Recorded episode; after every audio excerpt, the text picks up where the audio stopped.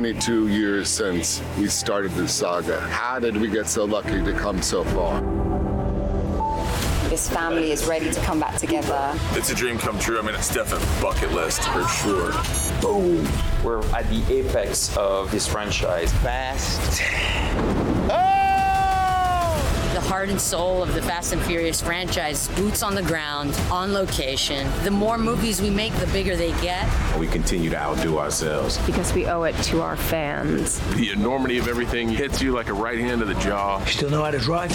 Every time I'm on set, I have to pinch myself. I am now a Toretto. You are now a Toretto. I just have been badgering them to participate in this. It's such an honor to be part of this family. That's the problem with having such a big family. How do you choose the ones you save? We're so lucky to be able to continue this saga for all of you. Ćao svima i dobrodošli u najnovije izdanje Lab 76 broj 309 i dobrodošli u još jedno izdanje posvećeno Formuli 1, a naravno to je onda gospodin Pavle Živković. Ćao Pajo! Ćao Srki, ćao si svima. dobro? Super, super. Evo utorak i nismo stigli ni da se okrenemo ka Monaku, a već imamo nova potpisivanja, promene, odlaske, Rob Marshall više nije da. deo Red Bull Racinga, naravno pričat ćemo tek o tome, ali pre svega želimo da vam kažemo da budete dobri jedni prema drugima, da se naravno mazite i pazite i vozite i vodite računa jedni u drugima, a istovremeno ćemo vam postaviti pitanje ko je za vas vozač dana bio u Monaku, od nekih poučnih, mudrih, dobrih, dobrih priča, šta da vam kažem ljudi, budite zaista dobri jedni prema drugima pre svega i naravno vodite računa zaista i udrite like, naravno možete i subscribe ukoliko vam je naš kanal zanimljiv. Inače, hvala ljudi, nemamo predstavu šta se trenutno zbiva, ali došli smo u roku dve nedelje do 26.000 subscribera. Hvala na tome, hvala na svoj podršci da maknemo velikom Srkiju koji napušta preduzeće. Veliki Srki, Završilo Ćao. se podcast 1 na 1. Ko prati NBA topla preporuka, mi smo večeras ovde oko Formule 1, ali neke lepe stvari, tako da eto, ljudi, samo da vam kažemo hvala. Nemamo nešto mudri da dodamo od svega toga, čak smo razmišljali da li da nešto sad se zahvaljujemo na društvenim mrežama, šta da stavimo, upitnik, zašto, kako, hvala. To je sve što možemo otprilike da kažemo, ali... Više reči na 30.000. Da, da, da, može tako nešto. E, ali veliki pozdrav, zaista, i nadam se da ste uživali u velikoj nagradi Monaka, bila je zabavna. Mislim da ćemo morati samo da promenimo naslov, da, da ćemo morati prebacimo rulet Monako. Kako god baciš ono, ne na, završi na nuli na kući, završi na kecu, na kod kecu. Maxa Verstappen, da. otprilike se završi. Da, to sam da. baš razmišljao kad smo pričali o naslovu, znači, nije ovo kazino, ovo je rulet, ali kocla, sve na kec, loptica sve na kec. je, magnet je ispod broja 1, to je zalepljeno, ali, ali je bilo stvarno da se fenomenalno i veoma zabavno, čak toliko uzbudljivo da nekako, kada pogledaš toliko izvestan rezultat, a s druge strane kažeš, čekaj, bilo je po ovim onako, svašta se dešavalo. Su, super trka, kad i to, kad slegnu utisci, pogotovo postavljaju sve što, koliko ima tu pričica u stvari u tih sat i po dva koliko je trajala trka, mnogo, mnogo pričica za analizu. Jeste. ima baš lepih nekih da. stvari, nadam se da ćemo se danas dotaći pa pogotovo, svega. Pogotovo lepih iz, iz perspektive čoveka koji lider u šampionatu koji pobedi u trci. I, to, I, I njegovog tima. I tima i kako je vozio u subotu, kakav krug je u kvalifikacijama odvezao, šta je sve to bilo za pamćenje, pozdrav za našeg Hasana Bratića, pozdrav za Andreja Isakovića, imamo i fotke od njih iz Monaka. Inače, e da, lepa priča, evo, evo nešto pozitivno za, za, za večeras. Hasan Bratić.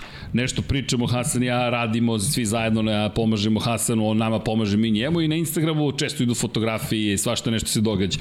I jutros Hasan u komunikaciji, sad pričati, saznaćete s kim, ja nisam znao šta se događa, odjednom na profilu Fernanda Alonso, ni manje ni više dvostrukog svetskog šampiona, story fotografija kako njegovo stopalo stoji na, na pobedničkom postavlju na poziciji broj 1 i et Hasan Bratić i, i, i, i zapravo mention Hasana Bratića, to je spominjanje i odjedno samo vidiš brojki kako rastu, koliko ljudi počinje da prati Hasana Bratića i sad dopisujemo se nešto Hasan, Fernando, Fernando rekao, ok, kad te svetski šampion tako, na, i ne kažem samo ispoštuje, nego te i, i profesionalno pogoro, možeš samo kažeš fenomenalna priča.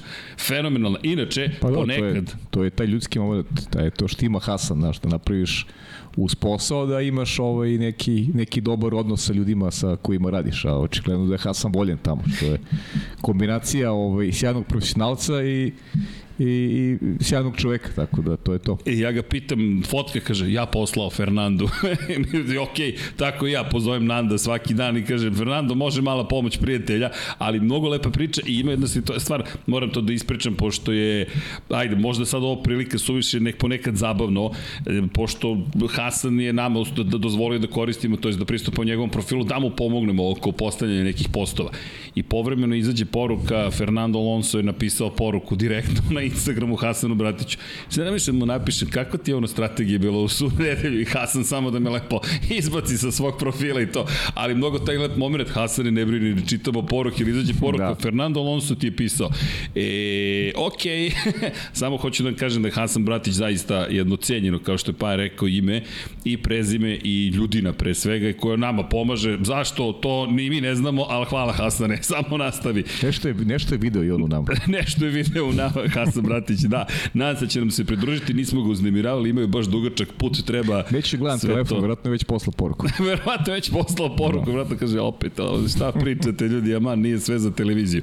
Ali samo smo hteli da mi ispričamo koliko su zapravo svi ti ljudi ljudi. A što se tiče Fernanda Alonsa, ako već nije stekao popularnost kod nas, onda je ovim potezom još više, ovo je zaista lično. Kad ti odlučiš, rešiš tako da, da, da pomogneš nekome ko, ko, koga mi toliko volimo, pa nemamo ništa da kažemo osim hvala. Pa da, on je, on je popularnost stekao davnih dana. Jeste. Ali ajde, analizirat Pričat ćemo o imamo, tome. Imamo, ovaj, imamo o čemu da pričamo. Različitih ovaj, pogleda na stvari. Na, na tako sve je, se dešavalo. Da. Ali samo kao uvod za sve one koji eventualno ne znaju i za nas šesta runda ovogodišnjeg šampionata sveta Formula 1 2023. godine, ako ovo kažemo neko gleda u budućnosti i Šta se desilo posle šest trka u šestoj trci, četvrta pobjeda ove sezone Maxa Verstappena, još uz dve druge pozicije, blizu maksimalnog broja poena, 144 poena, 105 poena Sergio Perez, doći ćemo do toga kako se to desilo, ali ukratko, incident u Q1 delu kvalifikacije, analizirat ćemo ga sad samo da kažemo šta se zbilo, udari u zidu prvoj krivini, startovao poslednji, završio 16. posle prilično uzbudljive trke iz pozitivnih i negativnih razloga, treći u šampionatu Fernando Fernando Alonso koji je zauzeo najbolji plasman ove godine, druga pozicija, peti put na pobedničkom postolju šest trka, na četvrtom mestu Lewis Hamilton koji inače zabeleže najbrži krug tokom ove trke bio je četvrti u novom Mercedesu i to je tema. George Russell bio peti u drugom Mercedesu, dakle Mercedes četvrti peti, na šestom mestu Charles Leclerc kakva opet priča iz Monaka, a u šampionatu je inače iza Carlosa Sainca koji je šesti, sedmi u šampionatu, međutim šesti u trci bio Charles Leclerc. Preskočio sam jedno ime i prezime, namerno doći na kraju kada je reč o osvajačima pojena do njega. Sedma pozicija Pierre Gasly, osmi Carlos Sainz, deveti Lando Norris u McLarenu, deseti Oscar Piastri u drugom McLarenu, a treće mesto pripalo Francuzu u Alpini, jedna od najlepših priča, a mnogo ih je bilo. Ukratko Monako, padala je kiša, lude kvalifikacije, jedne od najboljih koje smo ikada imali prilike da gledamo. E, Max Verstappen koji je tri puta morao da izlazi na stazu, uprko činjenici smo ovde očekivali da ga drugi pobede, pa jo, ajde, aj moramo da krenemo od tih kvalifikacija. Kada je bilo najtvrđe, najžešće, dva udarca u zid, najbrži krug u Monaku, pol pozicija, prvi put u njegovoj karijeri, druga pobeda, ali to u subotu izgledalo stvarno spektakularno. Ono je bilo za pamćenje. Jeste, jeste, baš su bile fenomenalne kvalifikacije. Pa neko je čak obećavalo da e, tokom Q1, Q2 da će Max možda imati i veću prednost, ali onda su se pojavili, ukazali su se negdje Alonso i Leclerc i ono što nismo bili u direktnom prenosu, to su ta tri izlaska, znači tri brza kruga koji imao Max, jedan više u odnosu na na Leclera i, i Fernanda Alonso i taj posljednji krug kada imao, kad imao kontakt i sa zidom, ali je e, odvezao fenomenalno, pogotovo taj treći sektor. I videli smo od, od početka da, da Red Bull ima prednost u trećem sektoru. I, i čak i novoj stazi koja je e, satkano tih sporih krivina i e, svega onoga što bi odgo, odgovaralo, generalno jeste odgovaralo jasno Martinu i Ferrariju, ali je Max Verstappen u tom posljednom sektoru, eto koliko ta, taj DRS, koliko znači e, Red Bull ove godine i koliko oni imaju tu brzinu, bez ozira što to pravac nije onaj kao u Azerbejdžanu, ali, ali je prosto dao tu krucijalnu prednost, dao Maksu da, da ipak čak i uz, uz kontakt sa zidom dođe do, do pol pozicije koja mu u suštini pokazalo se otvorila vrata pobede uz naravno onu krucijalnu odluku koju imao kada je pitanju izbor pneumatika e, tražio da ide na intermedije i to je to je u suštini taj potez negde je samo potvrdio ovaj uh, njegovu dominaciju kroz trku dominaciju i kao neko ko pravilno odlučuje i ekipa koja koja dobro rezonuje. Dakle, jedna kombinacija Red Bull, Max Verstappen koji, pro, koja je prosto nezaustavljiva i uh, sad već možemo pričamo o tome uh, kada će i da li će uopšte ove godine neko zaustaviti Red Bull i Max, Verstappen. Ja sam zaista mislio da on neće pobediti tokom tokom uh, velike nagrade Monaka. Pa, Očekivao sam Charles Leclerc iskreno, ali sam čak negde gledao i u pravcu i Fernando Alonsa. Nisam znao šta možda čekamo od Mercedesa. Nisam, iskreno nisam video Maxa Verstappena kao pobednik ove trke. A desilo se upravo da je pokazao još jednom da je ovo zaista njegovo vreme. Njegova era, ovo je 39. njegova pobeda u karijeri. Sada je najuspešniji vozač Red Bulla svih vremena. Imali su po 38 pobeda pre ove trke Sebastian Vettel i Max Verstappen u bojama Red Bulla, da napominjem u bojama Red Bulla. Međutim, sada stoji na vrhu te piramide u austrijskom timu, nema još ovih četiri titula, međutim, ovo je veliki korak da. u tituli broj 3. O, ono što rekao sam to u prenosu, to je moj utisak e, generalno. Ono što, što me zabrinjava, zaista iz, iz pozicije šampionata i nekih neizvestnijih trka što ne vidim ni jednu silu, ne, ne, vidim, ne vidim ni jednog vozača, ni jedan tim koji uopšte razmišlja o tome kako da pobedi uh, Maxa Verstappen ne vidim način kako to mogu da urade. Sada se ukazala prilika Fernando Alonso, ali aj doćemo kasnije. Ali vidi, ali, do, do ali, ne, ne, ali tu je Fernando. 1 11 4 4 9 je bio krug Fernando pa, Alonso. Pa, Šta više da kako? da tražiš pa, od njega? Da, da, ali, ali dolaziš onda onda se vraćamo na ta na tu kobnu odluku kada on stavlja kada on stavlja gume za suvo, o, 15 sekundi kasnije Esteban Ocon ide na intermedija. Ti stavljaš gume. Pa I sećaš se kako smo kritikovali Charles Leclerc što Jesmo. što ne donosi on sam racionalni odluke odluke, da ne čeka tim da tim reaguje, ti si dvostruki šampion. Ti imaš najbolju procenu onoga što se dešava na stazi. Pričamo o Alonsu sad. Pričamo o Alonsu. Ti treba da budeš taj koji će da, da, da povuče kritičan potez. A ti, ti si doneo, ti si doneo odluku koja te koštela bitke za pobedu. pazi, a, a 20 sekundi kasnije čuješ Maksa koji, koji poručuje da hoće e, gume za promenljive vremenske prilike. Pazi, doći ćemo tu, ali bih se vratio samo na sekundu subotu, znaš zašto? Prošle godine pol pozicija Charles Leclerc 1.11.376.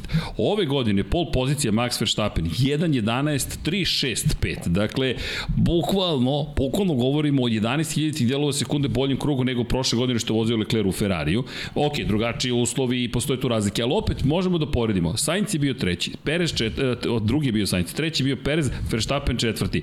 Alonso u Alpini prošle godine 1.12.247, sada ove godine 1.11.449. Inače, Charles Leclerc je vozio ove godine 1.11.471. Dakle, bukvalno za 95 pa, jedinki sporije nego prošle. Ali ću da ti pitam nešto drugo. Koliko je vozio uh, Okon u Alpini ove godine? Okon u Alpini ove godine samo sekund da ga nađem, Al, Alpina ove godine, Okon, Okon, Okon, 1.11.553. Pa značajno brže ne, od, od Alonsa prošle godine. Okon, ali hoću nešto drugo da kažem, bio si tako blizu pol pozicije. Da si imao pol poziciju, da si startovao prvi, ti već tu imaš u velikoj meri pobedu u svojim rukama. Ali ko ti to nije dao? Niti do Verstappen. Bukvalno ti nije dao. Udarac tamo, pri čemu dva udarca ima u tom krugu. Pogotovo onaj udarac u, na startu ciljnom pravcu. Inače, pitali su Filipe Masu na Formula 1 kanalu zvanično, šta mislite o tome? Kaže, pa jeste videli koliki su bolidi? Pa kako da ne udari na onom izlasku kad kreneš da dodaješ gas? Yes. Ali je Max bio taj koji je na volju otišao do vrha. To je ono što što mi je poenta. Alonso je uradio sve što je mogao. Nije bilo dovoljno. Znaš kako je? Nije bilo dovoljno. Ja, ja sam se pitao kasnije kad je završena trka, ajde ti ja smo se e, posle i, i ovaj dosta se razmišljali o trci, da, ali časkali smo, ali smo se u nekom momentu i rastali. E, razmišljao sam šta bi bilo da je Max bio i treći u kvalifikacijama. Šta bi bilo? Znaš šta sam ja razmišljao? Evo iskreno. Ja, isko, hoćete kažem iskreno, mislim je pobedio trku. Mislim da bi pobedio, okej. Okay, mislim da je pobedio trku opet zahvaljujući, zahvaljujući tome što se mislim da bi bolje, odlučni, što se bolje prilagođavaju i oni tim na datu situaciju. I oni tim, to što ti kažeš šta mene zabrinjava, zabrinjava me što, što uh, ne vidim, kažem ti, tu silu koja može da, da, da ga zustavi. Što, što on donosi prave odluke uh, u saradnji sa timom. Slažem se, Aston Martin nema taj pobednički mentalitet i treba će godine da ga izgrade. Slažem se. To je to. Ali zato si ti taj, ti si taj koji ima pobednički da mentalitet, da bude, ti si taj pobednik, ali kad ti si, si poslednji ta... put pobedio? Pre 10 godina. Činjenica, ali si pobeđivao. Jesi. Ali si pobeđivao. I dalje si I Fernando da li smo saznali na kraju ovaj, šta se dogodilo? Da li je saopštio? Pa, De, de, David Coulter ga nije pitao na Alonso ceremoniji. je bio zbunjen kritikama upućenim na njihov račun. I sad, to je veliko pitanje. Neki kažu da gume... Alonso kaže, ljudi, staza je bila toliko suva u tom trenutku da te gume ne bi mogle da funkcionišu kako treba.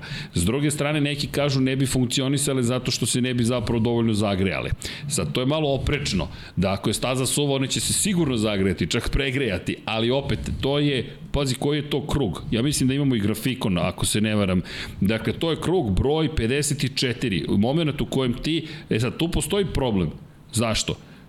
54, evo ga. Dakle, ja se s tobom slažem. Ja mislim da Aston Martin ovde malo beži od surove istine koja se zove is- ispustili smo pobedu iz ruku. I zato jedan od naslova jeste da li je Fernando Alonso izgubio, propustio pobedu. I možemo odmah, ajmo da skočimo u tu temu. Dakle, evo, meni je najinteresantnija tema generalno. 54. krug ti menjaš gume jednom. 55. krug ti menjaš drugi put. 19 sekundi se prosečno izgubi na promjeni guma. Kako može Aston Martin da me ubedi da nisu ništa izgubili time što nisu promenili gume na gume za promenjene vremenske uslove u tom trenutku? Mogli su Ja, da ja budu, to ne mogu da mogli su da prihvatim. budu negde barabar sa, sa Maxom. Ja sad ne znam da li bi imali prednost, ali su mogli da ostanu u trci. I imali su jo, još su prvi povlačili potez. Jeste, i sad pazi sad ovo. Dakle, imamo Valterija Botasa koji u 51. krugu otišao na gume za promenjive vremenske uslove. Valterija je izdržao do kraja trke na njima. Krug manje činjenica vozio pošto je zaostao za ceo krug. Ali si imao makar jedan krug gde, si mogao da posmatraš Botasa i Kad je, njegove kad je rezultate. oko diša, meni, meni je to društvo Evo koje se pojavljuje odmah. istom Ne, krugu. ne, ne, nemam naočar. Nemaš naočare. Pe, e, sad Pa da, te pa dobro, šta. A, Ne, čitam ti Paju. Okon 54. 54. Okon ide, ja mislim, 15 sekundi posle Tako je. Alonso. Ko još ide? ide? na gume, tačno, ide- ide cela ekipa koja stavlja gume za ide promenjene Lewis. Hamilton, Tako ide je. George Russell, to je double stack koji se da praktično dešava, ide Pierre Gasly, ide Lando Norris, ide Oscar Piastri. Znači, neko je pogrešio. Tako je, Ko je pogrešio? pa vidi, Znači ti si, ok, drugo mesto je, drugo mesto je... Najbolji plasman ove je godine, sve to rezultat. super i tako Ali dalje. ti si Fernando Alonso. Znaš, nisi ti e, Lorenz Stroll. Lance Stroll, Lance pardon. Stroll. Nisi ti Lance Stroll. Da si Lance Stroll, pa ok, mogu da razumem, ajde, znaš, a, nisi se prilagodio, drugo mesto, znaš, u glavi ti odzvanja to drugo mesto i ti, je, ovaj, ti si zadovoljan e, tom pozicijom. Ali Fernando Alonso mora da razmišlja drugačije ovo je ujedno bila najbolja prilika da, da, da, konačno, da konačno dođe do triumfa. Slažem se s tobom. Iskreno slažem se, nema, nema šta, grafikon, mada ove, a, ovo, ja mislim da ovde želimo da pohvalimo Aleksu Vuče koji je počeo sad da razvije druge grafikone. Ovo je još uvijek malo jasnije. Aleksa vežbat ćemo ovo, ima da namestimo da bude najpregledniji ikada. Ali ono što si lepo rekao, Alonso Okon, to je situacija koju treba posmatrati. 54. prelazi se na srednje tvrde gume, čak ne može ni boja da stane, pošto u sledećem krugu promenio gume Alonso i onda dolazi Okon, odmah iza njega i prelazi na gume za promenjanje vremenske uslove E, koliko god e, da i mi volimo Alonso, Ja, da pogotovo kažem. za ovu celu priču, to je greška. Opet se vra, vraćam se na ono, da to je moje mišljenje. A, Verstappenu i Hamiltonu to ne može se dogoditi. Vrlo teško. E, Šta je rekao Max Ma, Verstappen u mislim da, da sledećem nemoguće, ne može da im se dogodi. Šta se- Prosto ne može da im se Kako je dogodi. glasila poruka Red Bulla ka Maxu Verstappenu? Jel idemo na gume za suvo? Ne. Idemo na promenje vremenske uslove. Ćao. Tačka, kraj je priče. to. To je to. A šampion je progovorio, šampion je svoje rekao, a da akte stavio Dobio na je cela priča. pitanje, stavio do znanja, to hoće, to je dobio, pobedio u trci i Da je. Alonso imao srednje, za promenje vremenske uslove gume, u momentu kada Max izlazi na stazu, Tako je. one su već pripremljene. Dakle, one su bolje pripremljene nego Verstappenove. Verstappen ima krug manje. Imamo dramu. I imamo, Imamo ozbiljnu dramu. dramu. Ne znamo gde se Max vraća na stazu u tom momentu. E, šta misliš, da li bi ga jurio? Pa da, okej, ali... A, Ne, ne, ali dobili bismo, daš Dobili koju bismo- priču. dobili Može smo fotka iz kvalifikacija Maxova. Da li bi ga jurio? 100% bi ga jurio. Sigurno, I sad sigurno. zamisli Fernando Alonso, evo, ga- evo, evo ga točak iz kvalifikacija. Foto by Hasan Bratić, inače hvala Hasane na ovome. Ovako je izgledao prednji desni točak posle onog kontakta sa zidom na startno ciljnom pravcu.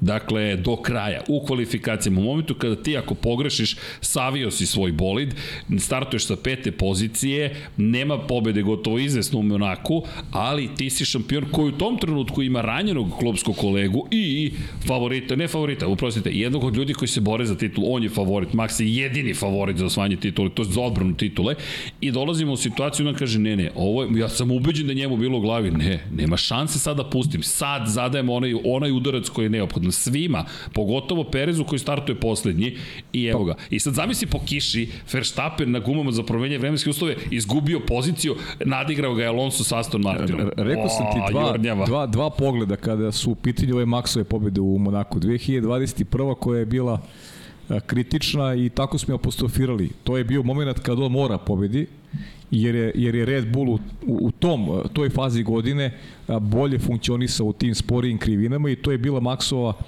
prilika da zadrži priključak sa Lewisom Hamiltonom. I, I rekli smo tada, tačno se sećam i podcasta, Max ovo mora pobedi. Max izašao na stazu i pobedio. Sada imao drugu vrstu pa aj nazovi pritiska, suočavao se prvi put ove godine sa situacijom da on nije favorit.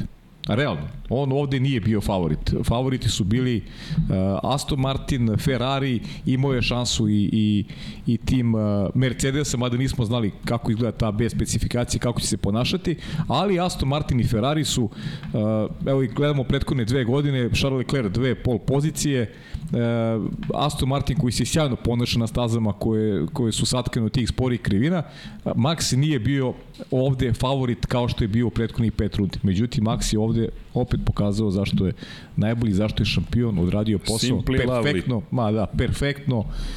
On ekipa nije ga nije ga pokolebalo ništa što je Sergio Perez napravio onu grešku, mada opet kažem, to nije neočekivano Sergio Perez kad god, Ajmo, Sergio kad god Perez, stavimo da neki, stavimo neki teret očekivanja i njegovo leđe, on to ne ume da nosi. Sergio, Sergio. Pa, pada mu u džak. Baš ovaj, sam, baš sam očekivao sada da, da, da, Ma da ne, pokaže, ja, ja nisam očekivao bio si ništa. u pravu 100%. Mi samo nikad ne očekujemo njega u, u momentima kada, kada, javnost, kada javnost od njega očekuje.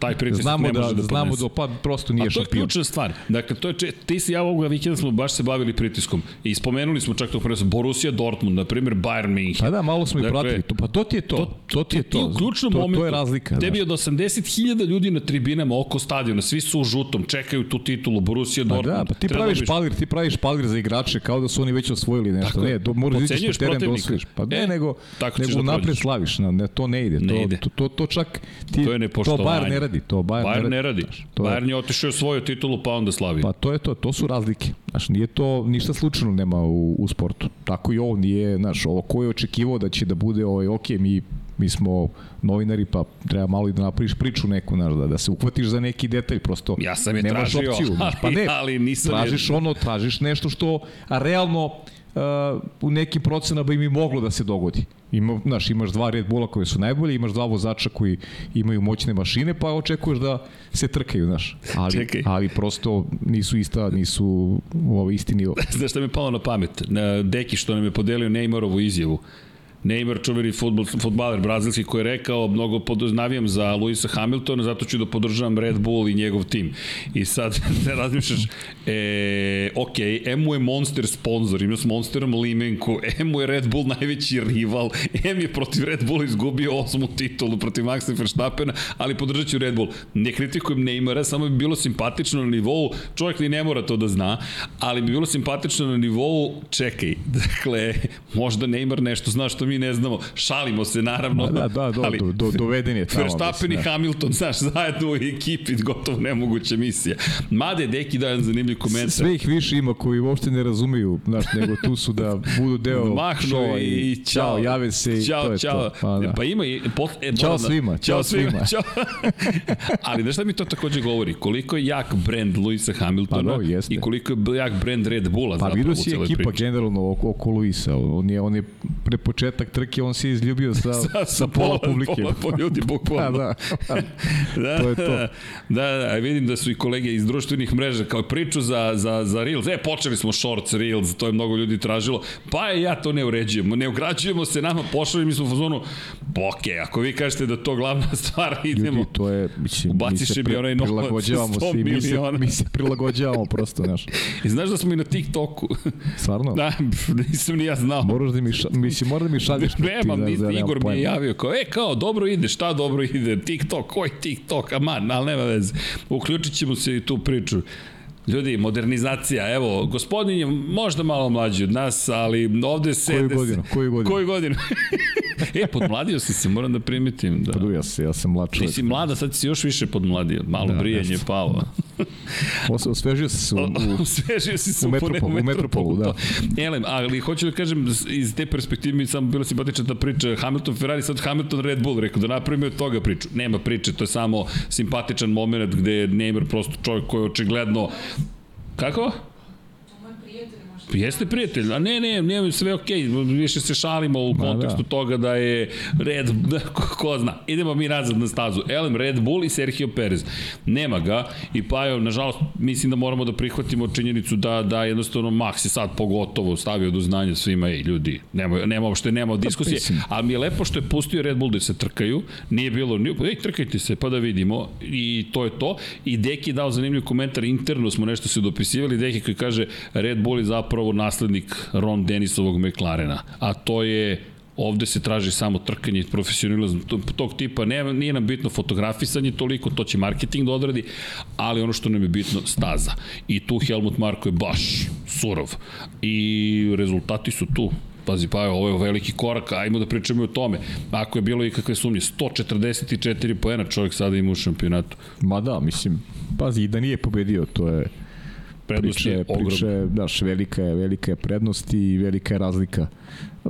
Mnogo se raduje Barceloni jer ćemo dobiti konačno idemo na neku na, na stazu koja je trkačka, znaš. To, Ej, baš se radujem, više malo mi je, ovo, ovo je bila fenomenalna trka ali malo mi dosadili su mi se šikane i baš mi ono sad su ukinuli skroz da, u Barceloni tako, tako, tako ne ne ne volim mislim ove, ove kako se zove gradske gradske staze više mi ono puni, dobro, puni dobro. kofer gradska staza, znaš. Gde si krenuo, pomislio sam kuku, ne, stvarno, baš, pravo pip. Ne, Monako je super, ali ovo je baš, ovaj, više je dosta Prelilo je, bilo. je čaš. Da, dosta je bilo. Da, ali, malo da se, ali, da se trka malo. Ali opet, kako. le, lepa trka, lepa Ne, ne, priča. ovo je, ovo je fenomenalna trka. Ovo je, ja sam uživao. Kažem, fe, isto, isto, fenomenalna trka, jer baš nudi mnogo prostora nama, nudi i svima koji vole formulu za onako jednu detaljnu analizu, jer mnogo tih sekvencije je bilo koje jasno govore o tome zašto je Max šampion, i, i zašto konkurencija ne može da isprati ono što radi, što radi Red Bull, čak i u situaciji kada im se ukaže makar promil šanse da, da im naude. Eto, to je, to je poente cele priče. A doći ćemo i do još jedne ekipe koja imala šansu, a, a nije iskoristila na pravi način. A, apropo tvoje malopređašnje priče, a, Alonso i tako dalje, a, iskoristio bih, ako možemo, grafikon Ver Alonso, dakle, Aleksa Vučević se polio grafikonima da, sa pa, svih strana, uvijek, da. dakle, da. ali ima baš u trci krugovi, poređenje između krugova Alonsa i i Verstappen i tih momenta kada je ko stajao, kada se zapravo, gde su nestali zapravo, gde je nestalo na neki način vreme, slobodno možemo da kažemo, pri čemu, e, gde nastaje problem, ono što je meni zanimljivo u celoj priči, jeste zapravo taj 54. krug, to je 55. i 56. Gde je tu Verstappen otišao na zamenu guma, gde je potrošeno vreme, kako je jednom izgledalo kao da su, poslaću vam kroz Slack, E, dakle, trebalo bi da se vidi i tu je zanimljivo zapravo videti ono što si malo pre spominjao, gde je nestalo vreme Fernando Alonso i kako su zapravo propustili jednu fantastičnu priliku da, da, da, da skoče. Ako nema, nema veze, idemo mi dalje. Da, pa pričat ćemo kad se pojavi. Da, ne, ne, to, to je nešto drugo, nema veze. To su, e, to, to možemo vratiti za kvalifikacije. Ajmo da iskoristimo kad si već to izvukla. Dakle, pogledajte ovo, ovo je poređenje, ako možete uopšte da vidite Verstappen i Alonso, gde su zapravo, gde je čovek napravio razliku kada je reč o kvalifikacionim krugovima. I ako pogledate Vidite, Verstappen je, dakle, u delovima staze u kojima je brži. Dakle, na startu ciljnom pravcu, uspon tamo ka krivini broj 3, kompletan prolaz dole ka tunelu i onda tu kreće Alonso da bude brži, međutim, kroz treći sektor, crven je treći sektor, to je bio fenomenalan zaista. Ovo je za posebnu analizu, dakle, ovo ćemo vratno u četvrtak malo više da obradimo. Nadam se ovog četvrtka da ćemo se lepo organizovati i da analiziramo Mercedes, ali spektakularna pa, pa, vožnja. Ali, ali kvalifikacije generalno i Alonso i Leclerc su bili sjajni u kvalifikacijama. A ne, ne, nema ni njima šta se zameri. Leklera još nismo da, da ali u, kvali, u kvalifikacijama nema šta da im se zameri. Razlike su bile minimalne. Prosto, prosto je Max u tom trećem sektoru bio ubedljivo brži od jednog i drugog. I sad možemo pričamo o tom, o činjenici da je, da je Red Bull bio jasno fokusiran na kvalifikacije, što potvrđuju i ta tri njegova izlaska tri brza kruga, jer dok mi nismo videli u TV prenosu, jednom momentu je Max bio četvrti. Leclerc i Alonso bili prvi, Prvi izlazak kada je završio četvrta pozicija za Četvrta Maxa. pozicija za Maxa, tako je. Izlazi drugi put, Izlazi drugi put. izbija na prvo mesto, Iz- tako je. pada na petu poziciju Tako i onda je. mu treba treći onda mu izlazak. treba treći izlazak i u tom trećem izlasku on dolazi do, do pol pozicije. I to do kakve pol pozicije. Vrtimo malo jedno drugo, Pa neverovatne okej, su odluke. zato što bilo je, bilo je mnogo, ali, kažem, ali bilo je mnogo je bitnih dobar moment. stvari.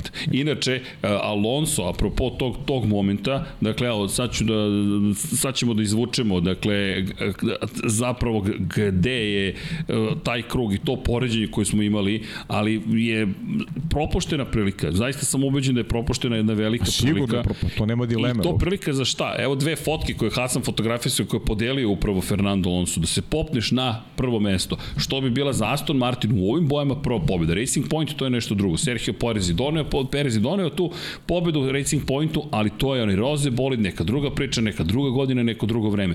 Ovo je nova era Formule 1. Aston Martin koji je upravo potpisao ugovor sa Hondom, sa Alonsom je stalno na pobjedničkom postolju. Pričali su o tome da će se boriti u Monaku i to ti je tu Ja, si. ja moram ti kažem, ovaj, meni je ovo u granici u granici Landa Norisa u Rusiji i, i McLarena. Znaš, ja ne vidim razliku. Može neko da, znaš, može neko to da smeta, da se ljuti zato što a, voli Alonso, ali meni je, meni je to, meni je to taj nivo greške. Pazi, nivo... I ako smo, naš, ako smo nalazili neko razumevanje tada za McLaren, za Landa, jer, znaš, ideš prvi put ka pobedi, pa možda nemaš ovaj taj neki osjećaj ovaj e, i, i neka neke odluke ne idu u skladu sa onim što što se dešava na stazi. Mislim da da Fernando Alonso prosto ovakvu iz mog ugla grešku ja ja kako bi ti rekao njemu se to ne prašta. Znaš zašto je možda manje dramatično nego sa Norrisom? Norris je u tom trenutku završio daleko od pobjedničkog postolja, a Alonso je ovde postvario najbolji rezultat ove sezone i mislim da iz te perspektive zadovoljni smo drugo mesto, srebrni je, srebrna je medalja u pitanju ili pehar malo manji kako god, ali rezultat ako pogledaš na to bilo je kao sve ovde okej, okay, ja, ali vidiš situaciju a nije okej. Okay. Znaš šta je meni problem? Što ja, što ja ne vidim u Aston Martinu, nisam video da oni žale previše za, za propuštenom šansom. Oni se raduju tom drugom mestu. Oni sebe nisu videli kao pobednika trke. A McLaren tada, ako se sećaš, McLaren, McLaren se, McLaren, oni su se ljudi pokidali što nisu pobedili. E to ti je, opet je to razlika. To je sad onako malo, ma, ajde da kažem, neki, neki, neki plus u celoj priči za, za Landa Norris i za McLaren u, u, odnosu, u odnosu na ovu poziciju Aston Martina. Ne, i evo, evo pogleda upravo na to. Dakle, Verstappen je gornji kadar, donji kadar je Alonso i može da se vidi zapravo kako jedan i drugi počinju da gube vreme. Dakle, gube vreme kada je reč o, o, o, o momentu kada će da promene gume i ti kada pogledaš taj 55. krug, koliko je sporiji 55. krug za Maxa Verstappena. Dakle, to su žute zastave istaknute duže staze, on tu već gubi vreme. Dakle, onaj, onaj grafi, najduži krug zapravo nije krug kada je promenio gume Max Verstappen, nego je krug u kojem je on veoma spor jer je na gumama za suvo i pokušava po vlažnoj stazi da se dogega nekako do pit stopa. I dakle, taj, taj krug je mnogo važan. Kada pogledate, taj krug je duži od kruga u kojem je Alonso otišao i promenio gume. Dakle, mi govorimo, Alonso je po kiši vozio sjajno na gumama za suvo. U tom momentu Max ima probleme. Dakle, ne može da stigne, jer ne zaboravimo, ajmo da se vratimo i na to. Ako možemo da pogledamo taktiku koju su imali na početku trke, jer mnogo je zanimljiv zapravo situacija koja, koja se tu dešava. Rezultat je zapravo izbor strategije na početku trke. Fernando Alonso izabrao tvrde gume. Dakle, pravi potezi povukla ekipa Aston Martina. Inače, to što piše da su korišćeni imaju samo jedan krug u sebi, skrabovane, su, samo su izgrebane praktično. Verstappen kreće na srednje tvrdim, 55 krugova on je na srednje tvrdim gumama i govori ekipi, ja ne mogu više ljudi, šta je rekao na kraju trke, ali sam morao da ostanem na stazi da ne bih dozvolio prednost Alonsu fizički da bude ispred mene. To je to. I šta se dešava? Ti sada imaš čoveka koji je na uništenim pneumaticima, kiša počinje da pada, on kliza po celoj stazi, jedva stiže do, do garaže, ti si završio na svojim tvrdim gumama sve što je trebalo, tu je, na tebi je ta odluka o 54. Znaš šta meni smeta? Pa, budi hrabar. Znaš, pa to smo ajmo, pričali. budi hrabar, pa to ti kaže, pa uradi to je, to posao. Je, to je, ono, to je ono što, znaš, zadovoljavaš se kao, ajde, znaš, budem drugi. Ne, to je trojka u poslednjoj sekundi. To je daj mi loptu sad, a, a ne, mislim, e, neću ni da probam. Mislim da Aston Martinu, da Aston, Aston Martinu bi drugo mesto značilo da nisu imali pre toga tu seriju trećih e, mesta Fernanda Alonsa i naš drugo mesto u ovoj o, o, a, pazi, ti misliš da će Aston Martin biti ispred Mercedesa na kraju godine u generalnom plasmanu konstruktora? Ne. Pa ja mislim da će biti razlika minimum 50. Znaš zašto neće? Prvo, ajmo da pričamo i o Lensu pa, Strollu. Pa nemaju drugog vozača, pa, tako je. Lance Stroll? Pa, ko je odustao jedini po svim pa, ovim uslovima? Lance Stroll. O tome pričamo već godinama. Inače, to je, to je možemo ponovo da vidimo grafikon sa promenama guma. Ko je menjao u 51. krugu gume i prešao na gume za promenje vremenske uslove? Lance Stroll. Le, Aston Martin je imao Lensa Strolla na srednje tvrdni, na gumu za promenje vremenske uslove. Na zelenim gumama je Lance Stroll, koji si inače, sad porede ga sa fliperom, stvarno je odigrao fliper po, po odbojnim ogradama Monaka.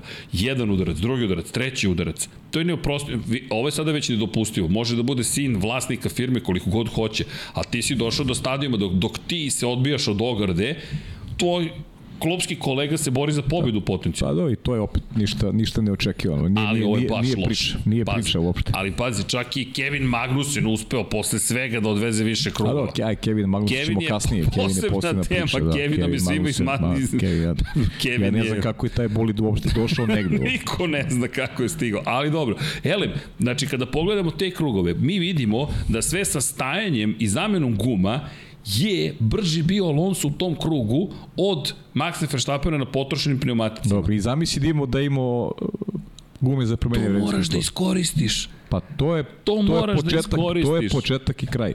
Tu je početak i kraj. I ti se onda sad još jednim pit stopom kasnije imaš neki krug pa, naravno, koji je... ti gubiš, pa ti gubiš sekundi i to je, onda dolazimo, sa još jednim pit stopom dolazimo do te razlike od 21 2 sekunde koje je bila u momentu kada se on vratio I, na stazu sa gumama za promenjenje I šta još dobijamo? Dobijamo promenu pozicije. I onda si dobio ono što si hteo na početku gde si ti šahovski nadigrao Red Bull. Pazi, Red Bull je nadigran u tom trenutku, ali Red Bull u fazonu ne. Mi ćemo da nastavimo. Pa zato ti kažem, Maxu Verstappenu bi u, u trci u kojoj, da je bio treći, veći problem bio Esteban Oko nego, nego Fernando Alonso. A znaš ko mu ne bi bio problem? Moram da se dotaknem. Ferrari. Pa do, Ferrari ne. Ferrari. Carlos Sainz, Charles Leclerc. Dakle, ponovo se Ferrari pojavio u jednom tipičnom svom izdanju. Charles Leclerc dobio izvinjenje I, i, ekipe, i, inače. I, i znaš šta nismo pričali, nismo komentarisali, bila toliko trka zanimljiva. Sećaš se momenta kad smo u direktnom prenosu Carlos rekli, Sainz. pa ne, Charles Leclerc, kad smo rekli šta rade, šta je ideja sa Leclercom? Zašto ga ne ostave na stazi? Možda će okolnosti da se promene i da, da, da taj način dobije priliku da... On je u momentu kad odlazi da menja gume, on je treći. Jeste. On je treći u trci. Oni ga povlače, ono, gledali smo se, nismo mogli da verujemo šta se dešava. Šta je ideja? Šta da završi trku na osmom mestu, to je ideja. Ne, ne razumem. Uzmi neki rizik. Šta ti znači da budeš sedmi, osmi, uzmi rizik neki, pokušaj da, da, da, da svom vozaču, bez, mislim, znaš, omogućiš neku priliku da se do kraja bori za neki veći ulog. Jel... Ti ga vraćaš da, da, i, i da menja gume. Pazi ovo, ako možemo ponovo Pirellijev grafikon, ovo, ajmo da, ovaj ajmo da vidimo, je ajmo da vidimo kada je Leclerc menjao gume. Čudesan grafikon. Pazi ajde. sad ovo. Leclerc je promenio gume u 44. krugu. U 44. Jeste. U 51. krugu je Valtteri Bottas išao na intermedije. I jeste. U 51. Znači to je jeste. 7 krugova. Jeste. I sada pazi sad ovo ajde što su, što su to uradili, nego znaš zašto nisu među prvima otišli da promeni gume za promenjene vremenske uslove? Čekali su vozilo bezbednosti i onda su duže ostali od svih na gumama za suvo u odnosu, jer oni su među poslednjima menjali gume.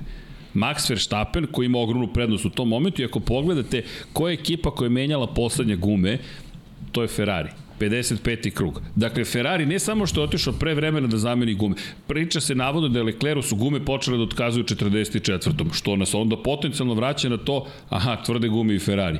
Ponovo agoniju. I Maxu su počeli da otkazuju gume. I odvezao je 55 krugova. Odvezao do kraja i imaju objašnjenje zbog čega je vozio i na potrošeni gumom. U krajnjem slučaju završi trku, pa uzmi neki, uzmi neki rizik. Uzmi rizik, Monako, ne možeš da profitiraš drugačije ukoliko, ukoliko ne uzmeš neki rizik. Ma ja stvarno ne razumem odluke Ferrari, najiskrenije. To je... Ko ih razume više? E, zaista je, on je rekao da se mučio. Mučio se sa tim gumama, međutim nisam našao negde tu izjavu da je on, nisam, nisam siguran da poslušam sve izjave koje je imao tokom trke, gde on kaže da, da više ne bi mogao da izdrži. Ono što je rekao, mučio se, iako je čuvao zadnje gume, imao je problema, mučio se. E sad, Ne znam koliko već... puta čuješ srđene tokom trke, svi se oni muče, znaš, svi, svi prijavljuju da se muče. Mak se muči u 29. krugu još i prijavljuju da se muči na gumama, odrezo je 50 i, i kusu. E, Lewis Hamilton, Max Verstappen, da. kukaju na gume, evo ti ga najbrži krug u sledećem krugu. To je otprilike neka, neki dijalog. Ali šta hoću da kažem, ajmo, ajmo, nažalost, za, inače ja bih da, a zaista nisam ironičan, ciničan, ponovo ću da pozdravim sve Ferrarijeve navijače. Ja vernije i bolje navijače zaista ne poznajem toliko strpljenja, kakva Borussia Dortmund, to su, to su amateri. Da ne zamerite navijači Borussia iz Dortmunda, ali Ferrarijevi navijači, svake godine to je agonija. A do, nije to, Pomisliš, znaš, biće, nije biće, to, nije to pravo poređenje. Biće. Ne, ne, ne. Što je Ferrari je Ferrari. Ferrari je Ferrari. Ferrari je Ferrari. Takvo ali, obožavanje ima. Ali, ali, je, ali je, znaš, ono što se dešava u prethodnoj Pa ju. Ajde Kadi recimo je stvarno poražavajući. Ali sa, vratili sa ljudstvom, smo se. Sa ljudstvom. Ali vidi gde smo se mi vratili. Mi smo se sad vratili opet u jednu sezonu u kojoj ako bude pobede, to će biti proslava. Jedna ako se desi. E pri čemu? Sve kreće još u subotu. Charles Leclerc je treći u kvalifikacijama. Šta se deša umesto treći da startuje? On dobija situaciju, on se nalazi u situaciji da je u sred tunela Čavi, njegov glavni inženjer, mu ne javlja da nailazi Lando Norris na brzom krugu. On ostaje na trkačkoj putanji. Lando Norris jedva izbegava incident. Ono je bio potencijalno ozbiljan incident. Pa da, zato pogotovo što je bio na sred staze. Sred staze. Čak nije bio na On je bio i na trkačkoj putanji, a bio je malo i ona bio po sredini, po sredini čovjek. Ono je stvarno posred Lando tunela. Norris da ne zna da gde ide, da li levo ili desno. Ne zna gde će ovaj da kako će ovaj da ne, ne, ne, manevriš. Lando je povukao je... jedini mogući potez. I onda dobija očekivano kaznu, pomeranje tri pozicije unazad. Dakle, ta treća pozicija koja je možda mogla da donese makar pobedničko postolje Charles Leclercu, pa kažeš, ej, posle tri, dve godine agonije, dve polu pozicije, uzast, dve pol pozicije uzastopne, jedan incident, pa Ferrari ne proveri obe strane vozila, samo desno, a ne i levo, odustaneš u krugu za zagrevanje, odustaneš u, ne, nije u krugu za zagrevanje, odustaneš u krugu da treba zauzmeš startnu poziciju, to je prva agonija, 2021. 2022. pol pozicija, strategija nepostojeća, ti završiš četvrti, čak nisi na pobjedničkom postolju i sad ove godine treba da startuješ treći i ekipa te pošalje na šesto mesto. E, izvinili su pa da, ako nešto znači. Pa da. Super. I, često mu se izvinjavaju. Vrlo. I dolazimo onda do trke. Ako pogledamo, evo, da vidimo još jednom grafikon, dakle, za oni koji su na audio platformama čitamo sve, ali vrlo uredno. Charles Leclerc 44. krug. Dakle, inače, pre tih odsudnih krugova 54, 55, možemo da pričamo eventualno kada je reč o Lando Norrisu 50. krugu. Ima tu priči za Norrisa, Norris koji je četiri kruga pre kiše promenio gume, ko zna gde bi Lando završio trku da, da, da su malo imali više sreće. Ali, ajmo ovako, gde imamo ozbiljan problem? Charles Leclerc, 44 kruga na tvrdim gumama. Na tvrdim gumama. Max Verstappen 55 krugova na srednje tvrdim. Ajde da kažemo, ali znaš, to je šampion, šampionski bolid. Ok, šta ćemo sa vozačima poput Nika De Vrisa koji je vozio 53 kruga na srednje tvrdim gumama, šta ćemo sa Landom Norrisom koji je vozio 50 krugova na srednje tvrdim gumama, šta ćemo sa Jukim Cunodom koji je izdržao 53 kruga na srednje tvrdim gumama, Ferrari ne može na tvrdim da izdrži duže od 44. To je, to je priča, to je alibi priča, to je opet nije, nije suučenje sa, sa stvarnošću, nego, nego priča za priča za medije. Znači, ja tako doživljavam. I onda... Ne, ne može da im ubedi niko da ti u krajnjem slučaju kažem, pa mislim, probaj. Ajmo Znaš, još jednu probaj, stvar. Probaj, ne možeš drugačije dođeš, do, ti, ti si Ferrari. Ti moraš da stremiš velikom rezultatu a ne da svog vozača uvodiš u borbe za sedmo, osmo mesto. To ne znači ti ništa da budeš sedmi ili osmi. I Tebi treba veliki rezultat, ti si Ferrari. Šta je rekao Carlos Sainz? Ne zanima me Lewis Hamilton, inače novi grafik. To je, odličan, to, to je odličan stav, to je odličan stav. Na tvrdim gumama si počeo trku i ti pratiš Okona i Hamiltona. Hamilton menja u 31. koji je krenuo na srednje tvrdim. Okon u 32. koji je krenuo na srednje tvrdim. Ti si na tvrdim, ti menjaš u 33. I to je ono što sam, to, tačno na, na osnovu komunikacije Sainca i tima, kad se Sainz raspitivao za, za tempo Charles Leclerc, Sainz je želeo da ostane duže na stazi. Da, on je htio da ostane. I to ti opet, to ti dva puta imaš u trci, ti svojim vozačima ne daš da ostanu duže na stazi. Što, s tim što ovu grešku vidim kao potpunu katastrofu, mislim, za Leclerca, zato što Leclerc samim tim što ostao duže od Sainca, on je već gubio vreme i nije mogu da se umeša ni u kako. Jedina šansa ti je ovo. Jedina je šansa ti je ovo da ostaneš, da, da sačekaš, vidiš da se menjaju vremenske prilike. Pa, rizikuješ Svi u krajnjem vide. slučaju. Pa rizikuješ, sačekaš da vidiš šta će se dogoditi. Jer da li je, ja mislim da je Lecleru sve jedno, da li je šesti, sedmi, osmi ili, ili, Pa i četvrti. ili, ili Ili nije završio, da ili nije završio trku. Ok, kao četvrto mesto, aj Šta, četvrti si. dobio kao, si više poena. Slažem se s tom, ali ajde. Ali ti ne možeš da budeš bolji od šestog mesta. Ne možeš da budeš bolji od šestog I onda, ako ti to nije dovoljno, a onda ti odlučuješ da rizikuješ u momentu kada je kiša počela da pada. E, mi ćemo da ostanemo duže na stazi na gumama za suvo. Kada su svi promenili gume, ti kažeš, možemo mi da sačekamo vozilo. Se, sećam se prošle godine e, MP Motorsport Formula 2 Filipe Drugović u Monaku koji je uh, u sprint trci prešao na gume za kišu iako kiše nije bilo ni blizu jer je, jer je hteo na taj način da proba da nadigra rivale. U naredna tri kruga bukvalno se vrteo, ono nije šta ćeš sa gumom, suvo ti na gumama za kišu, povuku si i završio dečko trku. Ali, Veliki respekt. Jer nešto pokuša- u pokušaš momentu kada nema- Tako je, zato što ti, mislim, Monaku, pa ne možeš da, da obilaziš u Monaku. Znaš, moraš nešto probaš ako nisi bio dobro u kvalifikacijama, moraš nešto probaš ovaj kroz trku drugačije da bi eventualno da bi eventualno nadigrao rivale. Pogotovo kad ti se otvara nebo nebo ti daje priliku da da da da nešto da nešto pokušaš da izvedeš. i, i, Svi najavljuju da će kiša da pada. Ne, ali pazi sad ovo, ti si bio tim koji je prvi promenio jer hoćemo nešto da pokrijemo nekoga. Sad, e, sad ćemo biti poslednji tim koji nešto menja. E, ok, i sad ćete da se vrtite po stazi na gumama za suvo. Kako je Sainz izgubio poziciju, otišao je Pa da, pravo u krivini tako, broj 5. tako. Kada ga je pretekao Leclerc on, je, on je tako izgubio poziciju od, od, i onda su imali situaciju Onda da, su imali situaciju. da jedan, jedan za drugim e, menjaju gume. Jeste, imali su situaciju, malo nije došlo do kontakta na izlasku iz bazera, pa je imao Carlos Sainz i, i situaciju da je imao kontakt, pošto je pokušao i da, pre, svega je bilo. Ali ti ništa nisi uradio da pomožeš svojoj ekipi. U, u, u svakoj vanrednoj situaciji, Ne vozač, tim. da, u svakoj vanrednoj situaciji Ferrari prođe loše. Pa nek se zapitaju zbog čega. A Da, ne, nije, ali- nije, znaš, Pavle- nije to zbog drugih, to je, to je zbog vaših odluka. Mi sad više ne pričamo po o borbama za pobedi, mi sad pričamo po, po, ne znam, borbama za treće Ajde mesto. da se vratimo gubiš. na 2018. Sebastina Fetela. Ajmo da idemo i tada, seti se. Za. Imaš dobijenu trku u Nemačkoj i počne kiša i Jo, ti... a on je znaš, pogrešio to. Ok, on je pogrešio, ali kaže ti u, sva, u svakoj sad Uvek tu se on nešto pogreši. desi. Uvek Ili se je nešto desi. Francuska prošle godine je Leclerc. Uvek kad su neki vanredni momenti, tu nema, tu panika. kako god pogledaš, ne mogu da se ne, od, ne otrgnem tom utisku, dakle ti imaš i vozača Carlosa Sainca koji kaže, ljudi ostavite me na stazi. Ne, znamo šta radimo. Ne, ne znate šta radimo. E, to ti je to. E, to ti onda dolazi, opet se vraćamo na, na Red Bull i Max. Čvrsta vera u, u, u njegovu odluku i opet s druge strane njegovo poverenje U u ekipu. I to je taj balans koji, Ma, na, ne- koji nas dovodi do toga da, da pričamo o, o, o najboljem timu i o najboljem vozaču. Jedna, jedna simbioza, jedan, jedan onako jedna priča koja, koja deluje nezaustavljivo spektakularan bolid, koji ovde, kao Mercedes u prethodnim erama, to jest u prethodnoj eri, pošto je sada Red Bulla, je uvek bio ranjiv u Monaku. Ti si ovde navodno ranjiv Pa i meni, opet meni čak, meni, rekao sam ti, meni čak deluje i moćniji od toga, da. Da. Inače, ja bih da se zahvalim Serhiju Perezu, zato što je opet slupao, ne zamerite, nisam ironičan, bolid u Monaku, jer je to značilo da će ići na dizalicu, to jest na kran i da ćemo mi dobiti sliku poda bolida Red Bulla. Isto bih se zahvalio i, i Luisu Hamiltonu, koji je takođe slupao Mercedes, pa možemo da dobijemo i sliku bolida iz perspektive onoga što je Mercedes promenio. Ako imamo neku fotku, super, ako nemamo Hasan negde ima verovatno, pa ćemo da je nađemo. Kako god pogledate, e, prošle godine je otkrio tajni Red Bull Racinga Sergio Perez u Monaku tim incidentom.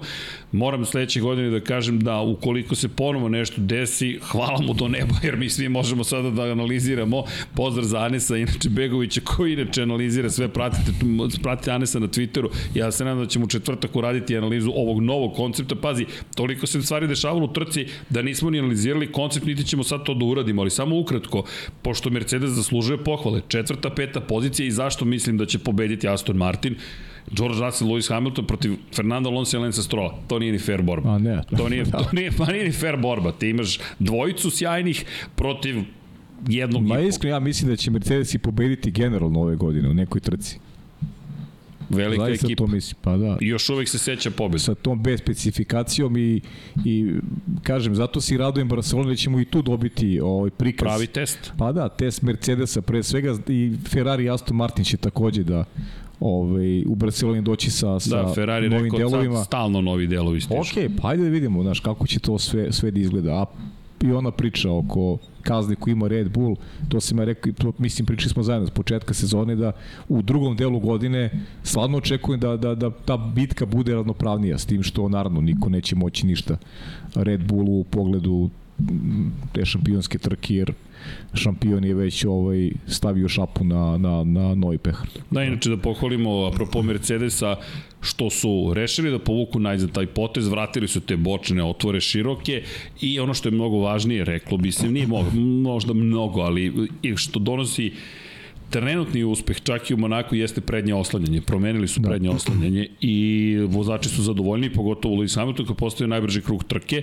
Ove godine George Russell imao najbrži krug trke u Azerbejdžanu, sada Hamilton u Monaku, što god to značilo, ali eto, Meni je to priča uradio. ono što nam jedan od gledalaca iskrenuo pažnju, znaš, da je, da je George Russell prvi ovaj, dobio poziv da, da, da, To da jeste menja zanimljiva gume. To priča. je zanimljiva priča i šta još?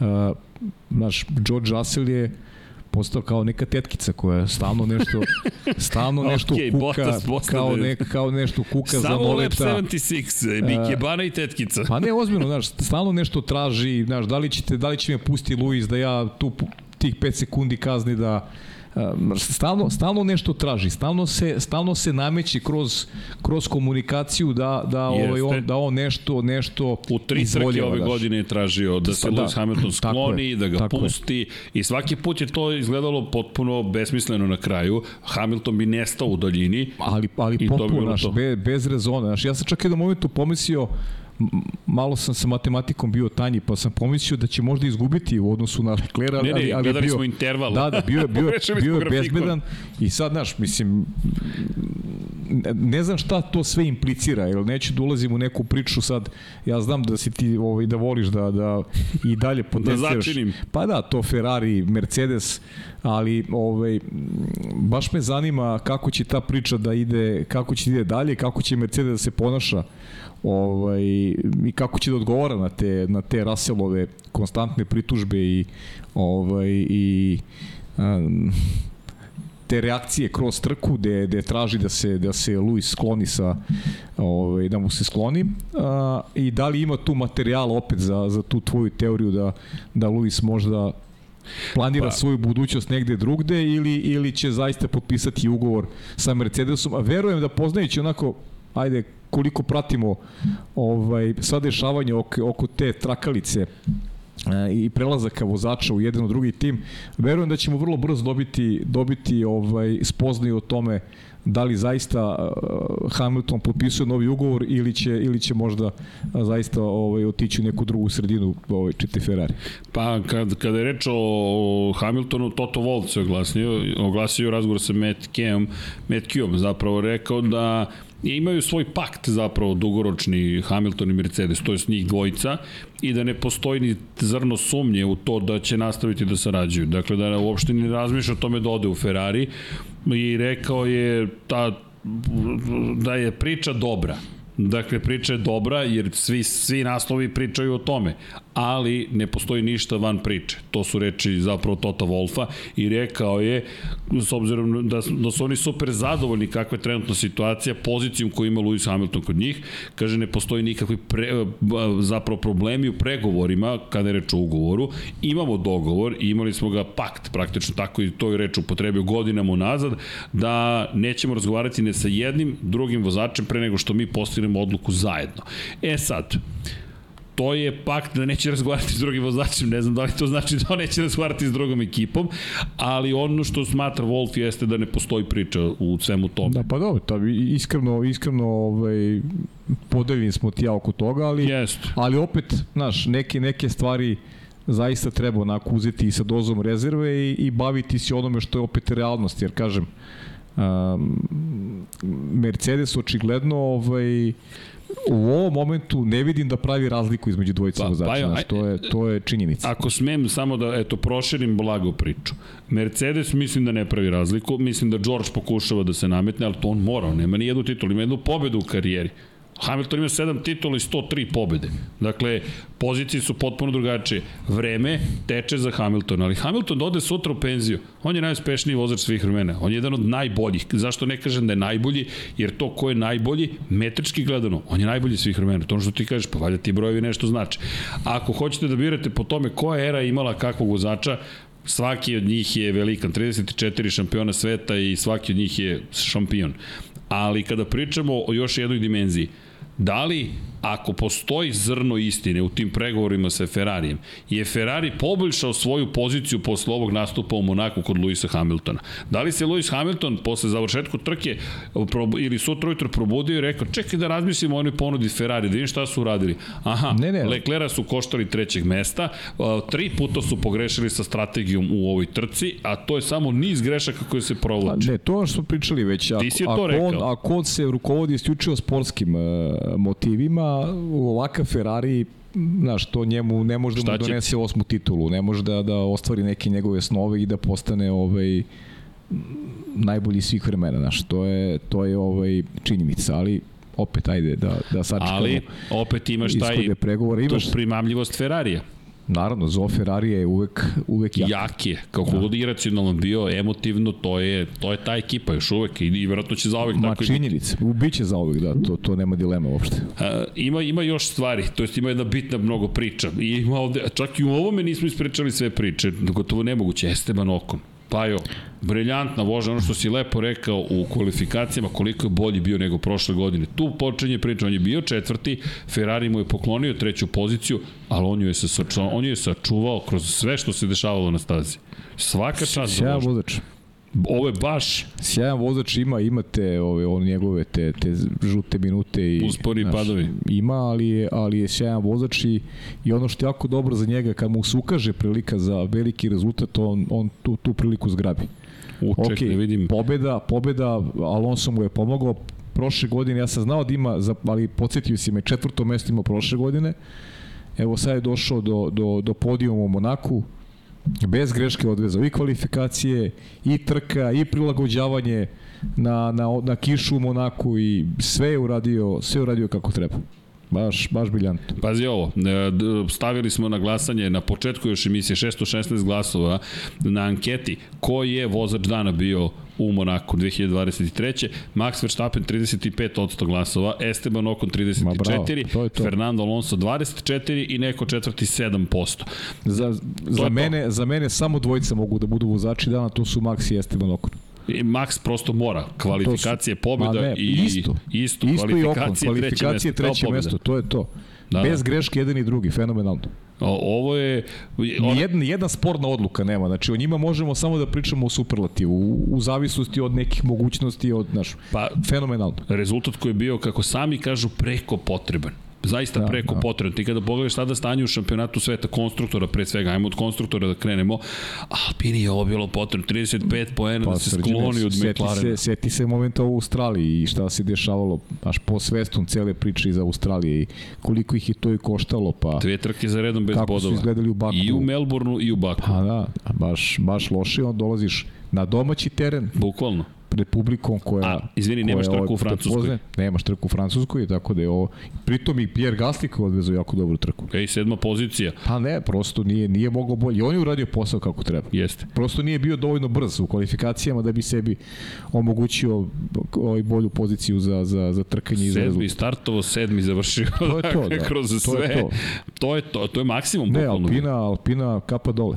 Zaista su odradili sjajan posao. Meni se dopalo da. generalno sve što su radili, jer ti gledaš kako se trkaju i jedan i drugi, uz sve što se dešava. Meni je super, mislim da imam Okona u, u ovaj, na Čekaj, fantaziji. nismo se dotakli da. fantazije, to, to, tam, tam, tamo ćemo da vidimo da li smo u hiljaditima ili nismo. Meni je možda najbolji vikend.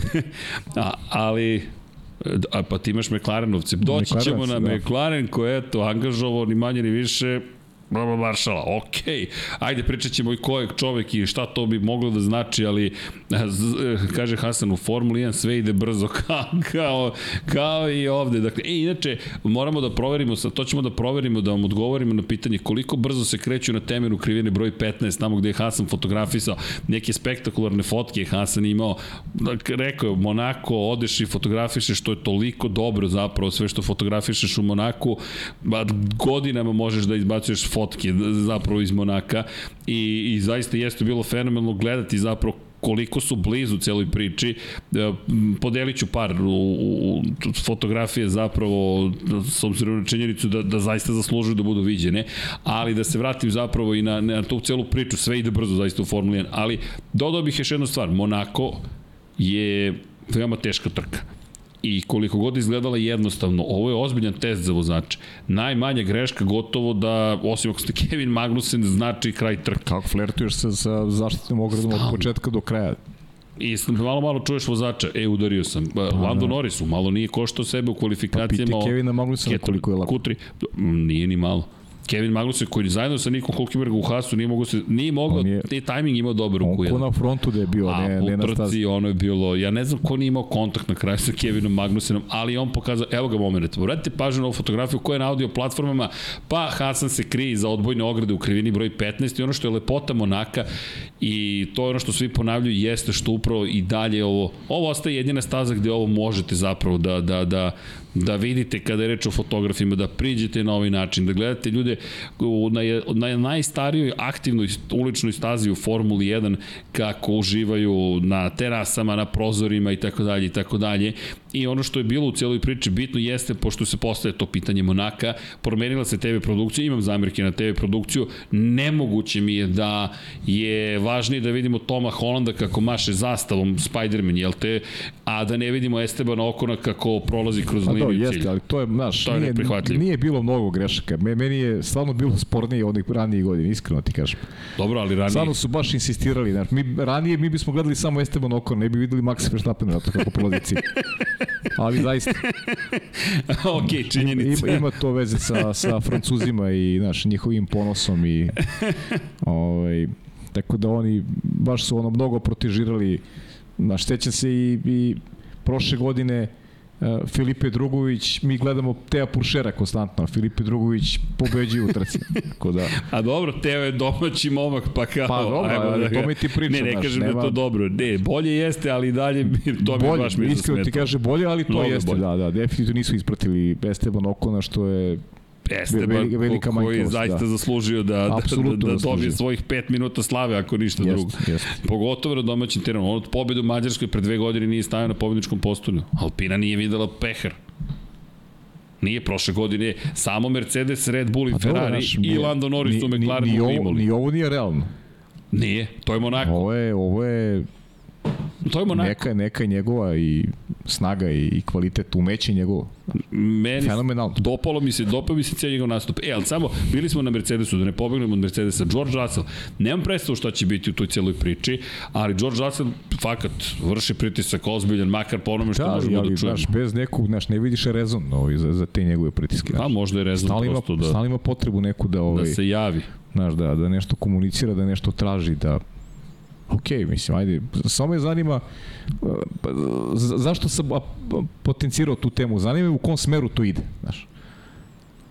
Da, ne znam. Ver, verujem, verujem da ćemo jednog dana, Pazi. jednog dana ćemo, i se sećaš kad smo pričali tako ono. Je, tako je, tako je. Znaš da. čemu razmišljam? Holandija je meni u glavi. Kada je on izabrao da ode na zamenu gume, ekipa se povinovala tome. A istovremeno poručuje Lewisu Hamiltonu da ne menja gume i Hamilton prihvata odluku ekipe. Ali imam teoriju, izneo sam ti je, ja zaista duboko verujem, dakle koliko god ja loš bio u vožnji na PlayStationu, da živimo i ovo nije, nije, nije kritika, ovo je opis, to je kao kad bih rekao Pavle ima kosu. Dakle, mi živimo u eri kada je PlayStation generacija sazrela. Šta to znači? Dakle, Mi smo generacija koja je odrastala uglavnom bez računara. Ja, ja, ja sam sticam okolnosti, pošto je te tata ljubitelj naučne fantastike, sa pet godina sam imao prvi računar, ZX 81. Međutim, većina ljudi nije bila u računarskom svetu. Dakle, ova generacija sada ne, ne, nema svet bez računara igračkih konzola, mobilnih telefona i tako dalje. Mi govorimo o ljudima koji su odrasli uz simulatore. Simulatore koji nisu na nivou ko je vozio na Spectrum Grand Prix, F1 Grand Prix, zna kako je to izgledalo, dosta drugačije nego sada. Ali već tada ste mogli da vežbate mišićnu memoriju, da znate konfiguraciju staze, da prepoznajete po krivinama staze. Mi sada živimo u eri kada ti ljudi, Max Verstappen, Lando Norris, George Russell, oni, Charles Leclerc, žive u virtualnom svetu Formule 1. Dakle, za razliku od, ne znam, i to nije kritika Jamesa Hunta koji bi otišao u lokalnu kafanu, bukvalno po završetku trke, oni će otići kući da voze PlayStation, dakle da nastave ili Sony ili PC koji je mnogo dobro opravljen, pa su na iRacingu, pa se trkaju i takmiče. Šta hoću da kažem? Russell i ostali njegovo razmišljanje je bilo sledeće. Ajde da me pusti Luis, da ja mogu da pobegnem dovoljno da on drži da ja 5 sekundi ako Leclerc me sustigne, ipak se odbranim, jer ja ću ipak vratiti poziciju Luisu, ali ja neću izgubiti usled ovih 5 sekundi prednosti koju ću steći. Ili, ajde da mi da šansu da ja napadnem za treću poziciju Esteban Okona. Dakle, mi ne govorimo više o vozačima koji očekuju od nekoga tamo na zidu da im kaže, ej vidi, treba da uradiš to, to, to i to, pa ćemo postići ovo, gde su anomalije bili Mihael Schumacher, Ayrton Senna, Alan Prost, tako dalje pustim, ali, ali okay. prijatelj, ti si u Monaku. Ti nisi na nekoj trkačkoj stazi gde, gde to, ajde, i da ima neki rezon da tako nešto trajiš. Ti si u Monaku. Gde ćeš ti da napadneš oko na ni ni ni, ni jedno Dobro, pa ni jedno do, nismo videli tokom vredi. ni jedno ni jedno preticanje tokom trke nismo videli ti tražiš da da te pusti sedmostruki šampion da bi ti prestigao oko na u Monaku da bi nadoknadio 5 sekundi. Pa ajde ima znaš malo malo ovaj stvarnosti. ajmo da da da izađemo iz sveta igrica da izađemo iz sveta igrica da uđemo ovaj u svet u svet realnosti stvarnosti naš malo naš mislim procena o kako ti se kreira ta ideja Veruj mi pa kreirati se kad, kad mnogo voziš, kreirati sebe, se ideja. Ispred sebe imaš imaš Luisa Hamiltona ispred sebe. ali nema to... Nemaš, nije ti timski kolega, ali... ne znam, Verlaine. Znaš, pa kao aj sad da me pusti Verlaine, pa ću ja sad idem dalje. Nego Luis Hamilton je tu ispred tebe, znaš. pa vidi, malo. ali možda je to, to taj stav. Malo pitanje i poštovanja. Koji ispred. Pa ne, ali to je možda i, ajde da ja kažem, ovaj, da me čuju kako ja se, ovaj, kako ja nešto želim, znaš, malo mi je, ovaj, ne znam, meni je bilo onako poprilično i degutantno morati priznati. Nije mi, nije mi baš ovaj, odgovaralo nekom, nekom ovaj, trenutku koji je, koji je realan. O, ali dobro, eto. Primetio sam u posljednje vreme da, da momak ovaj, baš insistira na tome da, da, da, da, se, da se njegovi zahtevi čuju. Pratit ćemo da. svakako. Tako da baš me zanima ovaj, u kom pravcu to sve ide. Eto, to je poenta, poenta moje priče. Da, inače, evo, javljaju mi 135, hvala koleginici iz Prodre, šalju se, po, 135 km na čas u krivini broj 15. Eto, 135 km na čas. To je neka informacija, ali moramo, da. kažem, gledat ćemo, pogledat ćemo celu trku iz perspektive vozača, pa ćemo da vidimo tačno ko je. Zavisi da li u kvalifikacijama ili u trci. Kako god, brzo je. Verujte, brzo jeste, je. Jeste. Da, inače Timo Glock je za Sky Sport nemački snimio Hasana kako fotografiše. To zapratite Instagram Hasana Bratića, uskoro izlazi video. Bukvalno, Timo Glock koji prezentuje kako proleću pored njega i kamera se okreće, švenkuje, a gospodin Bratić Samo radi Timo posao. Glock, najbolji drug Luisa Hamiltona. I Hasan Bratić. A dobro, Hasan je u tom. Bratić. Hasan živi u tom, da. vidiš, jet set svetu. Ajde Hasan ne priznaje, na kojoj jahti si bio kad si ovo fotkao? Ej, svugde je bio Hasan. Nije, Hasan je onaj, parkirao onaj Ferrari. Ne, ne, ne, ne ali Hasan i ne zna, pošto nije na Twitteru, već na Twitteru kreću šale, čim se desi incident, mora da je Hasan u sam da, devotu, čudo, mora da je onda, mora da je onda. Čudi me da ne piše. Steljiv postao izgleda, čovjek. Izgleda da ima, ima pametnije posle. Da, možda se dopisuje sa Loncom, ko zna. da. a, e, a pa ako se dopisuješ, reci Fernando, ne razumeš ih, a što su gotivni, dakle, gledaj Lep Sensitive. Što ti ishvalio onaj, onaj u, crnoj, u crnom duksu. Oh. A ovo, pa, ali zato sam ja balans, ja nosim zelenu majicu, on je tvoj čovjek. Hasane, sredi ovu zelenu stolicu, vidi, vidi kakva je zelena stolica ovde tamo levo, dakle, nemamo četvorku upaljenu, evo, čeka Alonso, ne, čeka tebe, Hasane, da te vidimo mi ovde. McLaren, Pajo. McLaren, da. McLaren. Pazi ovako, došli su sa posebnim bojama i izgledalo je kao da je to samo neka, još jedna od onih, onih priča, e imamo posebne boje, ali moram ti priznati imali su i posebnu brzinu, samo ću da spomenem zašto posebne boje, imamo i lepu fotografiju Hasana Bratića, Dakle, tri boje su predstavili i inače u Barceloni će biti, biti u istim bojama, pošto nemaju vremena sad da farbe boli do Barse. Oni su već tamo na, u Kataluniji su vjerojatno kamioni. Nije dalek put, dakle, od, da, od, da. od Monaka samo pratiš Côte d'Azur, ideš Azurnom obolom i stigneš do Barse, skreneš desno lepo ka stazi i odeš do Montmela i zabaviš se lepo. E, evo ga taj prelepi bolid, Lando Norris u kadru, crna boja koja se nalazi na, na prednjem kraju je u čast McLarena F1, kog McLarena F1, pa ako pogledate Le Mans iz, iz 1995. godine, mi pričamo o trci u 24 časa Le Mana, jednoj od tri zajedno s Monakom i 500 milija Indianapolis o kojoj ćemo pričati. Ne, ne, ne, ne, vratite, vratite kadar, ne, ne. Dakle, 24 časa Le Mana, crna boja zašto?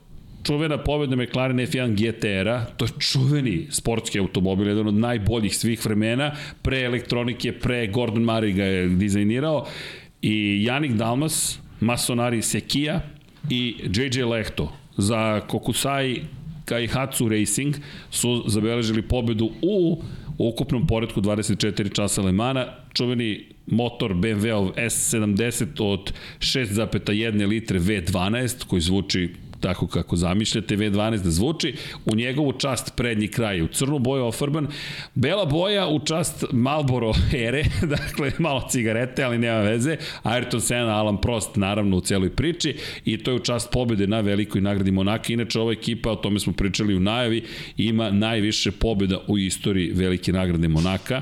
To je prosto deo, taj veliki deo istorije i pozadi naranđaste boje u čast pobede 1976. godine na 500 milija Indianapolisa. Zaista su tri krune stavili i svima jasno stavili do znanja mi imamo tri krune, da li ih imate vi?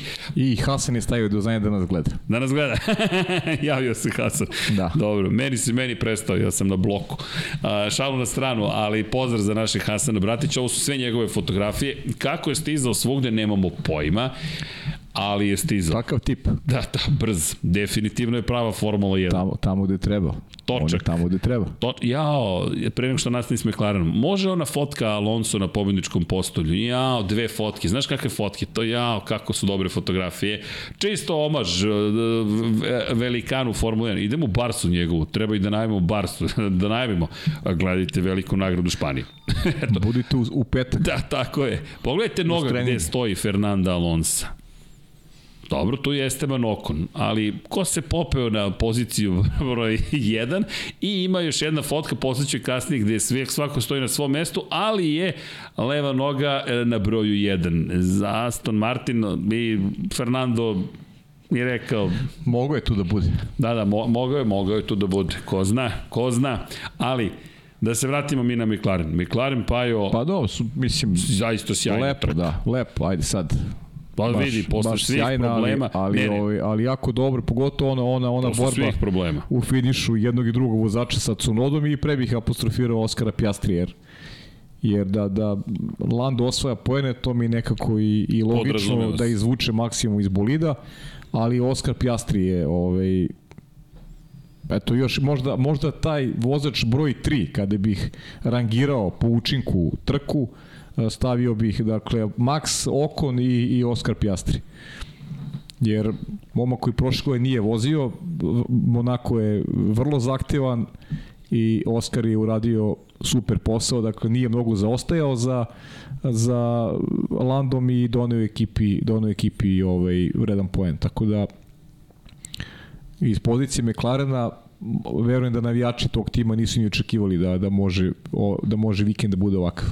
Inače, Pjastri je rekao da je učio da vozi po kiši kako na gumama za suvo, tako i na gumama za kišu, to je promenjuje vremenske uslove, prateći Maxa Verstappena. Rekao je da mu je i tekako prilo, pošto nikad ranije nije bio u toj situaciji, pogotovo ne na gumama za suvo u sred Monaka po kiši i rekao je, rekao sam sebi, ok, ako, ću ne, ako će se neko snaći, Max je tu i rekao kada su promenili pneumatike, prešli na zelene gume, da i dalje mogu da drži tempo sa, sa, sa Verstappenom. E, kaže, kada se opustio Verstappen i kada se malo prosušila staza, tad je bio e, e, pristojno brži od mene. Tako da je nesta Ma ne, super, ali pohvale. Lepo, lepo Pametan trka. Dobro, mislim, oni su generalno je Red Bull ovaj, mnogo bolji tim od mnogo bolji bolid od, od McLarenovog, tako da ovaj, ne, ne bih, ok, on je sam to poredio, ali ne Ne, uporedio. ne, nije mislim tebe da je, čak ni poredio, nego učio čovjek. Da, to mislim, mislim da je, da je, da je poenta cele priče da su da su ovaj uzeli maksimum. Eto, uzeli su maksimum i, i to je to je za pohvalu. je. Zato mislim Posebno da je... momku koji je, koji je debitant, koji se snašao u tim promenljivim vremenskim prilikama i, i, i doneo ekipi, doneo ekipi ostvarenje koje je u rangu Landovog. I ono što je McLaren tražio ovaj, iz perioda kada su, kada su, on, kada su Lando i Sainz bili timski kolege. E, on je, tad je McLaren imao tu ravnotežu sa Ricardom McLaren je izgubio ravnotežu. Iako je Ricardo doneo tu jedinu pobedu ekipi. Pa da, ovde u celoj priči nedostaje zapravo bolji bolid. Jednostavno nedostaje Prosto, to je- je ekipi prosto. bolji bolid i to je ulazi u celu priču zapravo čovek koji će predvoditi inženjerski Bravo, tim, to je, to je Rob naj, Marshall. Da, to je najveća vest generalno koja To nam je došla toku dana bukvalno. Baš je velika, velika vest. Planiraju da promere tehničko odeljenje kompletno svoje. Nisam, moram ti priznati, niko nije očekivao da će Rob Marshall biti čovek koji će odjednom da, da, da se spomenju uopšte kao neko ko odlazi, ali eto, to jednostavno u ovom momentu možemo da pričamo o tome da se desila velika promena. Vidjet ćemo kada će početi da radi na bolidima, šta će da radi. Dakle, to je čovek koji inače od 2006. godine zapravo Da, je, volao bih da čujemo, da čujemo njega, da. čime, čime je motivisana ovaj, generalno cela ta, ta, ta njegova odluka. To je zaista velika promena i benefit koji bi mogao da ima McLaren ozbiljan u, u, budućnosti. Inače, on jeste bio zadužen za na istoj poziciji bio i u McLarenu. Kaže, meni je fascinantno, pošto je čovek od 2006. zapravo u Red Bull Racingu. Inače, kada govorimo o Robu Marshallu, važan je iz perspektive toga što je on zapravo čovek koji je radio u Renaultom timu 2005. i 2006. Inače, to je čuvena, čuveni period i kada je osvojio šampionsku titulu, to jest obe svoje šampionske titule kada je osvojio Fernando Alonso, ali je on bio deo ekipe koja je razvijala taj, taj, taj čuveni mass dumper, dakle, gde smo imali kompletan jedan sistem zapravo za, sistem koji se koristi za uravnoteživanje zgrada prilikom zemljotresa. Oni su to uveli u Renault i to je baš bila jedna velika inovacija. Marshall je bio baš čovek koji je učestvovao u tom timu i onda je 2006. otišao u novoformirani Red Bull Racing i evo, 17 godina kasnije, čovjek je rešio da je vreme za promenu i ode u McLaren. Tako da svaka čast McLarenu šta god da su ponudili, prilično je ozbiljna situacija i prema rečima Zeka Brauna, to je jednostavno jedan od onih ključnih koraka da se vratimo pobedničkim putevima. Ima tu, ja mislim, još koraka, pogotovo, pošto prošle nedelje to nismo stigli da prokomentarišemo, samo smo najavili, što je ozvaničena saradnja između Aston Martina i Honda od 2026. godine. To je zvanično. Aston Martin Honda, to će biti fabrički tim Honda od 2026. Red Bull Racing će tada početi saradnju sa Fordom, Audi će ući kao nezavisna ekipa, Andreas Zajdel je ove godine preuzeo Zauber grupaciju koju je vodio McLaren prošle godine i sada Rob Marshall popunjava jednu vrlo ozbiljnu poziciju. Inače, u cijeloj ovoj priči, kada govorimo um, Andreja Stella je neko koji je preuzeo ulogu koju je vodio, zapravo, koju je imao Andreas Zajdl, i to nekako meni ni makar ne uliva baš dovoljno poverenja, ali ono što se sada dešava jeste da, da angažuju neka baš zvučna, zvučna imena. Da, bojim se samo da su malo zakasnili, ali dobro. I da li Marshall može da izvede čudo bez toga da si fabrički tim. Pa to je poenta cele priče. Zato ti kažem da se bojim da su malo ovaj da su malo zakasnili, ali dobro, ko zna, vidjet ćemo kako će to u praksi izgledati. Prosto nemam poverenja upravo u, u te projekte gde, gde ovaj, nisi fabrički tim. Eto, to, to je to. Pazite, James Key je dobio otkaz, Žil de Ferran je doveden kao savjetnik, David Sanchez je preuzet iz Ferrarija, Rob Marshall iz Red Bull Racinga i sve to super, sve zaista si zvuči sjajno, ali sad to pitanje ostaje da li ti s Mercedesom kao nekim ko, ko ti prodaje zapravo motore, možeš da dođeš do samog vrha. Sve više su svi ubeđeni da moraš da budeš fabrički Možeš jedino ako se povuče Mercedes. I vratiš se nazad na McLaren Mercedes Mike Hakinena. Baš to. Ok. Kimira i Konena i tako dalje i tako dalje. U svakom slučaju lepe reči iz Red Bulla. Christian Horner je rekao da je da je prosto zahvalan Robu za tih 17 godina rada i njegov rad, kaže, na, na generaciji koja je donala četiri titula 2010-2013 je bio neverovatan. Dakle, jedan od ključnih zapravo i figura u onome što je kasnije usledilo i njegov utjecaj svakako će nedostajati, ali eto, čisto da, da imate informaciju. Inače, ono što je zanimljivo, Marshall je bio čovek koji je preuzeo pobjednički trofej u Australiji ove godine za Maxa Verstappena, to je to ime Red Bull Racinga, tako da to nije baš bilo ko ko odlazi. Jedan od ključnih članova ekipe Red Bull Racinga, ali eto, McLaren gradi, gradi neku drugu priču, podržim palčeve da i to može biti put. Skeptični smo, ali ajde da držimo pal, palčeve. Zaista bi bilo bilo lepo da da pa da, do, da lepa, mogu. svako lepa vez za, za one koji, koji vole McLaren, definitivno. Ali da. kažem ti, želim da čujem i, i Roba Maršala da vidimo naš čime je ta cela priča ovaj, motivisana i šta je ideja neka. Znaš, kad praviš neki dogovor sa čovekom, znaš, imaš neka, imaš neka očekivanje, imaš neki plan. Šta je plan u, u celoj priči?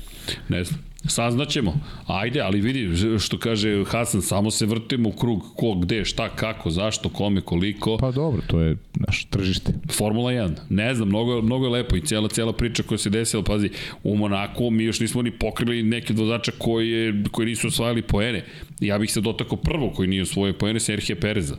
Jer on jeste ključn, ključn, ključna osoba u cijeloj priči. Od svih predstavnika vodećih timova, Lance Stroll i Sergio Perez su bili ti koji nisu bili na visini zadatka.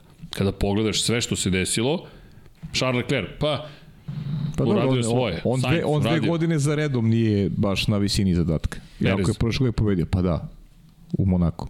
Sveti se kvalifikacija. U, Slupo je bolid. Slupo je bolid u kvalifikacijama, on je prosto pokupio darove koje Ferrari ovaj poslao Red Bullu prošle godine. Da. Znaš, nije, nije, nije on ovaj, nije on zaradio to svojom uh, sjajnom vožnjom, nego je, nego je dobio kao jedan dar od, od loših Ferrarija. Ali prvi put ove godine da nema poene. Tako da Monako, ok, kralj, kralj je uličnih trka, sve da li je? ok. Ti pa, kažeš da nije. Monako, pa Vidi, pa nije, znaš kako je, hoću ti, znaš kako ja, ja gledam celu priču, znaš, to je, Max ima prosto ima i pehovi i to, znaš. Uh, da mu da, da Maxu treba neka pobeda, znači da je neka faza sezone kada se te trke održavaju u neki u nekom momentu gde, gde Maxu treba pobeda, mislim ne, da ne bi imao dilemu oko toga ovaj uh, ko će tu pobediti i kako će se trka završiti. Ne, ja znači, mislim da, mislim da je velika razlika u kvalitetu između, između njih dvojice. Ogromna. Pa vidi, ne možemo ih porediti. Da, neke, neke stvari su se prosto, talent, prosto su se, da, prosto se lepo namestili. Pa eto onako prošle godine njemu se lepo namestila cela priča. Da, da, da ne to... govorimo o onoj kontroverziji, da se ne vraćamo sad na to, to je stavljeno ad acta da mi sad to ne izlačimo iz naftalina, ali generalno on je bio samo miljenik sreće prošle godine i ništa više.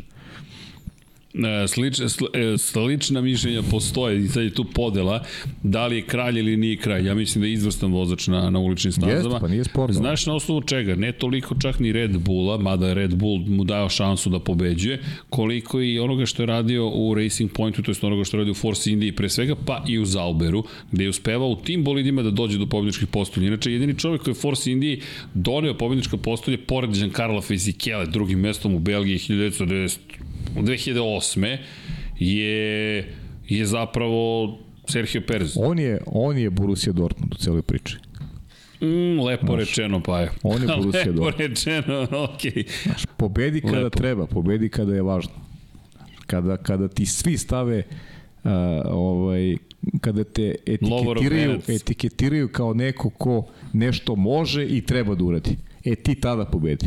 Sergio Perez u tim uslima nikada nije pobedio. Ili ako ste gledali sinoć utakmicu 7 Boston Celtics koji su težak poraz pretrpeli protiv Miami u utakmici 7, taman su malo Pa, igrali da. košarku, onda su se vratili trojka sa 17 metara, ali dobro, to je neka druga Da, priča. a, a, stvar, mislim da je ovo pravi primjer. Ovo Jeste, naš Borussia Boston Dortmund je baš, Boston baš je, Boston šalim se, je, šalim se. Boston je Boston. Boston je Boston. Ne, ne, pravi primjer je. Znaš, povredio im se glavni igrač. Mislim, to je sad, znaš, neka druga tema koju su ovi naši ovi kolege vo- Obradile. već, su obradile. Ali, ali kažem ti, mislim da je ovo pravo poređenje zato što, Jeste. zato što je, e, znaš, kad ti neko to, to je najteže generalno u životu, znaš, tu se razdvajaju oni koji, koji imaju to nešto više i oni koji nemaju. E, Čeko Perez prosto, prosto nema. Budi ti najbolji kada je, kada je važno i kada svi pišu o tome da si ti taj. I onda ti padneš i, i pokažeš ovaj da, da nisi taj. I napraviš ne malu grešku. Ovo je amaterska greška. Ti u Q1 delu kvalifikacije sebe u Red Bullu bombolidu eliminišeš iz daljeg toka kvalifikacije. Ovaj se češe o zidove i uzima pol pozicije. A apropo i onoga što si rekao, ako je potrebno, on će pokazati šta može da A, se uradi. A, a imam utisak da je ovde, baš nevezano za Serhije Pereza, nego upravo on ima tu utakmicu negde i sa samim sobom i sa, i sa celom pričom da on nije tu, nismo to ti ja izmislili, pa sad samo nama nije bio favorit. Pa ne, to, to svi su očekivali da se desi konačno da Red Bull bude zaustavljen. Svi koji mediji koji se koji prate Formulu 1 znali su da ovde i ljudi koji prate Formulu su oče, imali veliko očekivanje i od Aston Martina od Ferrari. Jer su videli moment kada može da se makar privremeno zaustavi ta dominacija Red Bulla. I onda je dečko uzeo ovaj, stvari u svoje ruke i pokazao da je Pazi, pokazao zašto je šampion. ovo nije bolid, ovo nije pobeda bolida, ovo je ne, pobeda... ne, ne, ma jok, ovo je pobeda, pobeda. vozača. Njegove volje. Da, Da, pa, ovo je na tako. volju išli. Ti kada gađaš Bukvalno. zidove, ti ideš na volju. da. Ti ne ideš na to da, e, kao ovaj boli toliko super Ja, radi, ja ću ti to da kažem, ja sam Ne. ubeđen da bi on pobedio i da je bio treći. Ubeđen E, sam. to sam htio ti kažem, kada je počinjala trka, gledam Pereza i razmišljam šta bismo sada komentarisali da je Max poslednji u ovom trenutku. Ja mislim da bismo ti ja pričali o tome u kom momentu će biti peti.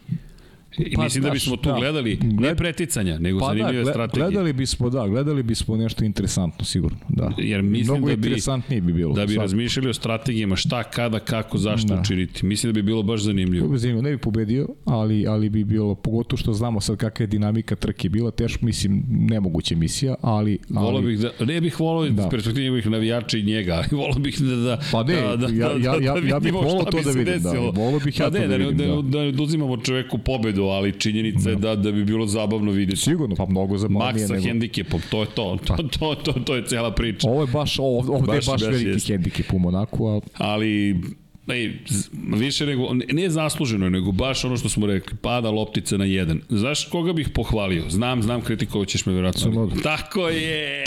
Znaš me već, Pajo. Da. Je dobro ti vozio. i tvoj Juki. Je malo otkazale kočnice, ali izjava je na... Hoćeš da se slupam? Hoćeš da se slupam? Hoćeš da se slupam, jeli? Šta pričaš? Da. ne, fenomenalna izjava, Pa, mora, ne, za, u mora njegovom za majicu. slučaju, da, gume prosto, znaš, Završili. gotovo, završili su svoj radni Pa i vek. kočnice i gume i i, sve. jeste, kombinacija svega i nije mogao protiv, protiv prvo Landa, pa onda Oscar. Da, bio je dobar, deveti u kvalifikacijama, trudio se, držao je što više mogu. I ekipa, realno, taj bolid i dalje je loš. To, A, jeste, to je to je- loš to je bolid. suština, da. Ali Juki, meni se sviđa što je i što ima šta da kaže Ima i taj- što dobro vozi. Taj borbeni duh. Ima duh. Japanac. Japanac, baš Da. je, baš mi se dopalo sve kako je pričao i naravno taj njegov glas i ceo bes, bes, nije to pravi bes. I Nik De Vries, klopski kolega, kad je bilo potrebno, evo i Helmut Marko rekao je, e, to već želim da vidim. To, pa jeste. Radi taktika. Jeste. taktika je Žuti karton, ili vrata ili žuti karton, da. nešto bolje od onoga što si radio. I bio Da, je ali- u kvalifikacijama pristojan. Re- Rekao sam ti, ti si neko ko prati Formulu E, Da, da. za razliku od mene, tako da znaš da konfiguracija Staza, stazu staza poznaje. šta je i Nick De Vries je taj koji je navikao da posljednjih godina da se vozi uz bankine, da se vozi uz, Činjenica. uz ograde, tako da je njemu ovo nekako prirodno stanište, znaš, ovo je nešto na što je on navikao tokom prethodnih godina. I to je bila, bila njegova prednost u odnosu na ono što smo gledali možda do sada. Znaš, ipak je drugačije Baku. Ovo je baš ono blizina zidova, ovo je, ovo je prava ona gradska, prava gradska ovaj, uh, staza. Pa Monako je u početku imao drugačiju stazu za, za Formulu E i onda je 2021. promenjena da bude identična stazi Formule 1. I ako je negde znao to je ovo mesto. Definitivno. I vidjet ćemo sad za opet, eto, brzo smo u Barceloni, da vidimo kako će se ponašati u stvari. E, ko, e, kakvi će zaostaci, ili ja verujem da će dalje biti zaostaci u odnosu na Juki. Od mora da ima negde tempo koji je prilagođen uh, Jukiju. Ne sme da ima, da ima velike zaostatke, jer to je automatski ga ovaj sve više približava otkazu i uh, odlasku iz ekipe. A već čekaju i Ricardo, pre bih rekao Liam Lawson, ali više sada više gađam ka Liamu Lawsonu, mislim da je on taj koji će pre dobiti šansu od, od Ricarda. Slažem se, ne vidim da će Ricardo, a posle svega što je odbio, sada reći e, idemo u Alfa Tauri. Ne vidim smisla u celoj priči. Isto, isto. I ako ćeš negde da ga staviš, stavit ćeš ga umjesto Serhija Pereza, ako, ga, ako ikad budeš negde ga stavljao za vola. Ne, ne, ne, vidim, ne vidim šta bi to drugačije bilo u Alfa Tauriju sa Ricardom uh, u Ma, konkurenciji pa, sa Cunodom, znaš, baš treba, ne vidim. Ni njemu ne treba taj rizik. Ma, isto, isto mislim. Ono što smo pričali, šta ako Cunoda bude bolji. Tako je, ali ja Lawson opet da mu daš takvu šansu, on će, on će da grize, on, on, on, pritom znamo koliko je agresivan. Jeste. Nek, nekad, I, nekad je preterano. Vozač. Dobro vodač, ali zna da bude baš i preterano agresivan. Fakat, ali... Op, opasan po okolinu. Ali, ali nismo ga gledali sad u Japanu, ne znam da li se promenio, da li je sazreo, da li samo ne. pratimo rezultate, Tako ali ne, ne gledamo trke drugačije kad komentarišete Naravno. trke, pratite svaki krug, svaki trening, bolje upoznate vozača. Ovako pogledate rezultate, pročitate izveštaj i kažete aha, ok, desilo se to. nešto. Bukvalno. I tako da za Lijema Losona ne znamo da li Da li napreduju? Ne znam, ne, nemamo pojma. Ne, ne, ne, nemamo pojma. A što se tiče ove trke, ajde da spomenemo, pa, par, Valtteri Bottas je bio 11. ali ne bih ja istakao nešto previše ovu trku. To je jedna trka polu nevidljiva. Pa dobro, ali daš, 11. mesto. Gume. Da, ja sam više očekivao od Hasovih vozača generalno, ali... Tu smo dosta očekivali, da, da, ali ja greška u kvalifikacijama. Da, baš sam mislio, tako je, da. E, timing, ali, loš timing. timing. Nisi izašao na vreme, e, imao si jedan krug na, na brzi krug na ovim gumama, a potrebno su ti bar dva i staza koja se stalno ubrzavala. Jeste, promašili su temu, da. To je ne, to je De Vries lepo to, rekao. To je to je i do ekipe, to je to je i do, to ekipe. Do ekipe to pa je ekipa te ostavila da čekaš. Jest, jest. Ali De Vries je objasnio, rekao, ljudi, mi zapravo nikad ne vozimo maksimalno do kvalifikacija i staza se drastično, rapidnom brzinom yes. menja. Prijanjanje i količina guma i kako se mi opuštamo i kako mi možemo da vozimo se ubrzava iz kruga u krug i to smo videli. Vre, Sergio Perez na nekoj drugoj stazi možda bi se i promovao u Q2 deo kvalifikacija da je od, imao jedan mereni krug. Taj krug je izgledao smešno dok su završili kvalifikacije ali to je Monako. I Monako, kada ta cela priča da li će biti u kalendaru, ne, ja mislim da to samo da su samo pregovori u pitanju. Monako je pokazuje još jednom da nije to tek tako, a dosadno bez... Ne, ljudi, Monako, to je test i, i kada nema preticanja, to je i dalje test iz kruga u kruga, iz krivinu u krivinu. Da. A ovo što su radili Verstappen i ostali u kvalifikacijama, to su zaista kvalifikacije za pamćenje. To svi jednoglasno kažu, ovo su neke od najboljih kvalifikacija koje smo gledali. Ikada, ne to samo je, za ovu godinu. To je, Monako je ovaj, trka Formula 1 a, može da se okarakteriše kao dosadno samo iz ugla neko ko površno gleda na, na, na, na sve ono što, što se dešava u kompletnom vikendu. O, fantastičan vikend je. Ja sam, ja, ja sam, sam oduševljen, isto, iskreno. Isto, isto. Ba. I, I moram ti priznam da mi je da mi je ova godine, ove godine bila mnogo bolja trka nego prošle. Uh, prošle je nekako čudno to odlaganje starta, pa biće, neće biti kiša. E da, izvini, samo da iskoristimo priliku. Pirelijeve gume nove, Perez je koristio gume za kišu, i nije samo Perez, ali Pirelli je pripremio za, za, za ovu trku gume za kišu, plave kojima nisu potrebni grejači. Dakle, mogu i bez grejača da, guma da se koriste. Dakle, ko je imao? Imao je Niko Hulkenberg na kraju, Sergio Perez u jednom momentu i Kevin Magnussen pre nego što je odustao. Ali šta hoću da kažem, Pirelli je uveo novi set, novi tip guma i nismo dobili baš potpun test, ali čekamo eto da vidimo da li zaista će te gume funkcionisati bolje i ne zaboravite tokom ove sezone čekamo taj aerodinamičke dodatke, to jest fizičke elemente koji će koristiti tokom trke koji bi trebalo da smanje količinu vode koja se izbacuje. Neka vrsta blatobrana. Sad, to, to inače izlazi van onog vremena koje vam je dozvoljeno da koristite što vazdušni tunel, što computational fluid dynamics, dakle, ko zna šta će tu da razvijaju, ali da ne zaboravimo da se i to dešava tokom ove sezone. U Imoli trebalo da testiramo Q1, Q2, Q3, tvrde, srednje, tvrde, meki sistem. Nove gume su stigle ovde, pa eto, po kiši nismo imali probleme koje inače imamo. Nije bilo ni crvenih zastava u smislu, ajde da ne vozimo u ovom trenutku. To, to ono što je prošle godine bilo baš bila bizarna situacija. Da. Pada kiša, mi ne započinjemo trku jer pada kiša. Pa to bilo je, znaš kako, ovaj, još jedan pogled. Svaka čast eh, generalno svim momcima kako su odradili trku. Promenljivim vremenskim prilikama ti nisi ni imao uh, veliki broj incidenata. Generalno. To je ono što je Alonso rekao u, na kraju. U svu tu zahtevnu trku koju si, zahtevna je svakako idealnim vremenskim uslovima. A onda dobijaš odjednom kišu, pa dobijaš znaš, odjednom eh, situaciju koja preti da bude haotična, a svi su oni u ta dva sata uradili fenomenalan posao. I svaka im čast na, na tome, uz, uz eto, te neke sitne greške koje su se logično dešale, poput Sainca koji, znaš, kao, kao Bambi na ledu, na, na, na gumama za suvo.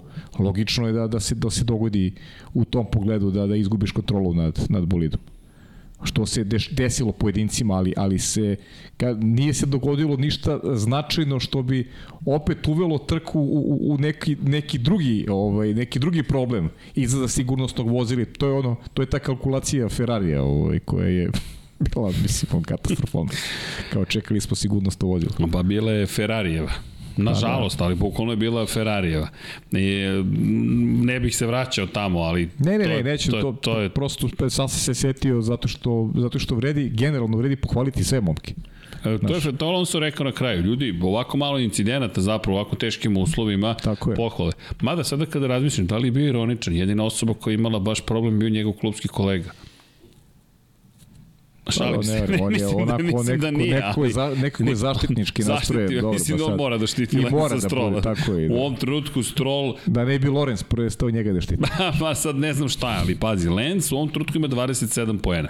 Fernando Alonso ima 93.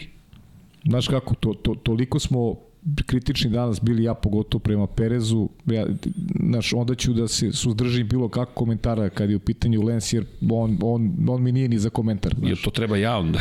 pa ne, ali on mi nije za komentar, on prosto, ako, ako želiš da napreduješ kao, kao tim, imaš šampionske ambicije, imaš pogrešnog vozača. Pa ovo što trenutno pokazuje nije dovoljno.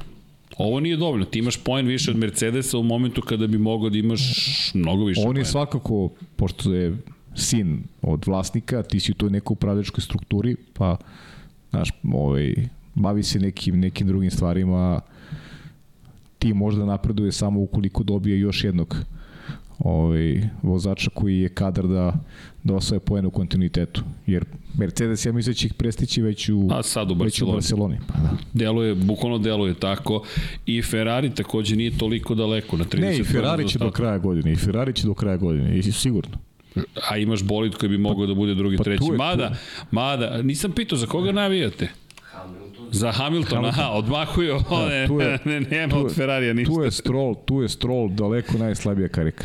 Pa jeste slaba karika i kada pogledaš u ovih šest trka, tri puta nije osvojio poene iz ovih ili onih razloga. Alonso savršen ove sezone, osvojio poene u svakoj trci.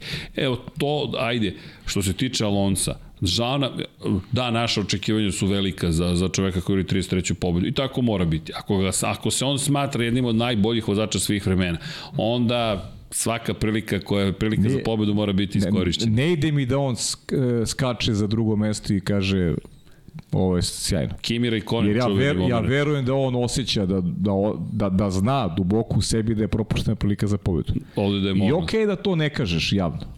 I ja, to je u redu. To je u redu, naravno. Ali mislim da, da, Iza da, on, da, on, da on to vrlo dobro zna. Moraš da digneš... Tako, i da je, da je svestan da je napravljena greška i njegova i ekipa. Znaš.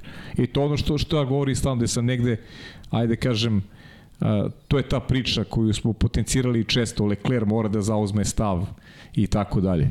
Ekipa mora bude ta koja vodi računa o nekim, o nekim detaljima. Slažem se da, da, da ti kao vodač imaš najbolji mogući osjećaj na to, za, to kakvi su uslovi na stazi i šta, tebi, šta ti odgovara u datom momentu. A posebno to očekujemo od nekog ko je dvostruki šampion koji ima toliko godina, toliko iskustva. I ja sam ubeđen da takve stvari, recimo, i tu pravim razliku, eto, neka mi ne zameri Alonso i Fano, ja tu pravim razliku između njega i, i, i Hamiltona, pa između Maxa Verstappena, jer definitivno smatra Maxa i Luisa najboljim vozačima u šampionatu. I mislim da se njima takve greške, kada treba pobede, ne mogu da im se dogode. E, to je, to je, to je razlika. Iz mog ugla to je razlika između između ovaj, Maxa i Luisa i svih ostalih vozača u, u šampionatu. Pa tu čak u, svrstam i, i Fernando Losa. Pa jeste. U toj grupi, zato i zahtevamo od njega da iskoristi pa, priliku. Prosto, naš, prosto mora. Tako da meni to, ta, to njegovo drugo mesto mi je malo pod nekom, naš, Sve to najbolji super, rezultat, ali... najbolji rezultat, ali, ali više mi se dopadaju one trke gde je bio treći nego ova. U, baš zbog ovog. Jer ovo je velika greška. Razmišljam samo, razmišljam o tome, ali nemam šta da ti kažem, to je to. Moraš, ako si šampion sveta i želiš da budeš. Pa, Inače, on je rekao, pa, ajde, ajde, ajde, ajde, ajde posle ovakvu stvar, ajde posle ovakvu stvar. Zamisli da je, da je na mesto Alonso bio Charles Leclerc. Dobro. Zamisli kakva bi reakcija bila da je to bio Charles Leclerc oh, pa i da je to bio Ferrari. Pa ne, ne, ne, dobro, pa to bi bilo, pa Ferrari bi bio razapet. To bi bilo Leclerc opet nema. Gazeta dello Sport, pa ne, Leclerc opet strana. Ne, ne, komunicira sa timom, ne osjeća šta treba, Ferrari reaguje loše, to bi, bio, to bi se digla dževa onako na, na, na Maksimi nekoj. Ali bukvalno ovako imamo, znaš, neko je to prošlo, Alonso drugi, super. Ma, nije baš tako. pa, ok, pa mislim da ćemo ovu trku zapamtiti. Ne, ne, ali se slažem s tobom. Trka je fenomenalna. Ne, ne, ali iz te perspektive... Da, mnogo da. detalja, rekao sam, znaš, de, mnogo detalja, a mnogo detalja koji su nam otkrili zbog čega su stvari ovakve jesu. Zbog čega je Max najbolji, zbog čega je Red Bull najbolji. Dobro, pa evo, šta ćemo sa ostalima? Da spominjemo Kevina Magnusena. Kevin Magnussen, da, ko, pa kažem ti, on vratio... Ja ne znam s kim nije zaista imao sa kontakt, fronta, ali... Se vratio ali, se sa fronta izranjavan. Ali, ali nema ko nema osmeh na licu trenutno kada spomenemo Kevina da. Magnusena. Uzbudljiva trka pokazuje svima kako se brani pozicija u Monaku i zašto je pozicija u Monaku toliko važna. Ja mislim da smo samo u Formuli 2 i videli neka preticanja, neka gotovo pa, nemoguće da, misije. Više na startu. Inače, ne znam gde sam video to ili pročitao da je poslednje preticanje za prvo mesto u Monaku bilo 1996. godine, tipa kada je Damon Hill prešao na gume za suvo dok je neko bio na gumama za kišu. Otprilike to je jedini moment kad se desi. Pa tipa, po ispred nije mogu 30 ništa. godina otprilike od kada se poslednji pa, da. podesi. Moram da proverim, ali tako neka informacija ali to je to je Monako. To, to bukvalno to je Monako. To ti je naš mora da radi sve, znaš, da radi mozak da budeš strpljiv da. Ali ali ali isto istovremeno šta ti je reputacija? Kevin Magnussen ima tu reputaciju. Ja se neću skloniti. Inače Sergio Perez odgovorno je tvrdio da mu je on zapravo da ga je uradio brake test, dakle pustio gas i da da je pustio da se malo zalu, zalu, zalupi, da se da udari u njega bukvalno, ali mislim da je Perez u tom trenutku bio već van bilo da, koje da. dimenzije koju je očekivao da će imati u utrci. ne znam šta bih rekao za Kevina Magnusa nosim da bih pozdravim našeg dragog penzionera, zvaničnog Borisa Trutina, koji mi piše u sred trke ko će sledeći da, da udari Magnusena. I ja napišem Hulkenberg, jer mi to jedino logično, pošto mi klubski kolega. Kada ono, Magnusen sam se okreće i udara. I tebi je pisao? Pa naravno da mi je pisao. Pisao i meni. Da, inače biblioteci je trenutno tako da je rekao će kasniti na podcast. A, Ako nema poruka, znači. tako je. Čisto da znate gde je. Ali dok Kevin Magnusen koji stvarno radio jednu, odvezao jednu zanimljivu ispunjenu trku, ajde da, da se tako izrazim, i Magnussen koji nije doneo pojene, nisu ni imali šansu realno da dođu U Hasu su zadovoljni, su često bili u kadru. Da, vidi mnogo kadrova, definitivno da, da. sponzori mogu biti zadovoljni. Da, I absolut. tokom treninga, i tokom kvalifikacije, svega je to bilo. Baš je bilo sve. Gene Haas je vodio Kevina na neku večeru posjetio. Hvala ti za ovu promociju. Da. E, pa jo, da li bi istakao još nekoga od niže rangiranih vozača? Ovako. Da li bih istakao još nekoga? Da. Guanju Joe Nije se baš pa, da. proslavio. Pa istakao bih, ovaj, istakao bih očini Williams. Alex Albon i Logan Sargent. Da, Logan Sargent koji je onako bio kao u nekom turističkom automobilu. Dobro, on se baš nije snašao u ovoj situaciji, baš da. i mnogo su ga pre... Alex Albon je Dobro, makar prih, prihvatam, prihvatam, prihvatam i naravno dosta ovaj, ljudi je pisalo, prosto nije upravljiv taj, taj Williams definitivno. I To je znaš, to, činjenica. to je malo olakšica da ne budemo previše sa Na kritični ovoj prema stazi pogotovo. vozačima na ovoj stazi, da, baš, baš Sledeća staza će biti Jeste, pravi test. jeste, u Barceloni mora da pokaže šta zna. Jer, jer ti kad pogledaš, ni, ni album nije ovaj, album koji je sigurno bolji vozač od Sargenta, ali znaš, to je prosto prosto Williams kao da da da su da je negde bilo predodređeno da će oni da će oni biti ovaj u, najlošijoj poziciji. Ne znam sada da li hvalim ili kudim, ali Albon je bio ispred Lensa Strola u kvalifikacijama. Kvalifikacije, Williamsu- daš kako Williams jedan Albon, Albon je Eto ti brz vozač, znaš, to ti je Zamisli kombinaciju Alonso Albon. Znam da je nemoguće, Ne, ne, ali okej, da, zamisli da, da, super. Albona u pa da, super. Aston Martinu. Tako odlično. Mislim lepo ima tu još vozača koji ima Albon, Ima, da. ima, ali Albon, Albon, da. baš bih volao da ga vidim u dobrom bolidu. Albon da. Mislim da bi on, zaboravljeno je koliko je bio brz, ne više se ne spominje Albon uopšte u toj generaciji, aj, aj, Russell, super, si, Max, super si praviš ovaj neku, neku ovaj analizu, jer Albon, Red Bull, znamo, zeleni Red Bull. zeleni Red Bull, da, do, do, dobro zvuči ovaj teorija. Zašto da ne? Ako već Zašto da poznaješ ekipu inženjera koja je došla iz Red Bulla u Aston Jest, Martin, jest. Da, a ti imaš kompletna pedigre, konekcija je, je dobra. Tako, jer Albon je zapravo bio čovek koji je zajedno sa Norrisom odrastao u nižim kategorijama. Oni su, oni su bili rame uz rame. Sada je to zaboravljeno, pošto Albon neslavno završio karijeru u Red Bull Racingu, ali mm. činjenica je da je izuzetno brz vozač u pitanju. Jeste, odlično, odlično. Ja volim odlično. Tajlanđani kako vozi, zaista. Isto, isto, odlično. I, I on je jedini koji zapravo taj Williams i drži u nekom nivou pristojnosti. Pa da, da, zato što se pojavi tu i tamo, uđe u Q3, uradi nešto, Osvoji poene, osvoji poen. ali Odličan je, da.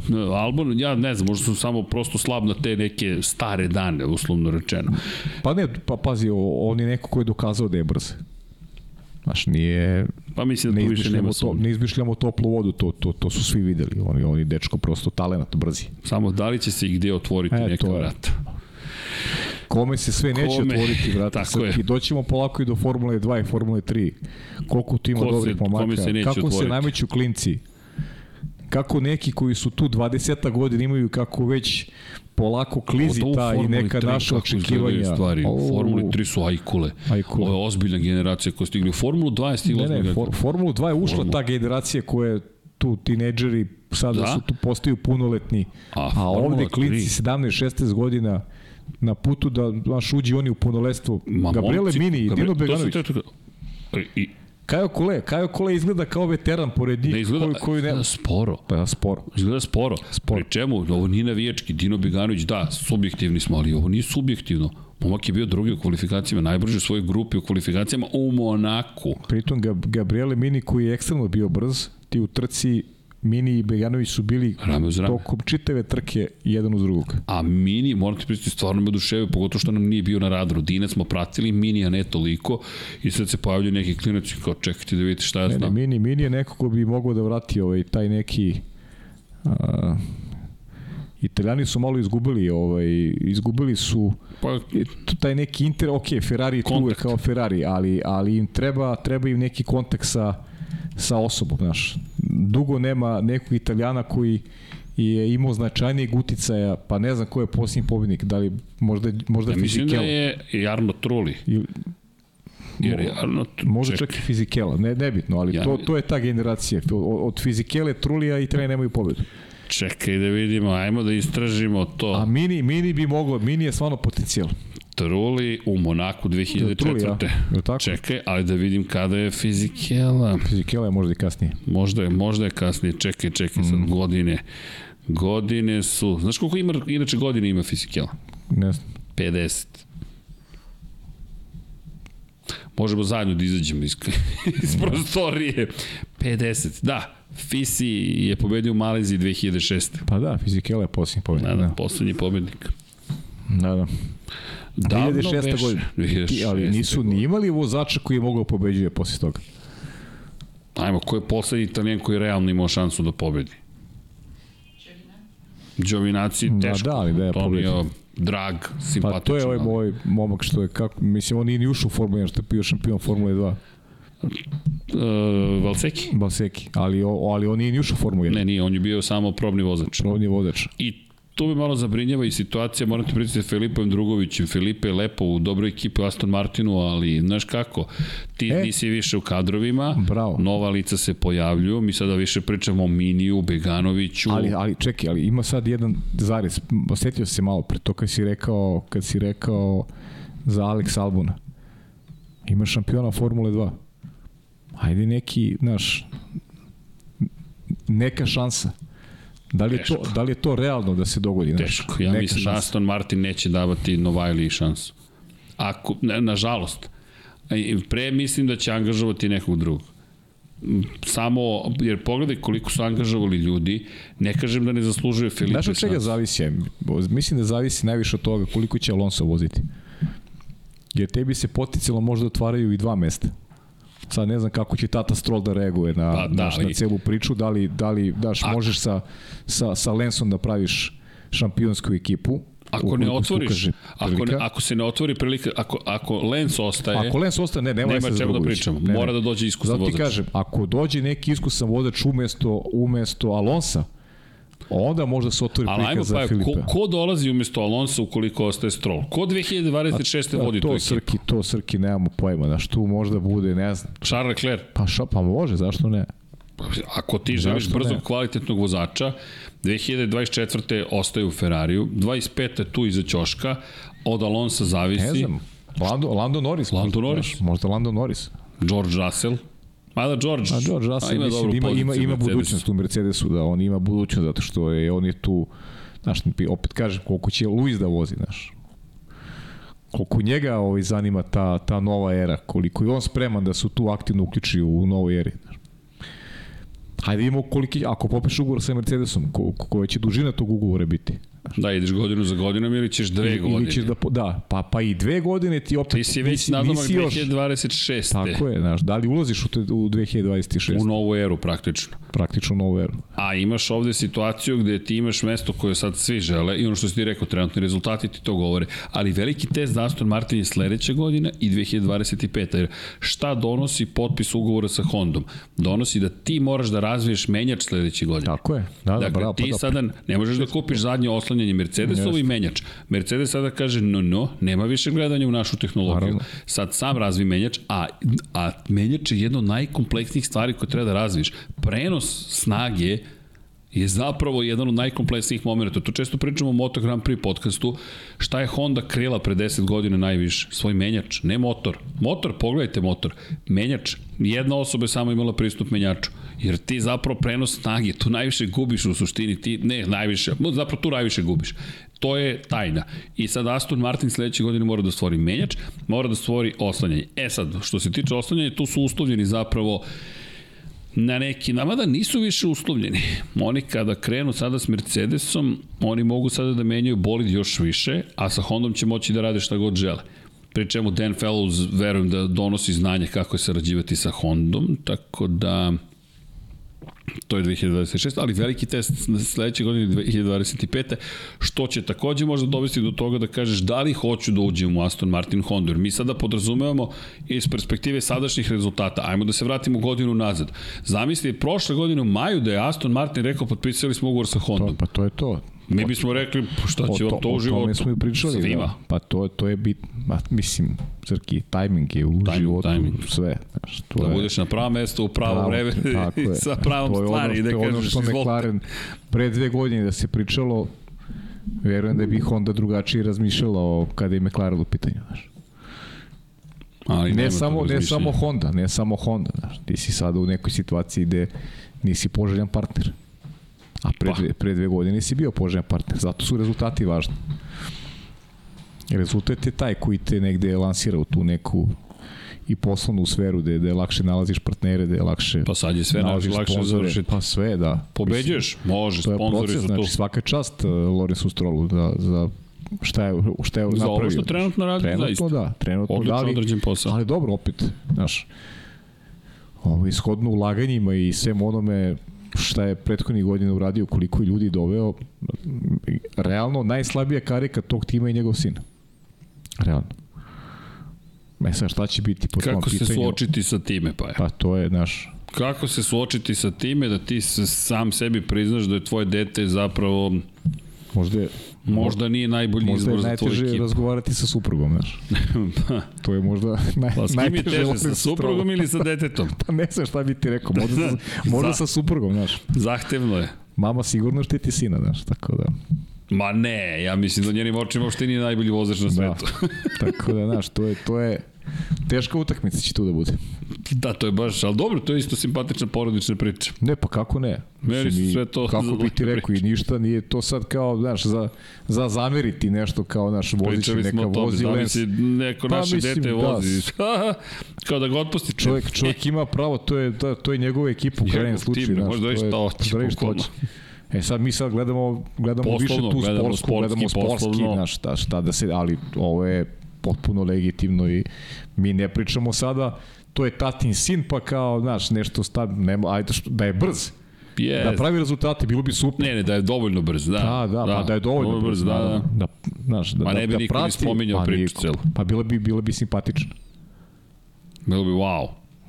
Porodična priča. Jeste, super. Ja mislim da će biti dobar u Barceloni. Što me dovodi do Barcelone? Samo kratko da najavimo. Ljudi, trka već kreće za tri dana zapravo. Mi smo evo utorak, uskoro će sreda, ali znaš šta mi je gospodin rekao? Kaže, Šta?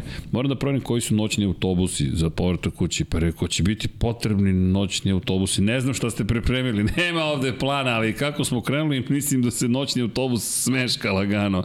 Ali dobro, pošto imamo još 500 milija Indianapolisa, treba da prođemo najavu za Barcelonu, treba možda da odvezemo, da imamo Formulu 2, imamo Formulu 3, imamo Porsche Super Cup i Rista Vukova, koji nije baš imao je lak početak karijere, ali nadoknadio je koliko je pozicija? 9 pozicija nadoknadio činjenica bio 27. u kvalifikacijama, ali veliki pozdrav za Rista Vukova.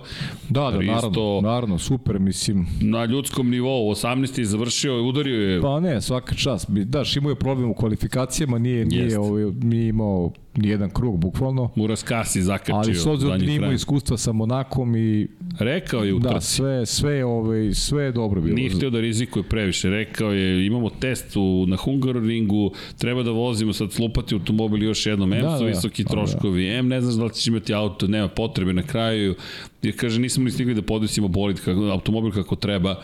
Završili trku, stekao iskustvo, prva trka ad akta stavljena i to je to. Jeste, Čisto da spomenemo, ali i kažem ima još. E, Što se tiče Barcelone, Čekamo ga na Red Bull ringu da vidimo, čekamo tu Tako malo. je. Da. i nadamo se Imaćemo da ćemo... veće očekivanja ovaj, od, od, Činjenica. od, od Vukova. Da. I još jedna stvar, nadamo se da će nam biti u studiju za jedan specijal posvećen njemu, kao trkaču, uh -huh. da se ispričamo, da ga upoznate. Da ga. Ovde je mi... bio samo u prolazu na, na putu. Bukvalno, Da. bukvalno je čovjek kombi parkirao preko puta i stao, stao. Inače je bilo super, super je bilo simpatično, pošto oni Severne Makedonije i dolaze ovde, inače bugarska ambasada je u Svetogorskoj ulici i zabranjeno je parkiranje došli do ambasade, pitali, ma možemo ovde i ekipa je pozdrav za bugarsku ambasadu, rekao naravno, Svaka parkirajte. čast, super, lepo. Tako da baš jedna lepa priča, komšijski, aman, stanite tu ljudi, Super, sve je da, okej. lepo, svaka. Ja, Da- viš to nisam ni znao, ja sam ovaj, ja sam ga samo pozdravio i morao sam idem dalje, tako da nisam znao tu priču, Da, da, da, baš da, interesantno. da, ja, spuštamo se i razmišljam, gde su uopšte našli prostor, velik Da, kombi, da. Dva, dve pozicije su im potrebne, ovde ne možeš da nađeš jedno, a ne pola ne možeš da nađeš, Lepo a ne se snašli, svaka čast. Bukvalno i kaže, e, super je što je bugarska ambasada ovde i stali, pitali i, i dozvolili, tako da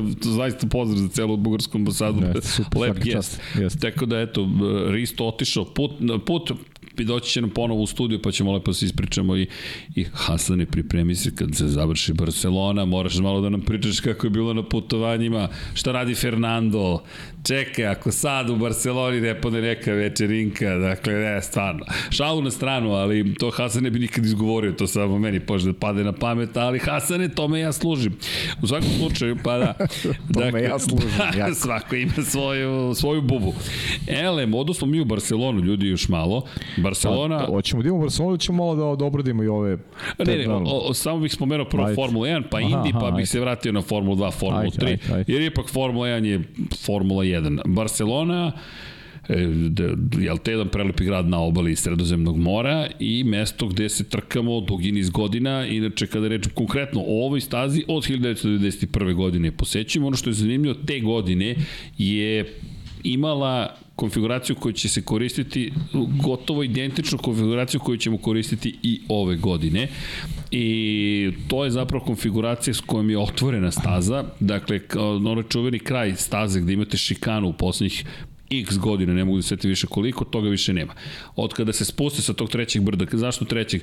Pa iz prve krivine idete desno, levo, desno, treća, ona brza, uspon, penjete se, prednji levi pneumatik trpi ogromno opterećenje, pa onda brza četvrta, pa se spuštate ka ukosnici petoj, pa šesta, sedma brze, pa uz, uz, uzbrdo osma, brza leva, e onda najbrža deveta krivina, tu ste već na drugom brdu, spuštate se ma blago na dole, nastavite ka trećem brdu gore, 11. 12. E, kad tu dođete na nizbrdicu ka startno ciljnom pravcu, tu, tu je bila šikana. Sad, pun gas nizbrdo, skretanje u desno pod uglom u 90 stepeni i put pod noge kilometar pravca, pri čemu završni deo pravca je na nizbrdici to se ni u simulacijama ne vidi na adekvatan način, to morate da odete bukvalno u Barcelonu, pozdrav za Dekija Potkonjaka kada smo radili CSI Barcelona 2019. analizirali incident između Jorge Lorenza Marka Markeza koji je izbegao incident, Valentina Rosija, Andreja Dovicioza i Maverika Vinjalesa. Od pet vozača koji su bili u borbi za pobedu, četiri su eliminisana u krivini broj 10. Jorge promašio kočenje. Svi smo plakali. Ali, svi su bezbedni bili. Pojenta je da je staza drugačija, da se vraćamo nekim tim osnovama, a kada govorimo o pobednicima, pa slušaj ovo. Čitam pobednike unazad. Max Verstappen, Red Bull Racing, Lewis Hamilton Mercedes, Lewis Hamilton Mercedes, Lewis Hamilton Mercedes, Lewis Hamilton Mercedes, Lewis Hamilton Mercedes, Max Verstappen Red Bull Racing. Od 2016. niko osim njih dvojice nije pobedio u Barceloni.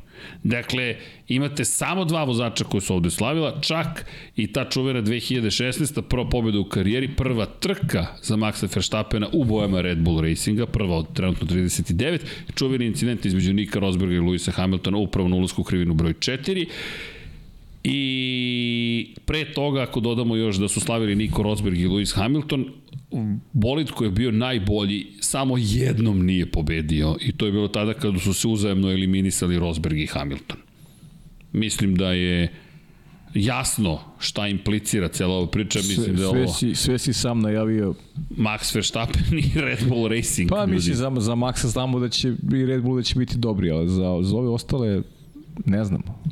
Naš nepoznanice, rekli smo Ferrari i Aston Martin dolaze sa novim ajde, delovima. Kažemo, nekom bez specifikacijom.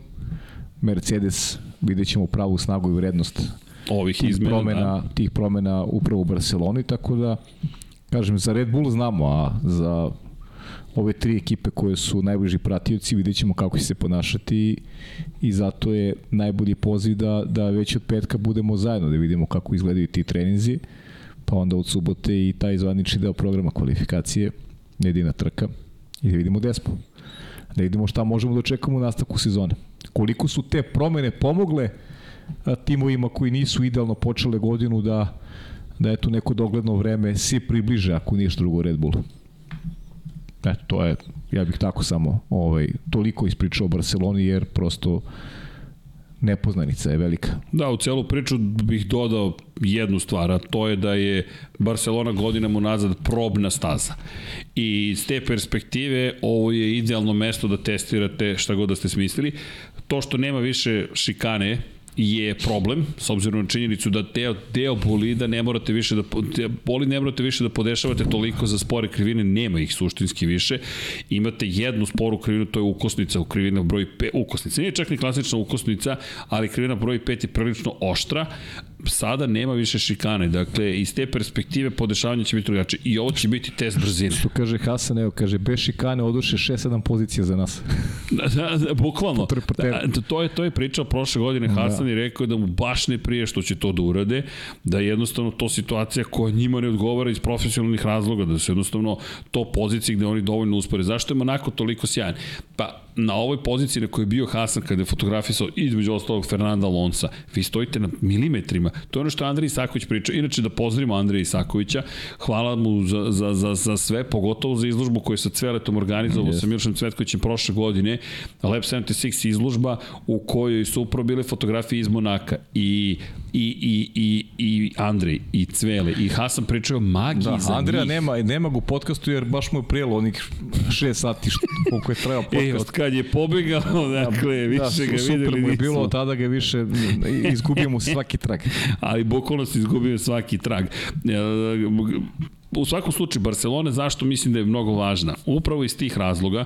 Evo vidjet ćete i fotografije dakle e, iz e, Monaka koje je Hasan napravio Mercedesa i za, ne samo što smo ga mi zavoli zna Hasan je maš, mašinac. Dakle e, koliko su bitni ti momenti koje zapravo Mercedes u, izveo u tako kratkom vremenskom periodu i mi dobijamo jedan klasični bolid. Lewis Hamilton je već rekao da se raduje što se ide putem Red Bull Racinga. To, to ide na ovo što si upravo rekao. Ko može da se približi sada Red Bull Racingu?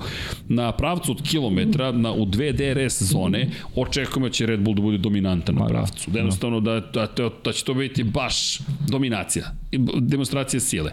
Ali, upravo u toj demonstraciji sile, Aleksa, to vuča i nadam se da sluša. Ne, ne zameri, nismo mnogo iskoristili tvojih grafikona, ali sad Barcelonu moramo da iskoristimo, jer tu će biti važno videti u kojoj krivini, na pravcu, ko postiže koje brzine, kako se ponašaju bolidi, zašto? probna staza. Ti ideš u Barcelonu i dolazi novi Mercedes kompletno, maksimalne brzine će biti visoke, kako je negativno ubrzanje, stabilnost na kočenju, ponašanje tog zadnjeg kraja, kako trošiš gume kad se penješ gore kroz krivinu broj 3, visoke temperature, to su sve pravi testovi za bolit. Prošle godine, nažalost, otkazao je turbo punjač kod Charles Leclerc, ali to isto nije iznenađenje u Barceloni. Tako je. To je Ali test. da šta, vidjet ćemo i Aston Martin, vidjet ćemo Ferrari. Znaš šta je sad, sad Ferrari, sad, znaš, to su još tokom dana dolaze te informacije vezano za, za Ferrari, što je negdje naš, naš gost ovaj, vrteo glavom kad se, kad se ovaj, italijanski tim apostrofira. Gazeta je već počela ovaj, sa, sa na pričom da, da Ferrari se okreće 2024. I da, Vreme je za majicu. Ha, Vreme je za da, majicu. I da resurse usmeravaju ka sledećoj godini, da, da, da je ovo kratak period i bi oni mogli da naprave neke nadogradnje za, za tekuću sezonu i mislim da ima istine u toj, u toj priči, jer ovaj, prosto ono što smo govorili što je Deki potencirao još u onoj međusezoni da, da su se kasno dogodile sve te promene u Ferrariju i prosto nisu nisu ovaj spremno dočekali tekuću kampanju i evidentno je da ti ne možeš da se boriš za titul već posle, posle šest trka i, op, i što ti kažeš vreme je za majicu i ja, ja, majicu. ja duboko verujem da, Zaista. da u tim ovaj, tim nekim da kažem a, tekstovima koji izlazu u gazeti ima ima istine da, da, da će Ferrari pokušati eto koliko je to moguće da se pripreme za narodnu godinu i, i tako slušamo te priče iz godine u godinu činjenica Ali ali smo opet rekli prošle godine u ovo vreme da ćemo da izbacimo majicu. opet, opet sad Frederik Vaseri, znaš, treba mu dati ovaj priliku, definitivno, znači to je, ne možeš na osnovu jedne sezone da, da sudiš o, o nečijem, ovaj, nečijem trudu, ulaganju, znanju i sve ostalo što treba da prati ovaj moment kada jedan boli treba da bude prosto Pa dobro, pa evo, ajmo dobro. ovako, da, da spojimo par stvari. Barcelona će biti probni poligon. Tako je, pa ja mislim Mi- upravo to, mislim da je upravo Barcelona i poslednji neki ne, neka prilika za Ferrari. Kažem. Mi posle toga idemo u je. Kanadu. Šta ćeš da radiš u Kanadi? Da nosiš delove, da testiraš? Upravo to, upravo, to sam i teo, to je, to je trebao da bude nastavak. Znači, Barcelona je posljednja šansa Ferrariju da, da bude i ole konkurentni. Sa tim nekim, eto, nadogradnjama koje, su, koje se spremaju za, za, za Španiju. mi smo sada završili šestu trku od 22. Dakle, mi smo prešli četvrtinu sezone. Mi polako idemo ka trećini sezone. Kada završimo u sedmu u Španiji, mi smo de facto trećinu sezone Tako je, završili. tako je. Šta ti kao savremeni tim Formule 1 možeš da uradiš posle trećine sezone u kojoj već sada tvoj rival ima šest pobjeda u šest trka, Red Bull Racing, Jeste. glavni protiv kandidat za titulu, ako ti uopšte, ako si njemu ikakav Ne, protiv pa ne, kandidat. ove godine nisi. Dakle, četiri pobede u šest trka, a njegov klubski kolega dve pobede.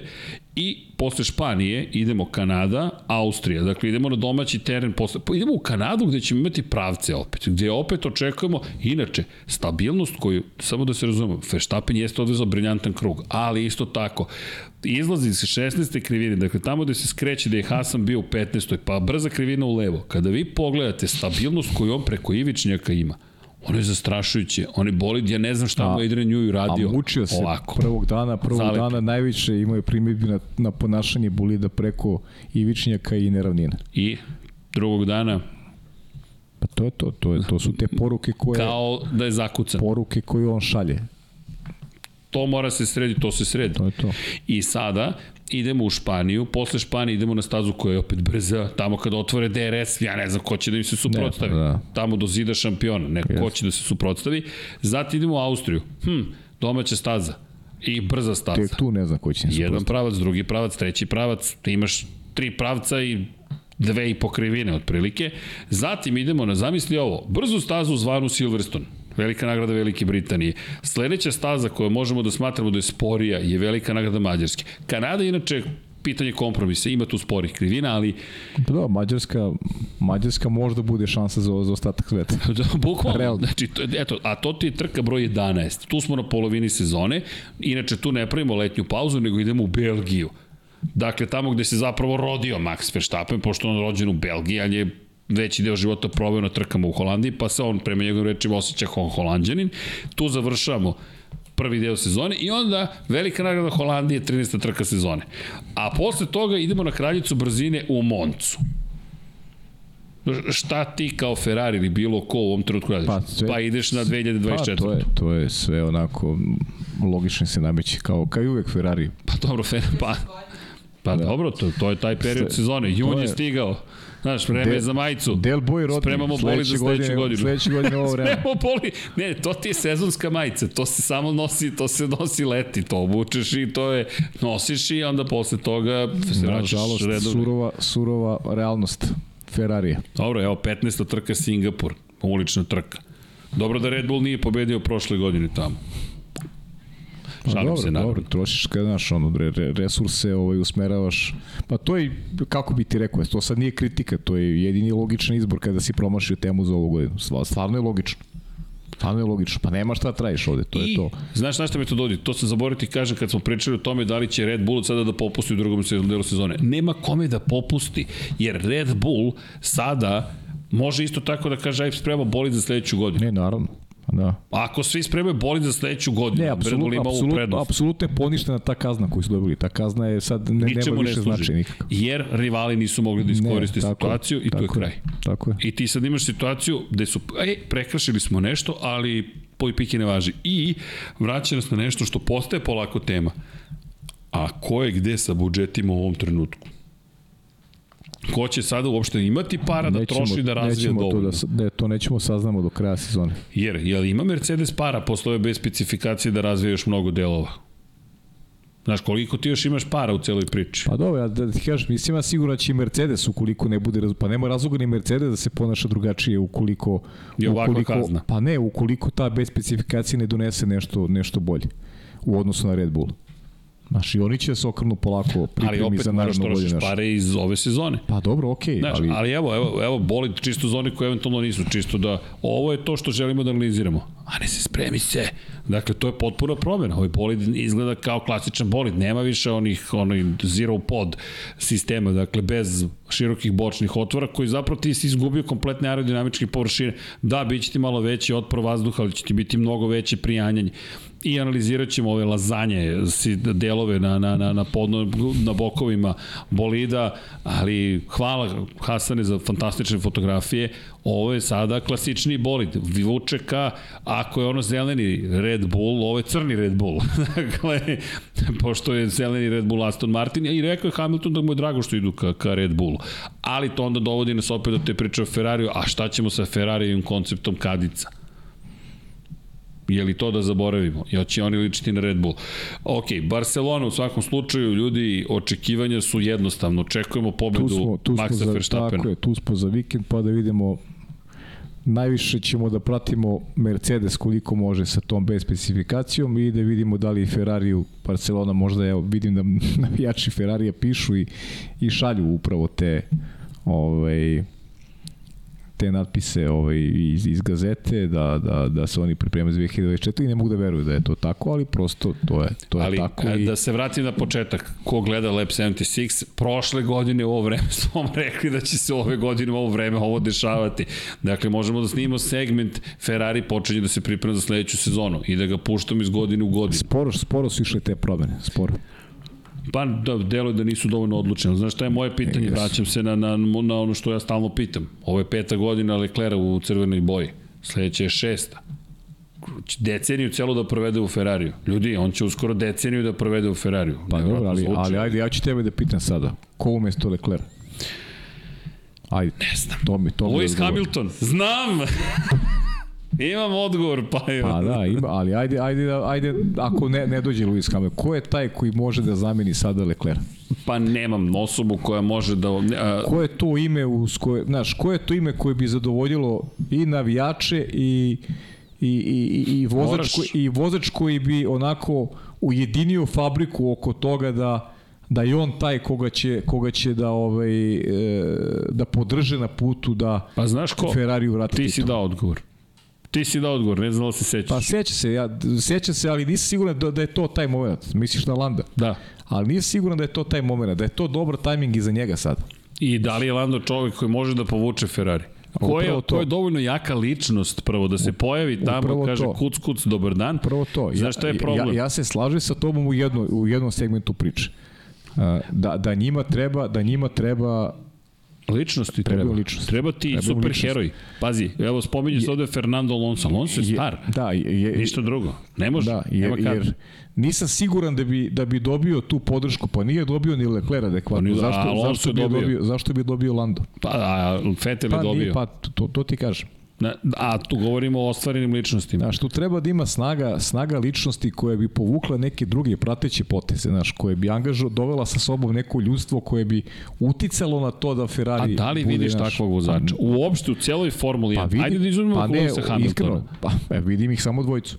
Ok, Max Verstappen i Lewis Hamilton. Tako je, ne vidim, ne vidim trećeg. Ne vidim trećeg na taj način povuči. I Lando Norris, ja sam ti rekao, i dalje stoji ta priča o šolji. Znaš, ja Landa stvarno vidim jednog dana kao, njega vidim više nego neke drugi kao šampiona. Ali je, znaš, pitanje da li Ferrari, znaš, ti kažeš Leclerc nije taj, a Lando je taj. Znaš, to je, to je neki, A, znaš, znaš zašto? Samo zato što ovo će se potrošiti, umorit će se jedni od drugih. jeste, To, to je samo to. Ne činjenica. zato što... Ali vidi, Pritom, znaš, to šta se me još gledao, znaš, Lando Sainz. Očigledno je tu postojala neka, neko, neko, bolja hemija. Pa dobra komunikacija, ako Leclerc govori da, da on nema ništa protiv Sainca, da su njih dvojice baš dobri, znaš, ali o, o, Lando i Sainz je do, do, dobra hemija, ge, generalno među njima je postojala, to, to je evidentno bilo, znaš, u tom periodu dok su vozili zajedno u McLarenu. Tako da, da nije nemoguće, ali prosto glasno razmišljam, da li je, da li on taj koji može da sutra, koga će podržati fabrika, Ne da li on može, nego koga će oni podržati pa, da im koga bude će lider. uopšte da ikada podrži fabrika? Pa ne znam, stvarno ne znam. Oterali su Fetela, bukvalno su ga oterali. Samo što vile nisu izvadili, kao da je veštica da ga oteraju. Oterali su ga Znaš kako? da pripreme teren, izvini za Leklera. Da. Došao je Lekler i onda su Lekleru rekli, e sad nulta faza. Dokaži se. To, to zavisi malo, tu sad postoji neka, znaš, i, i, i unutar Anjelijeve porodice postoji malo, vodi se neki, neki, ajde na- nazovi mini rat za prevlast. Uh, Ko će to da reši? Andrea Anjeli, John Elkan, Elkan je taj koji, koji ovaj, je, je kao, kao lider, lider kompanije. Tako da tu je i tu postoji dosta priče oko, oko budućnosti ovaj, kompletnog investiranja i tako dalje. U- Mislim da John Elkan želi malo agresivniji e, pristup kad je u pitanju, kad je u pitanju Ferrari. E sad šta to u prevodu znači? zaista, zaista ne znam i, i vidjet će, znaš, vreme će, vreme će pokazati prosto u kom smeru ide i e, ko će biti lider tog nekog, nekog budućeg projekta. Slaže se s tobom da vreme, vreme nije saveznik Lecleru, jer ovo već dugo traje. A znaš i sam, uvek su te na, najlakše je vo- vozaču po znacima navode skinuti glavu i kažeš nema Pa, to rezultata. smo pričali. Evo ga dolazi sledeći i sad treba nam vreme, treba nam vreme da se taj sledeći ovaj nametne. Pa seti se koliko je koliko je Schumacher čekao do do prve titule. Pa pet godina. Ali vidi, sad prolazimo i to i, i te godine koje Schumacher ima, pri čemu? Razlika je što ko Schumacher Ajmo, što si ti video, je. što si ti video uspon. Tako to je. To je Izvini, ali ajmo ovako. Kad je došao Alonso, postojala šansa da se uzme titula. Postojala šansa da se uzme titula. dobro, Dva objektivno. puta u poslednjoj trci je Alonso bio u šansi da osvoji titulu za Ferrari. Dva puta, 2010. čuveni Abu Dhabi i Vitali Petrov i 2012. čuveni duel sa Sebastianom Vettelom. Dakle, to su dve godine u kojima je Ferrari Poslednji put kada je Ferrari imao šansu u poslednjoj trci sezone da dođe do titule bilo je 2012. godine. 2013. je zabeležio poslednju pobedu Fernando Alonso. Dakle, mi govorimo o tome da je to poslednji šampion, koji, poslednji vozač u Ferrari koji je imao tu šansu. Sebastian Vettel je došao i šansa je postojala do Singapura otprilike. Tu su se Da, da, negde nije- lomile nije stvari. mogo- nije išao do kraja nikad, Dalje da. od to nikad nije otišao do kraja. Ali su bile pobede, nešto se dešavalo, činilo se biće čuvene bitke, Kanada, Vettel, Hamilton, da li je, da li je kazna, nije kazna, sklavljam Dobro, broj 1, ali- ali nešto se Leclerc- dešavalo. Leclerc je došao do treće trke. Eto, do treće trke. Dakle, nije prošao kotu 3. Ok, eksplozije motora, pehovi, greške, šta god. Ali i samo jednom u ovih pet godina je bio u prilici da se bori. U pet godina. Delimično se bori. Delimično. Ni, ni pola sezone. A prosek u poslednjih deceniji šta smo rekli? 2,7 pobjeda Pa po godini za Ferrari. znaš, k- velike kompanije, velike kompanije kad nema rezultata, znaš, prave te kozmetičke promene, ako ne mogu da naprave suštinski, onda Vrati naprave smo se mi na kozmetičke. Ferrari. Pa, pa, mislim, znaš, Pa ne, ali, ali vidi, opet oni, evo, sad Monako takav kakav i onda sad ta izjava je mi se spremamo za sledeću godinu. Okej. pa eto, zbog toga smo se vratili, Pa da, da je... to je izjava koja stiže iz njihovog tabora. Spremamo se za sledeću godinu. Ne direktno, Bukvalno. ali kažem, izvor gazete vredi, ovaj, pošto oni su vrlo ozbiljni i dobro su upućeni u Delboj i Rodni. Delboj i rodni, da, Bukvalno. sledeći godine u ovo vreme. Hoćemo razvijeti bolid za sledeću godinu. Eto, to, to je cela priča. Tako da Barcelona, nadamo se da će biti zabavno, očekujemo jedno stajanje. Kao i je uvek. reč, o- kao i uvek kada je reč o gumama. E, da bacimo pogled na, na vremenske uslove. Ne znam kakvi su vremenski uslovi predviđeni za Barcelonu. Negde logika nalaže da će biti toplo, fino i tako dalje, ali da vidimo. E, sunčano 21 stepen, dobro, nije visoka temperatura, 21 stepen, 16 stepeni, ok, djeluje da će biti prijatni vremenski uslovi, kažu da će sutra padati malo kiša, ali očekujemo lepe vremenske uslove, možda će biti malo oblačno, ali generalno leto stiže, Barcelona, dugi dani u Evropi, to je na severnom na severnoj polu lopti, Tako da očekujemo da bude baš zanimljivo. Ali lepo si rekao, ja se radujem iskreno i treningu 1 i 2 i 3, mislim da će svi i tekako koristiti vreme na stazi. Da ćemo se nagledati flow iz boje po svim mogućim delovima. Pozdrav Hasanu, našem dragom ide na putovanje i u Barcelonu, srećan put i želimo lepe fotografije i hvata i hvata i sa, sa flow iz bojama i tamo po garažama malo. Znam da, da, da smo zahtevni, ali ču, pohvataj da vidimo mi sve, svaki to deo pa da vidimo šta se desilo. Ali to je ono što će biti zanimljivo, gledati stvarno pro, krug po krug. Pa da. Ko je na kojim gumama postigao šta i da pokušamo da protumačimo nešto. I naravno da trku ćemo da analiziramo ko, je, ko će biti drugi, ko će biti treći. Perez ceni da će se boriti za, za, za drugu poziciju, da, da, da jednostavno mora da iskoristi ovaj Red Bull. Mo, mora, ali naravno, ko zna šta će biti. Ili zamisli Perez Sad i. Verstappen u ulazku u krivinu Pa ne, 4. sad može, pošto je, Kontakt. pošto je 3, 39 pojena razlike, I sada Perez može da pobeđuje, nešto. ko, ko pobeđuje u toj situaciji? Fernando Alonso na trećem mestu kaže idemo Pastor Maldonado ga je pobedio 2012. 2013. ga niko nije zaustavio. 10 godina kasnije Alonso se penje u špa... Znaš zašto nije pobedio Ušli smo, Monako? ušli smo u novi dan i krenuli su bajke. Znaš zašto nije pobedio Monako? Zato što nije hteo. Da, Nego je pa hteo da. u Barceloni da pobedi, da, pa da, da. kaže, "E, sad ću da pobedim u Barceloni, ovo je plan, Pravo planski. Pravo, viš nisam razmišljao o tome. Ne razumeš? Jer to ti je, this is the L plan. Ne, ne, to, mo- moja mašta ne doseže. Tako ovaj, je, toliko. to je sve deo plana velikog. Da, A, da, da je moja doseže, tako da L plan. Do, dobio bih kece ovaj, na temu moja mašta može svašta. Šta ste radili prošlog leta? Razvijeli smo bolid za sledeću sezonu. E, Elem, kada govorimo o, o sledećim sezonama, ajmo da se pozabavimo ovom sezonom. Kao što je običaj, istoga dana kada se održava velika nagrada Monaka, se održava i 500 milja Indianapolisa. I ove godine smo imali uzbudljivu trku standardno, međutim ono što je bilo zastrašujuće jeste ono što se desilo zapravo okviru incidenta, koji je doveo do toga da imamo leteće točkove koji preleću publiku, koji odleću tamo u, u, na parking otprilike, ali prvo ću da spomenem pobednika. Dakle, 2023. Joseph Newgarden, čovek koji je osvojio pol poziciju, ili tako on je bio prvi, nije, nije, jeste osvojio pol poziciju. Na kraju trke e, zanimljiv za završnica i jo, Joseph Newgarden koji beleži triumf ispred Marcus Ericssona koji je branio pobedu od prošle godine i Santina Ferruccija čisto da spomenemo, ali pobednik se samo pamti, pola kruga pre kraja trke je pretekao Markus Eriksona, tri crvene zastave, prvi put u istoriji da smo imali tri crvene zastave, mnogo uzbuđenja i, i, i klasičan, klasičan indi, dakle, te brzine, incidenti, kontakti, odbrane pozicije tako što idu ka pit lane-u i gađaju kao da će da nastave u pit lane i onda se vrate na trkačku putanju. Morate priznam da nisam gledao uopšte, najiskrenije, tako da nisam ovaj stigao i i žao mi što, ali eto, nisam ove godine, ove godine posle dužeg vremena nisam uopšte gledao. Eto, najiskrenije. Kyle Kirkwood, Felix Rosenqvist da budu svi srećni i zadovoljni što su čitavi. Kažem ti, jedan točak je, kažu da li je, da li je Sajla koja je trebalo da obezbedi zapravo točak uh, bila defektna. Nije. Sile koje su se oslobodile u tom trenutku su ocekle celu Sajlu i lansirale točak preko publike. Dakle, do, došli smo do toga da je u jednom momentu zaista izgledalo zastrašujuće. Ne ograda, menjaće se sada, verujem, i kako će postaviti stvari.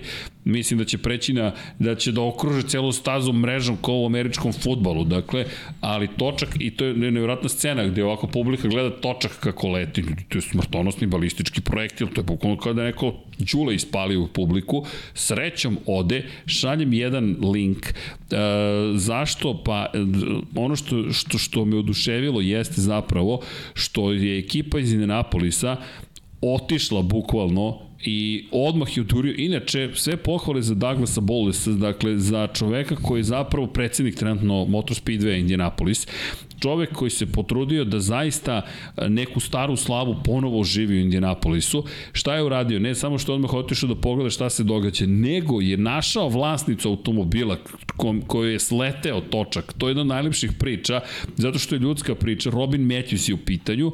Dakle, odleteo na njen Chevy Cruze, ni manje više Chevy Cruze je popio točak, međutim, doveli su je na startno ciljni pravac da poljubi cigle. Za one koji ne znaju, 90 cm širina cigala cigala, čuvena ciglana, po ciglama se vozilo kada je osnovan Indianapolis i da se fotografiše bilo je mnogo lepo vidjeti odnos prema publici, to je ono što me oduševljava, a trka ko trka, ludo, brzo, Markus Eriksson bio blizu druge pobede, svaka čast, za Chip Ganassi nastupa, Penske inače pobedio zajedno sa Chevijem i kada pogledate Chevy i kao proizvođač motora, Honda bila druga, Chevy treći, ali Ericsson Pe, samo hoću kažem svaka čast. Penske pobedio i u, i u NASCAR-u, u Charlotte 600 milja. Jeste.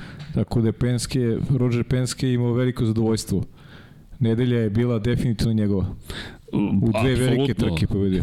Njegov dan u svakom smislu te reči, ali eto, Indi prosto ne pratimo na toliko, bilo je zaista uzbudljivo, na ta, ta, ta incident će svakako obeležiti u velikoj meri ono što se desilo u 2023. i to pitanje kontroverzno da li je trebalo nastaviti trku ili je trebalo i za vozilo bezbednosti, pravilnik dozvoljava ovakvu situaciju. Ono što je meni zanimljivo, Toni Kanan, e, ne samo Toni Kanan, već veliki broj pobednika bio presutan koji su osvajali Indy 500. Marcus Ericsson, Aleksandar Rossi, Scott Dixon, Takuma Sato, Tony Kanan, Will Power, Simon Peugeot. To su sve nekadašnji pobednici i lepo ih je bilo vidjeti na, na što kažu na okupu. Inače, Tony Kanan je rekao da se povlači posle ove trke, da je došao taj dan. Jedna bogata karijera, čovjek rođe 1974. čovjek koji osvajao titulu u Indikaru, pa eto samo da, da iskoristim. Prava legenda da Indikara, da. Jeste, baš je legenda. A kada govorimo o, kažemo, o tim nekim događanjima Indi mene oduševila ta atmosfera i ta briga o ljudima i evo na Twitteru dakle to je to je dama koja je došla opremljena za trkanje bukvalno obučena u kariranu zastavu i rekla je odoh je na parking kad ono prednji kraj točak na automobilu. Neko se našalio znali smo da nije renta car čim smo videli da ima pletene leptiriće kao zaštitne zapravo jastučiće na, na, na, na sedištima. Kako god Indi, eto, donio još jednog pobednika, Joseph Newgarden, vidit ćemo, prvi, prvi, prvi njegov pobjeda u Indiju, popio je pobedničko mleko. I to je taj trenutak sreće, poljubiš cigle i kažeš, je i tako dalje. I tako dalje. Pa da. A da, da, da, da, da ne pričamo sad svih 200 krugova. A ne, pa naravno. Legendarna svakako trka, ali eto, to ja su neki... Ja pogotovo ne bi imao šta pričam, pošto kažete nisam gledao. Bilo zabavno. Poslednjih 20 pogledaš i, ali, ali ono što je fascinantno jesu zaista brzine koji postižu i ta pitanja ko bi bio brži, gde bi bio brži, prosto ljudi, kada govorimo o, o brzinama 366,697 km na čas, to su brzine o kojima mi ovde razgovaramo i to je to to to to to to je to je indikar. Zaista su napravljeni da idu toliko brzo da ne znam, vratit će se ponovo do skoro 400 km na čas kako su krenuli, kao što su u jednom momentu počeli da dosežu. I tako. I da ne zaboravimo Formulu 2, Formulu 3, Porsche Super. Da, to ćemo samo, i samo, kratko. samo da se nadovežem da je, da je Ram Blaney pobedio. Da, da, da, 600, 600 milja, milja Charlotte, to Charlotte je važno. tu je bilo uzbuđenja, da, i Chase Elliot koji je suspendovan zbog e, dešavanja na stazi i tako dalje. Bilo je tu baš interesantno, to je najduža trka u karavanu i eto, upotpunio je. Kog, je li Chase gurnuo um, Denija Hamlina? Jeste, jeste. Da, to je ono što sam uspeo da vidim, da, da, da je malo Chase, da, i, i redko, skrenuo. redko se dešavaju u ovoj suspenziji, ali eto, desilo se poslije. Znaš ko je posljednji put? Misli da je suspendovan posljednji put? Joey Logano? Ne, ne, ne, ne Joey Logano, nego baš na Joey Loganu Uh, Kenseth, Matt, uh, Matt Kenseth. Matt Kenseth, Matt Kenseth, kada Matt se zaleteo. Suspendovan dve trke, ali eto, to je, mislim, posljednja suspenzija je bila zbog incidenta na stazi, tako da je bilo baš zanimljivo, ovo je najduža trka i pobjeda Rana Blenija, dugo je bio tu među 5-6 tokom sezone, tako da eto, već nisam, ovaj, nisam znao da je Penske Znao sam ko je pobedio u Indikaru, ali nisam znao da je Penske od tim, tako da Roger Penske Savršen vikend. Ba, ali bolji, bolji ne može. Pa jedino da, da ima Penske u Formuli 1, pa da, da pobedi da, da tamo. pobedi tamo, da. To je jedino što je ostalo. Da, i što kažeš, Blaney ima prvo pobedu ove sezone, ali Jeste. ovako osigura odlazak u play-off. Tako je. Ajmo da se vratimo sada na... na... Da. Samo bih zaključio kako, kako su lepo postavili pravila, da pobednici se samo smenjuju u Naskaru. Jeste, jeste. Baš su lepo izveli. Jeste. Što se tiče Formule 2, onako standardno, pola događanja po trci otprilike, ali šalu na stranu, da ne budemo nepravedni. Kvalifikacije. Kvalifikacije su ključne i dve stvari. Ajuma i Vasa pobedio u sprintu, pobednik u glavnoj trci Frederik Vesti, Jack Daruvala drugi bio u sprintu, Jack Crawford treći, u glavnoj trci Teo Porcher drugi, Zane Maloney treći. To je onako ukratko ko su bili... Pa dobro, be, ali ima naj, veća najjač, priča zapravo. Najjači utisak je u stvari Frederik Vesti, što je Jest. i pobeda i činjenica da je preuz lidersku poziciju u šampionatu. I pol pozicija. Da, Mercedesov, Mercedesov vozač, momak koji se vratio u premu i stvarno vozi sjajno, je sad ne znam kako Mercedes gleda ovaj, prema Frederiku Vestiju, ali se negde poklopa sa ovom našom pričom Skandinavija, znaš da smo malo fantazirali oko Jesmo. toga gde bi mogla sve da se vozi. For mnogo ima skandinavskih vozača, dobri skandinavskih vozača, Frederik Vesti je možda i lider kada pričamo o, o, toj, o toj grupi mlađih momaka i definitivno neko ko može da se da se bori za, za šampionsku titulu ove godine. Apropo Frederika Vesti, od lepe priča, pošto on izgubio angažman u premi, vratio Jeste. se sada u premu i odjednom beleži neverovatne rezultate. Svi su presrećni koji pobede u Monaku, to je poseban jedan osjećaj, pa i Jumu i Vasa, i Vasa koji je vodio pre nego što je počela glavna trka. Pa ne, glavna Vasa, trka je glavna stvar. Da, i Vasa je napravio kiks u kvalifikacijama i, i toga je bio svest, on je bio najbrži na treningu, jednostavno i tajming izlaska na stazu i on imao pek sa tim, tako da napravio je grešku i a, toga je koštalo plasmana boljeg, bolje pozicije za glavnu trku, ali iskoristio je sprint jako lepo, u, u suštini ovaj, e, i Vasa u trkama je zaista sjajan i i taj učinak od jedne pobede je sasvim zadovoljavajući, oni dalje takođe u konkurenciji za, za, za osvajanje titula. I neko najveć, najjači utisak su ostavili Vesti, Prušer i, i Ajumu. Baš su, apropo um, utiska, ok, Vesti, jedna posebna priča, apropo Vestija, ali Ajmo ovako, meni je Zane Maloney dalje jedan od ljudi koji me oduševljava ove pa sezone. Pa apropo utisaka, jednostavno momak je došao, apropo te generacije koja je došao, on je sad došao u Formulu 2, on je prošle godine to su, probio. To su ti momci, Maloney, Isa Hadjar i, i Oliver Berman. Pritom zaborio sam u sprint trci, e, Isa Hadjar imao pol poziciju, ali... I vodio je, ali mu otkazao motor. Pa ne, otkazao mu je motor i mora da završi trku ranije, ali a, definitivno, e, to je sad, ta priča kako se prirodno se nekako nadovezuje na, na, aktuel, na aktuelnosti u Formuli 3. Ovo su tri momka koji su se prvi put pjavala prošle godine u Formuli 3 i prešli su u Formulu 2. Berman je bio vice šampion iza Izore Viktora Martinsa u Baku ostvario dva vezana triumfa, Akademije, Ferrarijeva akademija i ova dva momka koji su zaista fantastični, i Meloni i Isa. Tako da, oni su se prvi pojavili, a sad imamo imamo jednu potpuno drugačiju sliku oko, oko budućnosti, pa je Formula 1 sa ovim momcima koji su se ove godine pojavili u Formuli 3, koji su bezgranično simpatični, brzi, e, dobri, stvarno je užitak pratiti jednu i drugu seriju. Da, kada pogledaš meni Maloni i ta činjenica prosto da, da je neko sa Barbadosa mi je skroz zanimljiva. Da, ja, jeste zanimljivo, ali mora, ti znaš ali da je meni, fa, da je meni favorit Berman, on je zakazao Dobro. ovde, kvalifikacije su bile loše. Oli deluje kao zreo, zreli, mnogo zreliji vozač nego što se to zapravo vidi. Ali, znaš koje je meni iznenađenje veliko, Viktor Martins, iskreno, nisam očekivao od njega bilo šta, opet je bilo nije, to uvek neki problem. On je brz, ali pravi problem. A, tako je, i ima uvek neka sitna greška, nešto što ga košta. Međutim, zanimljiv mi je što je prijatno iznenađenje. Podsjeća je malo na, na, na Dena Tiktuma, samo blaža varijanta. Mm, ima istine, ima istine u tome. Da, blaža varijanta u smislu da nije neko ko preti, ko galami, ko, ali, ali, ali neprilagođeni. Srđane, ono što se dogodilo, mislim, imamo, imamo dve situacije u, u trkama. To je možda i glavna tema. Uh, sigurnosno, tačnije incident na stazi kada je Viktor Martins ignorisao žute zastave, ignorisao žute zastave i, i, i, i safety, e. safety car uh, uh, upozorenje da je mogao, bukvalno mogao da ubije nekog. Mogu i sebe da ubije. I redara. I redara. Koji stoji na stazi znači, u tom momentu, dvostruke su žute zastave, piše SC. Ka, ka, kada je neko dobio kaznu prolaska kroz boks, i se sećaš? Ne, ne pa. A, a možda je čak zaslužio veću kaznu. Ja mislim da diskvalifikacija bi bila delotvornija. Mislim, delotvornija mislim da, to da je adekvatna onome što se dogodilo. I ali, imali smo onaj požar Imali smo ozbiljno požar, Jack Doohan Jack kada je slupao bolid, ali ima tu još jedna stvar, a to je kako se koristi vozilo bezbednosti. Par, par stvari. Dakle, vozilo bezbednosti izašlo u momentu kada preseca praktično karavan na devetom, desetom mestu. Šta to znači? Odjednom momci koji su bili 9, 10, 11, 12, 13, 14, 15 i tako dalje, se nalaze ispred fizički vozača koji su na pozicijama 1, 2, 3, 4, 5, 6, 7, 8. Nije to bila situacija. Vozilo bezbednosti tako izašlo na stazu da je došlo od toga da oni odjednom izgube ceo krug u odnosu na vodeće. Vozilo bezbednosti, to jest direkcija trke daje signal preteknite sada vodećeg i sada oni treba da sustignu karavan. Međutim, pre par godina je promenjeno pravilo da vozilo bezbednosti može da se skloni sa staze čak i kada nije formiran kompletan karavan.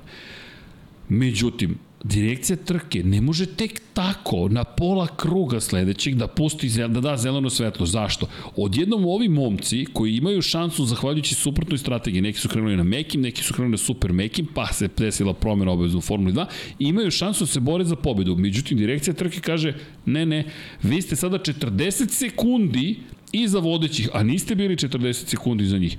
Nikom ništa. Nisi vidio čak ni obrazloženje. Iskreno. Nema obrazloženja. Niko se time ne bavi. To je čuvena ta priča o nižim kategorijama. Nema ničega.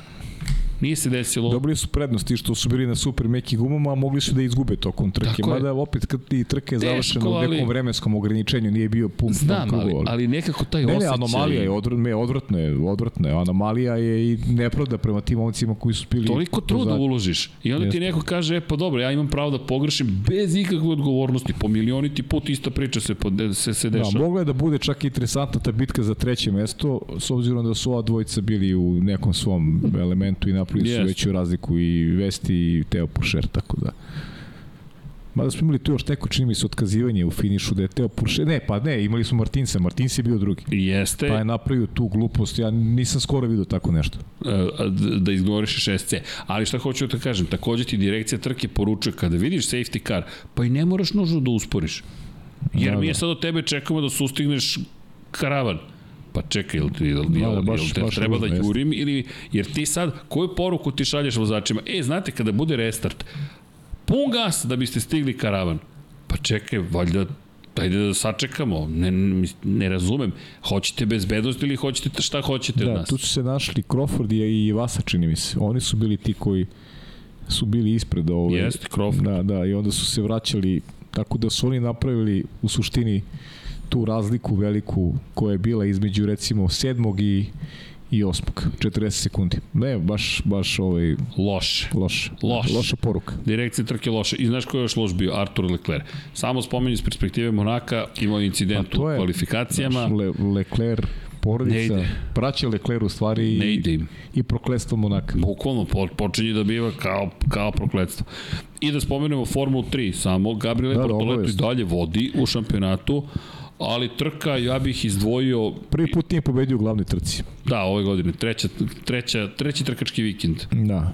ali dalje Brazila da dobar. Mini, Mini je, naravno pričamo, Čovek ali, ali on, Mini je čovjek vikenda zato što je kvalifikacijama brutalno je, je Pol imao je pozicije. brutalan krug. Ono je stvarno neverovatan krug bio i puna kontrola trke, međutim Dino Beganović je e, od početka do kraja jedini e, vozač koji je pratio taj tempo Minija. Aron nije, Aron je bio treći, ali Tako je. daleko, I, daleko. i da, meni je delovalo ne zato što je Dino u pitanju, nego zašto stvarno mi je to, to onako delovalo da na nekoj drugoj stazi da bismo gledali uh, interesantan duel između njih dvojice. Da, čak mi je delo da u finišu ima bolji tempo od, od Minija. Da je dobro čuvao gume, da se dobro pripremio, da je dobro pripremao taj potencijalni napad, šta možeš u Monaku? Pa možda držiš, da staviš po pritisak vozaču ispred tebe, da ga negde natiraš na grešku, da, da, ga, da, da ga izbaciš iz te neke komfortne zone, da, da stanu u retrovizoru, gleda kako si mu, kako si mu blizu. Dino je sve to uradio, ali prosto nije, nije imao, nije imao neko, ne, ne- neko mesto da bi mogao da, da bi mogao da napadne. Tako da sjajna trka i, i Minija i, i, i Dina Beganovića. Baš su bili onako u jednom super elementu. Ovo je i Dinov najbolji rezultat u sezoni, imao jedno treće mesto s početka, sada druga pozicija, pa treći, drugi brojevi kažu da bi sledeće, sledeći podijum trebao da bude sa, sa najviše pozicije. Iskreno, krajnje navijački, mi držimo palčeve. I navijački, ja, ja mislim da nije ovo, da ova priča nije samo navijačka, da je ovo nešto što je objektivno, znaš, to je, to je nešto nam je pokazala trka, stvarno, stvarno je momak bio fenomenalan. Ono što oduševljava jeste upravo ta lakoća da možeš bez problema da, da rečeno navijaš, jer to uopšte nije neki subjektivni osjećaj. Dino je fantastičan, Tako je, izuzetan tako je. talenat i ti gledaš jednog prvo pristojnog momka koji je toliko i umeren i gledaš i posmatraš kako vozi, agresivnost koju posjeduje, a kada se slušaju njegovi intervjui, toliko jedan pristojan čovek, da meni, mene, mene zaista raduje da takav momak predstavlja Švedsku pre svega, ali i Bosnu i Hercegovinu u Formuli 3. Tako, to je region u krajnjem slučaju. Region, tako Da. je. I on je momak koji je u Ferrarijevoj trkačkoj akademiji, navijamo zdušno za njega da stigne u. Formulu 2. Neka procena, pa evo, na osnovu onoga što smo videli, tvoje, koliko sam ako sam dobro zapamtio je da već sledeće godine možemo da očekujemo skok u Formulu 2. Kako Ja, su stvari pa ja očekujem, Min, Minija i Beganovića sigurno očekujemo u Formuli 2. To zaista Pa oni, deluje oni, oni ovde gube vreme, ovo nema potrebe da budu ovde. Pa, tako deluje, kao Znaš, da je ovo a već Mini, mini ima, već, ima već dve pol pozicije. Imao je problem, on je u Bahrinu kad je završio Prva trka u karijeri, on je bio kažnjen da. zapravo i to banalna opet Da, situacija. odlični italijan isto iz Palerma, sicilijanac, jako dobar, dobar vozač, očigledno vrela krv ali Znaš, to je- i najbrži krug trke ima. i, i dobro se poznaju, dobro se poznaju Dino da, i- dvojica, i Mini. znaš, tako da gledat ćemo te duele do kraja godine. Uh, I naravno uz Bortoleta, koga isto, ta- to je isto momak koga gledamo naredne godine, nego to izvesno Komu je menadžer, 2, to je da. koja je kompanija koja stoji iza njega, Alonso, a, Fernando. Alonso Management. Team. I, I on, i nemoj zaboraviti Pepe Martija, pobednika prve trke, po, iz Da, perspektive pogotovo te činjenice da idemo u Španiju i da je Alonso štićenik. Jeste. Prosto lepo to sve zvuči izgleda. Inače i Formula 2 i Formula 3 idu u Kataloniju. Tako, Porsche Super Cup ne ide. Da, Porsche Supercup, čekamo Porsche da Porsche, se nastavi u, Austriji. Da, Red Bull Ring. Da, Red Bull Ring, ne, neće biti više od sedam trka, to smo već rekli, ali ono što smo videli u prvoj trci, Larry Ten Vorde jeste bio na pol poziciji, ali Harry King je pobedio, zašto se radujem, nas dvojici imamo kao Da, igru. imamo, da. Ti si izabrao Bastijana Ja Bastian ja, Bus, ti si Harry King, da. Jeste. I, da. ok, standardni Monako, kako je počelo, tako se završilo. Kao, dobro, s tim što je na startu sjajan bio Jest. Hari preuzeo lidersku poziciju i pobedio do kraja svaka čast. Lep, lep triumf za Kinga i ajde da se malo promeni ovaj, i to postavili u Monaku. A Ten Vorde je već tamo pretplaćen na pobede. Jeste. U redu je da, da vidimo i neko novo lice. I naravno pozdrav za Risto Vukova, Riko popularni. Potrudit ćemo se kada bude u Beogradu da, da, da sednemo s njim da porazgovaramo o karijeri, ambicijama, kako, šta, zašto. Malo smo pričali sa njim, ali mogli bismo mi još to malo više. Da. I pre nego što uh, postavimo par pitanja, fantazi. 699. sam Jare bez baje. Koliko si imao sad? 699. od 3100, od 3018 timova. 1702 poena. Ja kad osvojim titul ove godine. A koliko si imao, koliko si imao poena? Pričamo, nisam upotrebio ni jedan od dodataka. Koliko si imao poena u ovom kolu? U ovom kolu, čekaj, sad ću ti reći. Jare bez paje, koliko je imalo, neće da se učita.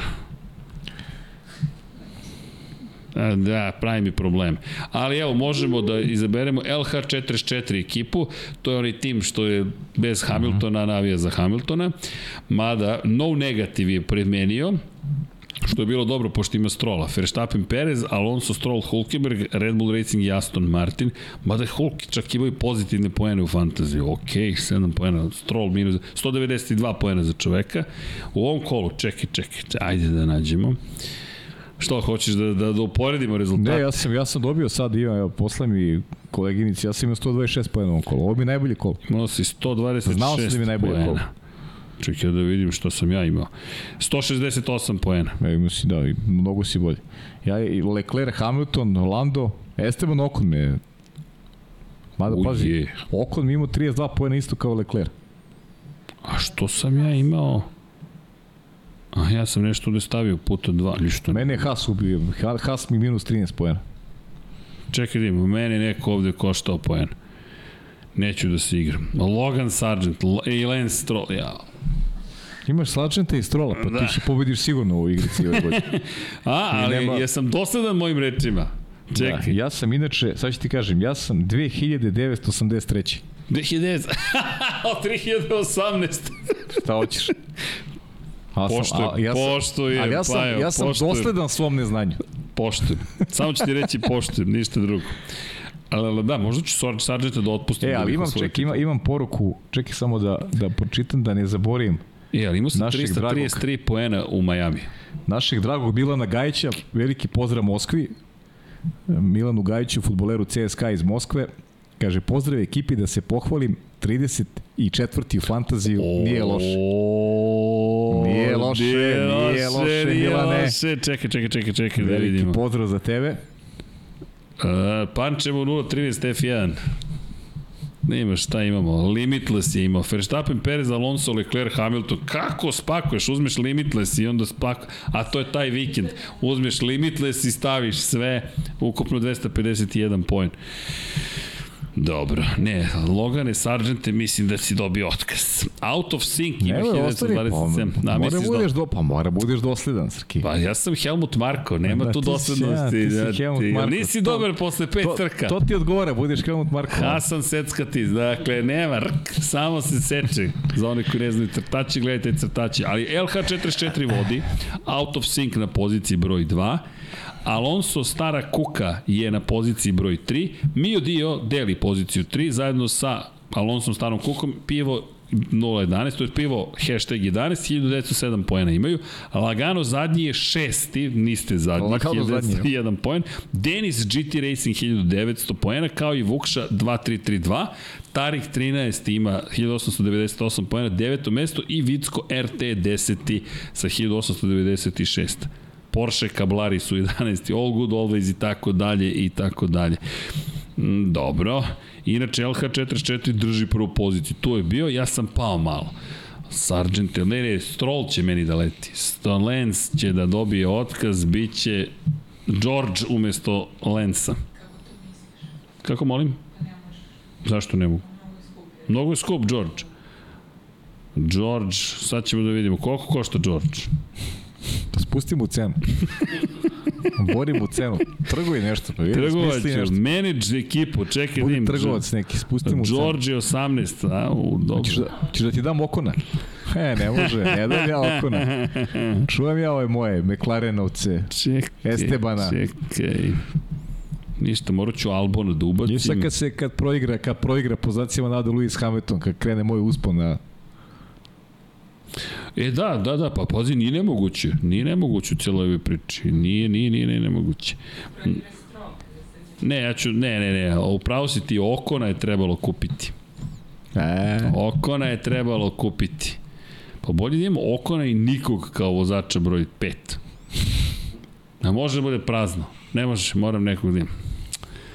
Dobro, znači će se. pa tako će- da ne možeš da imaš te, onda bi mogao da napraviš, znaš ko, mogu da imaš oba Red Bulla i Juki i Niko, to će da bude kombo.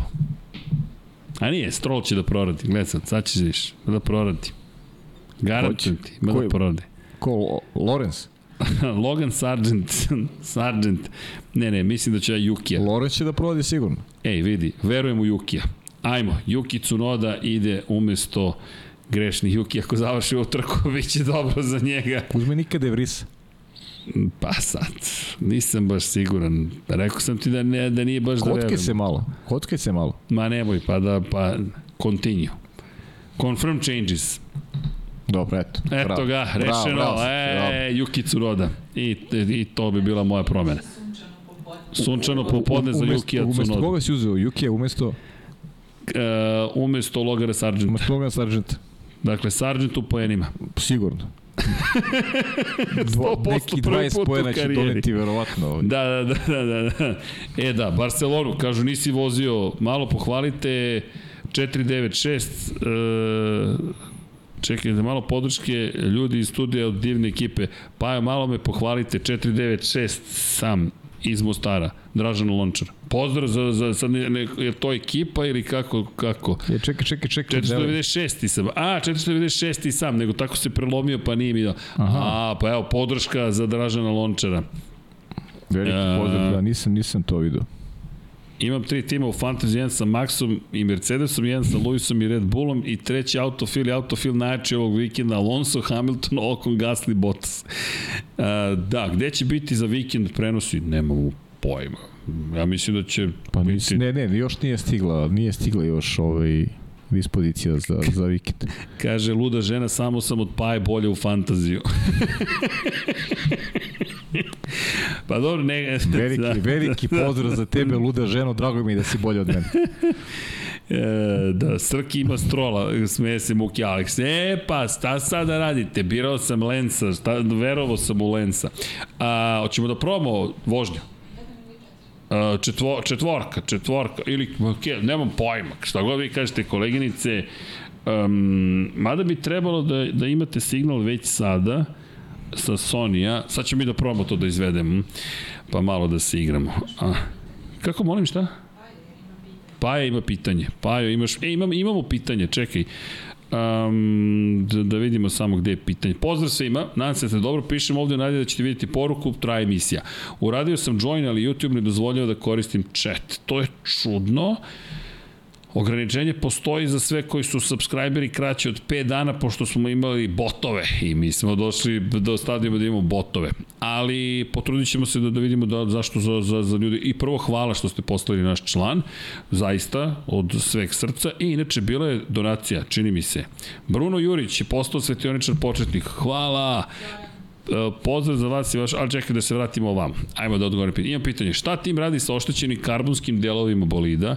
Da li ti delovi mogu opet da se koriste, na primjer polomljeno predak, krilo, pod i tako dalje. Samo da dodam da mi je drago da Aston Martin prelazi na Honda Tore, mogla bi to biti dobra kombinacija činjenica, čekamo. Sa druge strane, žao mi je što su se rastali sa Red Bullom, pretpostavljam da je njihovo nećkanje dobro do toga da je Red Bull potraži drugog partnera. A kada su odlučili da ostaju, već je bilo kasno. Ne znamo, to je ta čudna, jedna, jedan čudan potez Honda i verujem da je doveo do toga da je Red Bull zapravo hteo pouzdanog strateškog partnera baš na duge staze, a ne da razmišlja da li će, šta je rekao zapravo i Christian Horner, šef Red Bulla, rekao mi nikada ne bismo ni pravili svoje motore da je Honda ostala u Formuli 1, ali su bili primorani da idu tim putem jer nisu želeli da ne budu fabrički tim, to ono što pa je stalno potenciramo. Neophodno je da budete fabrički tim, prosto je neophodno.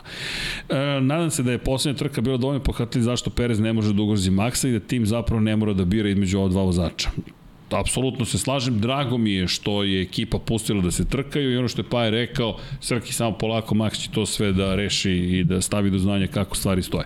Što se tiče delova karbonskih, to jest od ugljeničnih vlakana, da li ti delovi mogu opet da se koriste? Iskreno moram da proverim sa mašincima, nisam 100% siguran, zašto?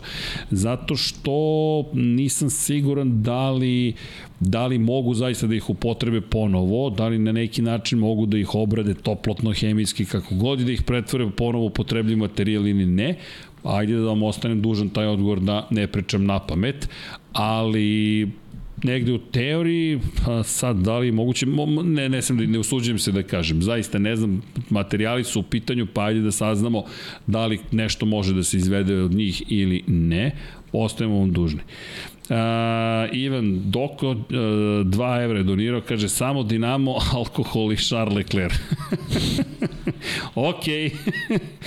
Kako god. Da, Bruno Jurić kaže pozdrav za vas i vašu ekipu. Paolo, mi smo u kontaktu, vidimo se ako Bog da uskoro pazite se i uživajte dalje ono što radite, pozdrav iz Hrvatske. A, pozdrav Bruno, pozdrav, da, Bruno. da, znam. Javi se kad budeš teo da dolaziš, samo, samo se oglasi pa ćemo da da se dogovorimo ovaj ovaj kada gosti ćeš su, da da gosti su uvek dobrodošli. Vi niste gosti, ste domaći, tako da su domaćini da, dobrodošli. Da. Najavio se Bruno da će da će dolazi u Beograd, tako da čekam da se oglasiš pa se dogovorimo.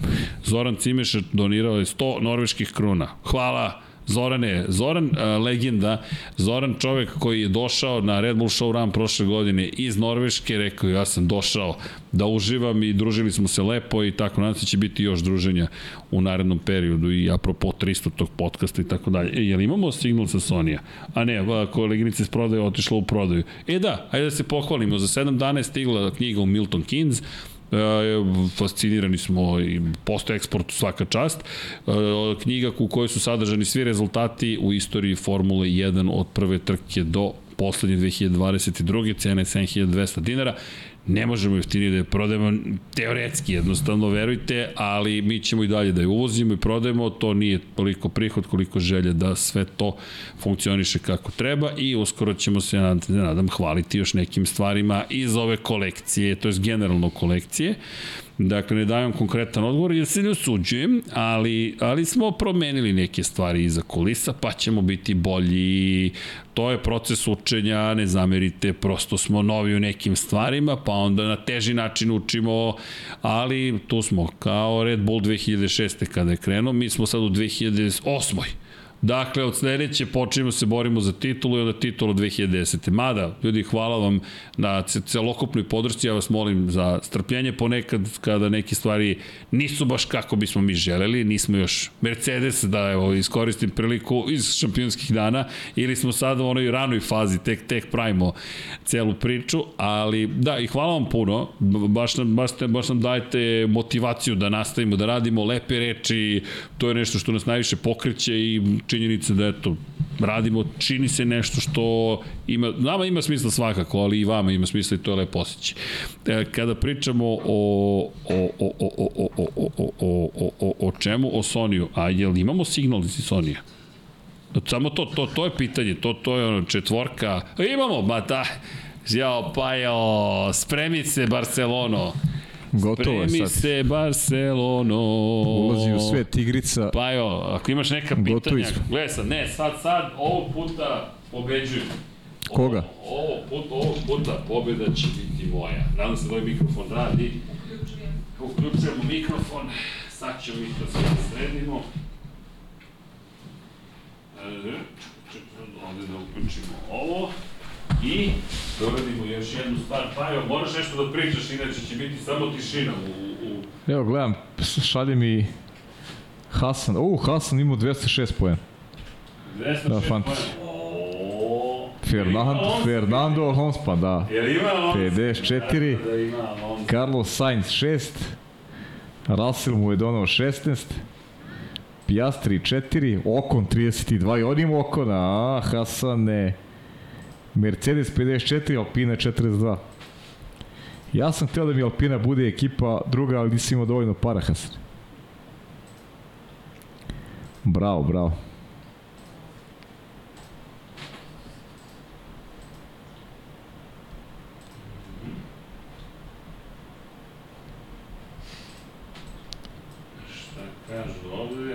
Opet ulaziš nespreman srđane u igricu. A nisam nespreman, opet nešto ovde neće da... A, evo ga, evo ga, IP adres.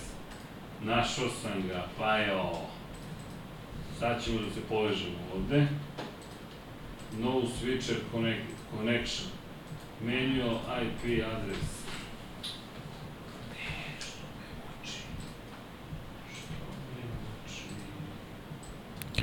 Šta te muči?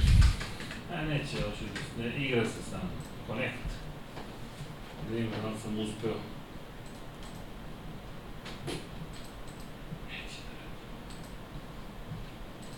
Нищо, да видите, дайте четворко. Дайте четворко, то vam kažem. Idemo pa, evo, sve je sređeno. Ajde, sređenje. Ta, ta, ta, ta, ta, ta, ta, ta. Back to game. Prihvatam sve. Cancel.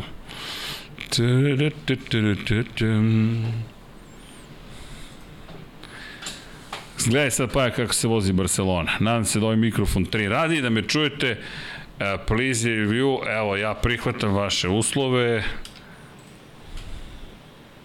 Sve sam prihvatio što treba da prihvatim. Politika privatnosti je prihvaćena i Barcelona, 1991. godine nastala staza u okviru priprema za olimpijske igre 1920, 1992. godine. Jel tako? Pričali smo o tome i staza koja je, ovde ima šikana. Hasane, možeš da me fotografišeš dok vozimo ovuda. Čekaj, Hasane, slobodno me fotkajte. Ili imamo zvuk? Da li imamo zvuk? Zvuk znam, ide, se da imamo kamera ide. flying lap, ajmo. Nema zvuka. Ali dobro, nije ni bitno. Ne treba meni zvuk.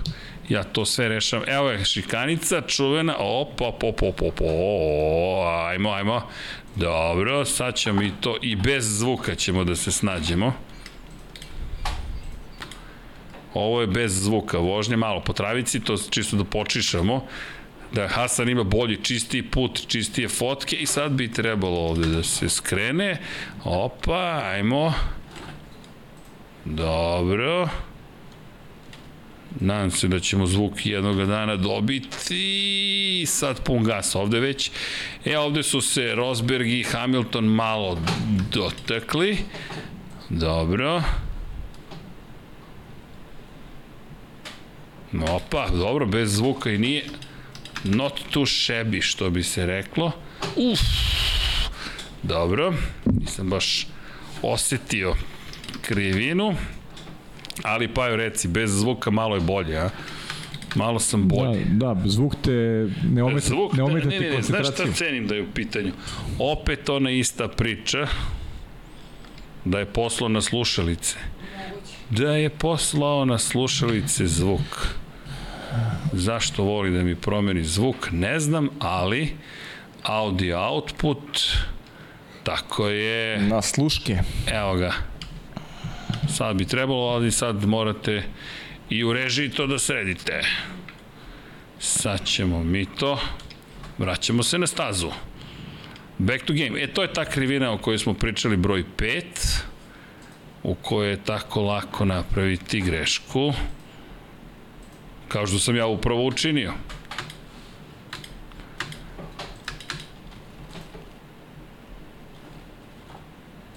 Ovde je taj uspon, opa, imamo dupli zvuk, opa, sam se zbunio sada, ali dobro. Nema zvuka, ali kome to treba uopšte? Meni očigledno, dobro, dobro. Treba malo zvuka.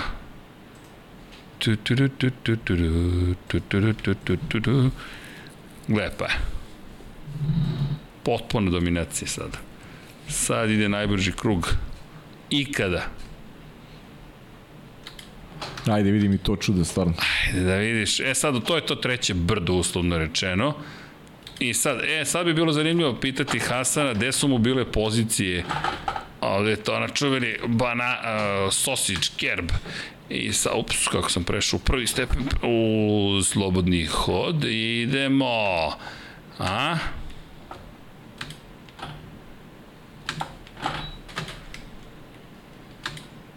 Opa, ajmo sada. Pa evo potpuna dominacija sad kreće. Gle sad ovo.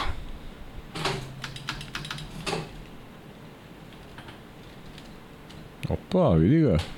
A? Vidi ti malo šta Nisi očekivao ovo od mene, a? Mada sam prošlog puta bio bolji, ali dobro, nema ve... Ne, ono je, ono je rival koga jurim. Uf, ne, Max, ne Maxa da izvedeš. Ali dobro, nema veze. Max je nastavio, nastavit ću ja, šampionski. O, znao sam da mi beži. Dobro. Osetio sam na gasu. Nema veze. Voliš zidove, voliš. Volim, volim. A, ne, dobro, ajmo. Nadam se da se Boris Turti nije pojavio iz biblioteke da mi Jeste, proziva. pojavio se. A naravno da se Vratio pojavio se. za vožnju. Vratio se iz biblioteke. Dobro.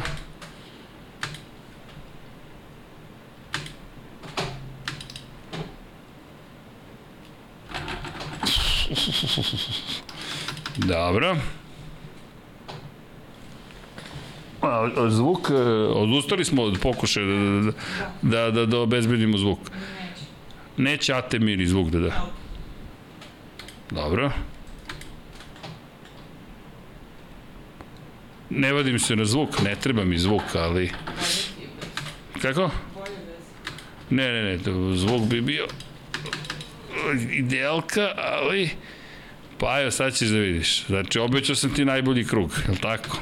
Ajde, srđene odvezi ga. Sad ćemo da vidimo. U komu? Će to da bude u 60. krugu najbolji ili...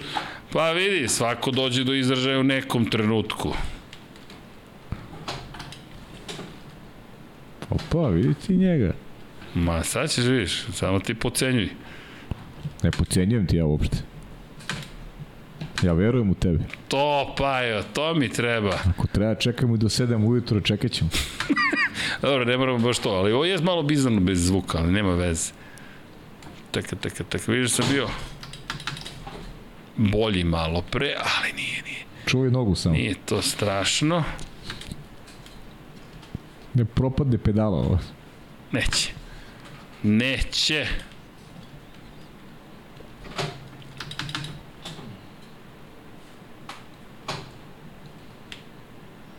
Dobro, dobro, ajmo, ajmo. Pobeži mi oni tamo napred. A, reci. Dobar si sad. Nemoj da kvariš Nije ovaj dobar utisak. toliko... Nije, ba, o, opa.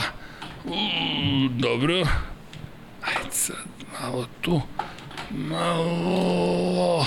Ne, pre, prerano sam promenio stepen prenosa. U, neko mi je promenio monitor, dobro. Hvala na tome. To je navrno bilo. Da, da, to je, to je bukvalno na kočenju. Samo, samo, samo je nestala slika, ali Pa dobro. zato što voziš za Ferrari, to je to. To, pa, Uvek mora neko da ti napravi. Imaš. Imam sunčano popodne u, u Barceloni. Ejo, a, pa jo. Kaže Hasan da je danas padala kiša, 30 stepeni, ali padala kiša danas. Da, da, danas kažu, kažu, kažu, kiša u Barceloni. Ali, pa jo, nisam bio toliko loš. Not too shabby. A? Vidi vreme u se- sektoru 3. A, you have beaten your rival. Ne vidim bez značaja. Pa naravno da sam pobedio rivala, pa šta si mislio da ga neću pobediti? Pa ja se tek sad zagrevam, pogledaj.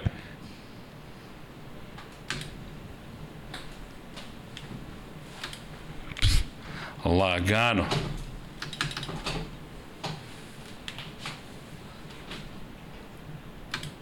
A, šta kažeš, pa?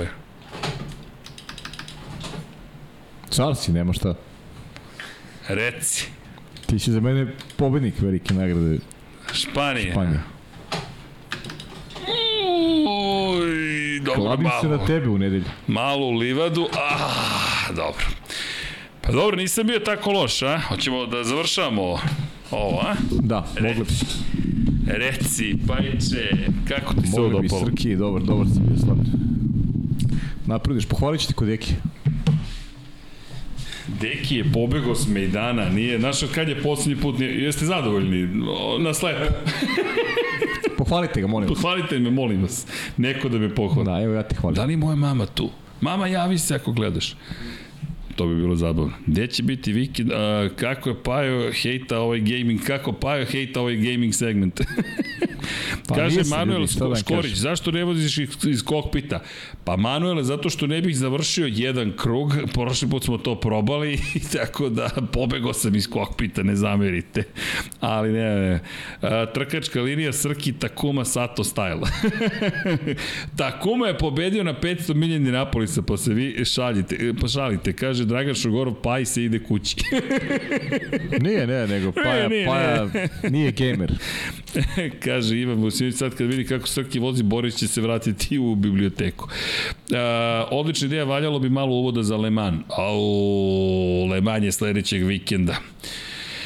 Pa dobro, morat će malo da spomenemo te stvari. E, kaže Šerpe Ceca da probaš trke formulice na Tetrisu, pa otprilike to je to. I tako. E, za Srki Vesti dinastiji, e, završili smo procese razne. A, mislim da ćete uskoro biti zadovoljni, čak i mnome ako mogu tako nerade da odgovorim. A jel ima neko rekao pitanje iz Formule 1 da, da Srki koči na vreme pred prvu krivinu, definitivno. E, t, t, t, t, t, za Rista smo rekli, Risto imao grešku kvalifikacijama, udari na zadnjim krajem u odbojnu ogradu, tako da je na kraju bio 18. Ali većinom su odustali, bio poslednji u trci, ali rekao je, ne, nije bio dobar vikend, na kraju sam gledao samo da sačuvam automobil i čekamo trku. Red Bull ringu se raduje i čeka Risto zapravo Red Bull ring gde će moći malo da rizikuje više, pošto tu izletanje je tako skupoceno. Uz, Ivan, malo, da. uz još malo sreće mogu i do pojednačka. A, imam predlog da napravite specijalni Lab 76 posvećen 24 časa Lemara pred samu trku i neke podcaste ljudima koji su učestvovali F1 nisu bili za volanim inženjerima, vlasnicima i slično želimo da, da prosto samo ne stižemo baš sve što želimo, ali imam neke ideje, pa nešto mi sad palo na pamet kada sam ovo čuo. Pozdrav od e-sport F1 vozača, nije loš krug i srke, ali mora još da se vežba. Lazar Božić Boža, hvala, Lazare, mora da se vežba. Uh, Sve je stvar treninga. Tako je. Uh, Srki, šta misliš, Dino u Ferrari u F1, da li je moguće, muđela Rabijata? Znate kako? Kompleksno pitanje Kompleksno baš sad. pitanje. Ovo, sad bi opet bi otvorili temu Ferrari i pričali bi u nedogled. Da, ali samo kratko, moraju da mu se slože kockice. Baš Nije to pitanje samo vozačkih kapaciteta. Ljudi, imate, imate u Formuli 2, pričamo njemu, Olivera Bermana, koji je iz, iz Ferrari akademiji, Britanac. Pa, da, ima tu, ono što je bitno jeste nešto što bi bila marketable value, ajde da se grozno izrazim, ali koliko zapravo Dino može da bude velika zvezda. I nemojte to da pocenite kada izbor velikih timova u pitanju, to je pitanje za Filipe Drugovića. Drugović nije zvezda iz Brazila, on je sebe stvorio u trkačku zvezdu, ali kada stavite sa druge strane Enca Fittipaldija... A pitanje je ko će stane uz njega, to Tako je. je. Mislim, još je još, i još je u nekim početcima da bismo o tome mogli da Tako je. da sudimo. Mi se nadamo da može, to je Trkački on da, može. Ali on je talentovan da može. Ali da li će dobiti priliku? Pitanje je veliko, videćemo. To to ne znamo. Master imaš, Srki, šta misliš za ovu rotaciju? Russell u Ferrari umesto Sainca, Sainz umesto Strola, Mick Schumacher umesto Russell u Mercedes. Idemo, dakle, Sainz, španska armada u Aston Martinu, dakle, dva španca. Što je najgore, to uopšte ne bi bilo loše pa za Aston da. Martin, ali dobro. Nenad Gašić, može li neki podcast o zimskim sportovima, ski skokovima, konkretno ako vreme dozvolja? Volim taj sport, ali nema nigde, mislim, da li postoji neki nade za tako nešto? Pa to je, ja samo jednog čovjeka znam koji bi to... Ja, e, a znam ja dvojicu. Ti znaš dvojicu, a? Dvojicu. Luka, javi se. Igore, javi se. Aha, da. Da, da, tako da, da eto. Da, da, da. Tako da eto. O, u svakom slučaju, izbor vozača u FEV je jednostavno koliko para donosiš i koliko će imam para zaraditi. Pa, kaže Boško, hoće li Max u RB-u biti sunčano popodne za vikend? Ljudi, probali smo i to. Neko me zamolio prošle godine da to kažem i rekao sam to u Holandiji i nije bilo ništa. Max je pobedio. Tako da to ne radi tako kako to to će Kako me vjerojatno pratiti. da, to će me pratiti kroz celu karijeru, to se, verovatno. To se ljudi prosto spontano dešava. da, spontano samouništenje. Da, to je suptilno, to onako suptilno izgovoriš i da. Ali kako me Paja pogleda, još ja izgovorim, a trka je već krenula ka tome, sunčano popodne za Leclerc u Barceloni i bukvalno, ma milisekund kasnije, pum, i Paja me ovako gleda jesi morao. Bukvalno, jesi morao da izgovoriš. Ja kažem, pa dobro. Povukao su sebe odmah. nije, mo, nije, mogo, nije mogo da je progovori posle Tako toga. Kaže Laki, Ricardo... 3 sekundi.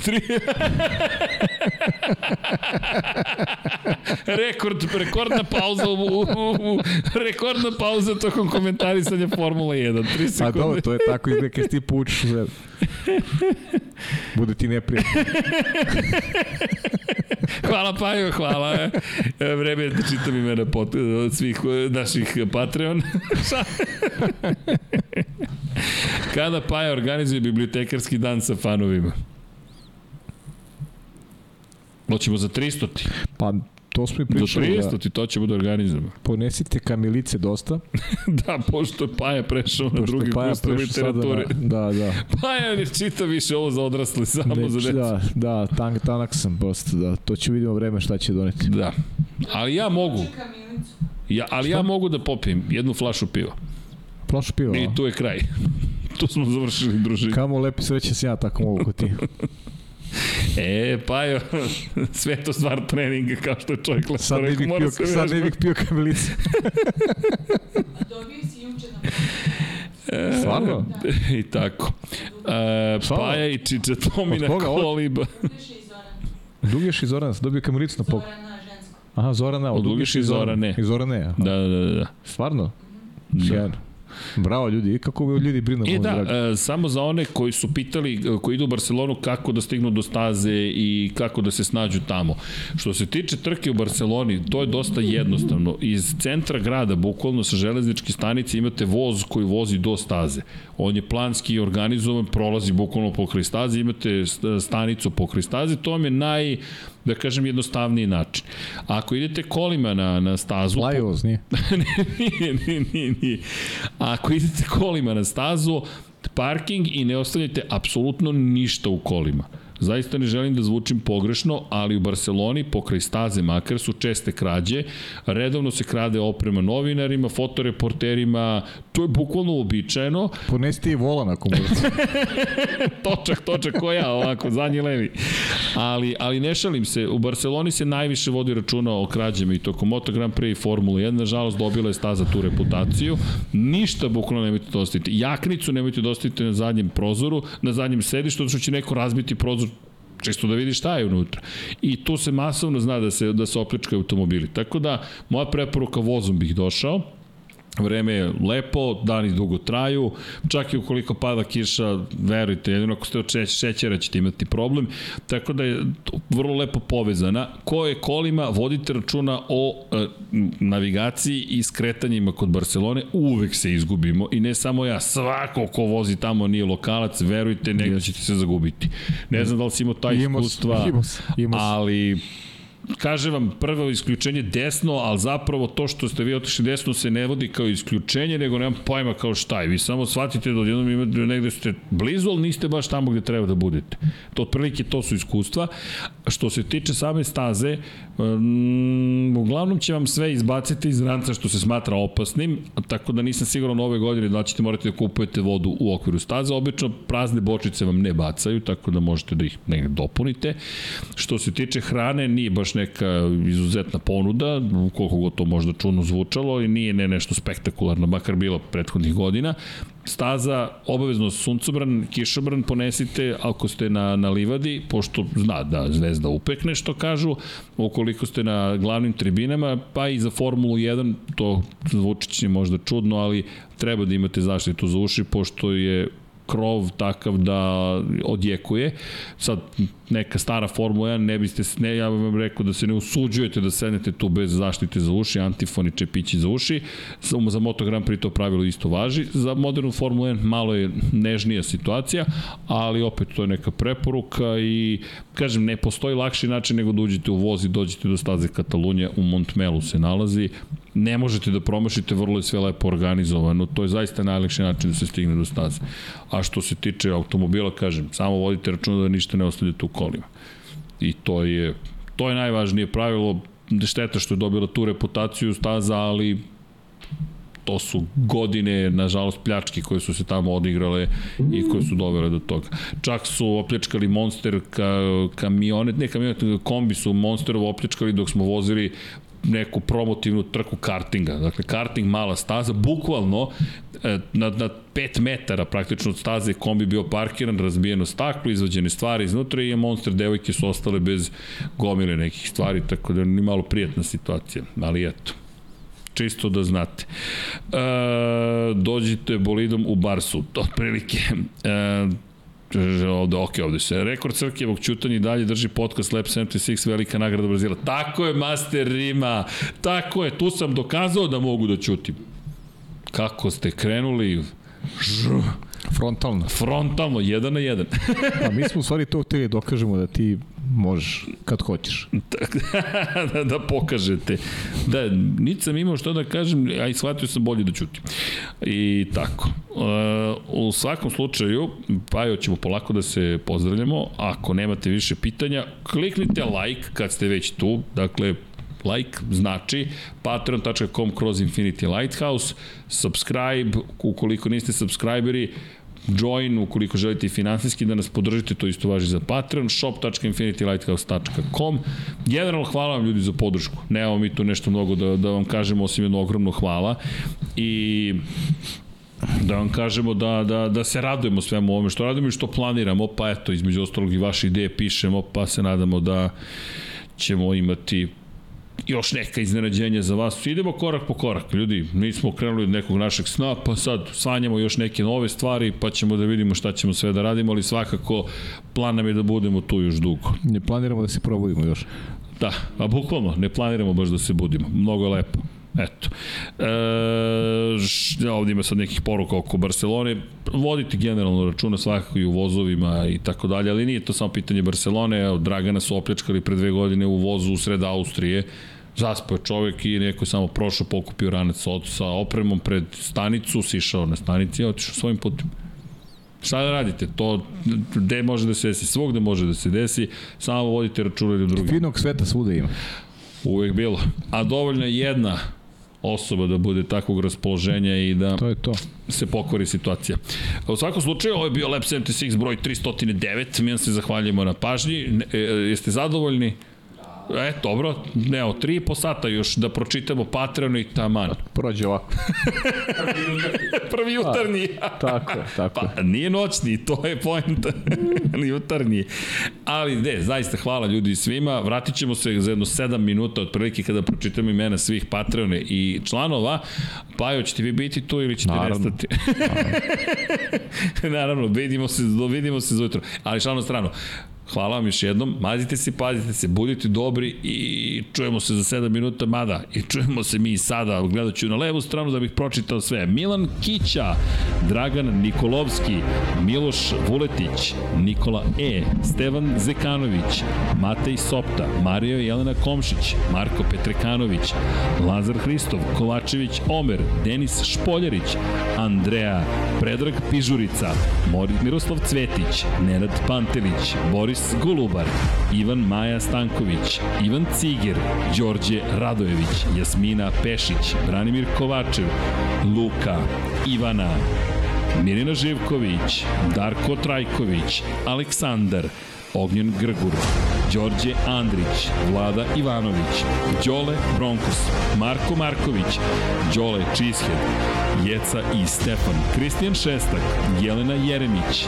Jasenko Samrđić, Ognjen Marinković, Miloš Todorov, Neđo Mališić, Đurđica Martinović, Boris Gvozden, Martin Gašpar, Borislav Jovanović, Salim Okanović, Marin Antunović, Živojin Petković, Aleksandar Mitrović, Daniel Kolobarić, Bojan Markov, Dejan Đokić, Stefan Ličina, Nikola Božinović, Marko Ćurčić, Alen Vuletić, Dušan Ristić, Ferenc Laslofi, Crnogorski džedaj, Ivan Panajotović, Boris Erceg, Sava Dugi, Zoltan Mezeji, Ivica, Anonimus Donatorus, Bojan Majstorović, Marko Blagojević, Andrija Todorović, Daniela Ilić, Stefan Radosavljević, Ivan, Stefan Dulić, Vukašin Vučenović, Emir Mešić, Stefan Janković, Vučinić Miroslav, Vladimir Stojadinov, Aleksa Vučaj, Strahinja Blagojević, Borislav Vukojević, Bata Brada,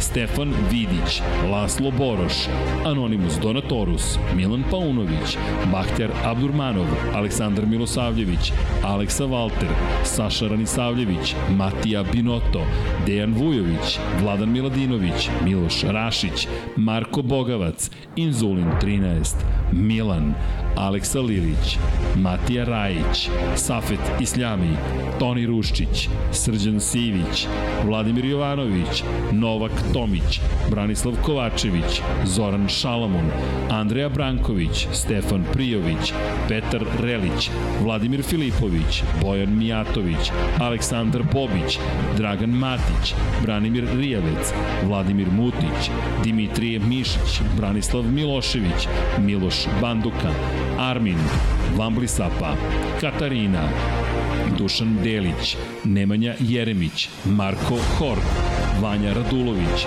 Marko Mostarac, Nemanja Zagorac, Jelena Mak, Bojan Bogdanović, Ljubo Đurović, Šmele, Mladen Mladenović, Danka, Milan Apro, Miloš Radosavljević, LFC, Ivan Rebac, Armin Durgut, Mladen Krstić, Vladimir Uskoković, Anonimus, Donatorus, Josip Kovačić, Mario Vidović, Nebojša Živanović, Da žena ne sazna, Ivan Milatović, Goša 46, Ivan Simeunović, Stefan Vuletić, Lazar Pejović, Ertan Prelić, Marko Kostić, Zlatko Vasić, Đole QB4, Stefan Nedeljković, Igor Gašparević, Vukašin Jekić, Mihovil Stamičar, Dorijan Kablar, Stefan Lešnjak, Žorž, Nedo Lepanović, Blufonac, Luka Maritašević, Igor Jankovski, Miloš Broćeta, Nemanja Miloradović, Aleksandar Anđelić, Zoran Majdov, Renata Neš, Aleksa Jelić, Aleksandar Banovac, Boris Kujundžić, Sean King, Igor Vučković, Marko Kozić, Klara Gašpar, Đerman, Lj. Đurović, Marko Radanović, Pavle Nj, Marina Mihajlović, Vladidov Dave, Branko Bisački, Optimistik, Josh Allen Fan, Gloria Edson, Nikola Marinković, Luka Martinović, Predrag Simić, Milan Nešković, Tijana Vidanović, Mirena Kovačević, Kimi Rajkonen, klub štovatelja Ramona Mireza, Vuk Korać, Ivan Toškov, Stefan Milošević, Dejan Avić, Petar Nujić, Filip, Ante Primorac, Grgo Živaljić, Nedim Drljević, Branislav Marković, Jugoslav Krasnić, Branislav Dević, Monika Erceg, Aleksandar Jurić, Džigi Pau, Nikola Stojanović, Nenad Đorđević, Nemanja Labović, Žarko Milić, Jelena Veljković, Ružica Stefanović, Đorđe Đukić, Benjo KK, Antonio Novak, Mlađan Antić, Damjan Veljanoski, Andreja Miladinović, Alen Stojčić, Mihajlo Krgović, Nemanja, Sead Šantić, Bogdan Uzelac, Zorana Vidić, Nedim, Luka Klaso, Ognjen Ungurjanović, Zoran Cimeša, Nenad Simić, Borko Božunović, Lukas, Ivan Rečević, Andrej Božo, Nikola Milosavljević, Nenad Ivić, Vojn Kostić, Milan Ristić, Aleksandar Antonović, Deus Nikola, Jugoslav Ilić, Stefan Stanković, Ivan Maksimović, Aleksandar Radivojša, Jovan Đodan, Andrej Bicok, Aca Vizla, Milan Milašević, Veselin Vukićević, Đorđe Milanović, Din Stero, Aleksandar P, Bojan Stanković, Resničanin,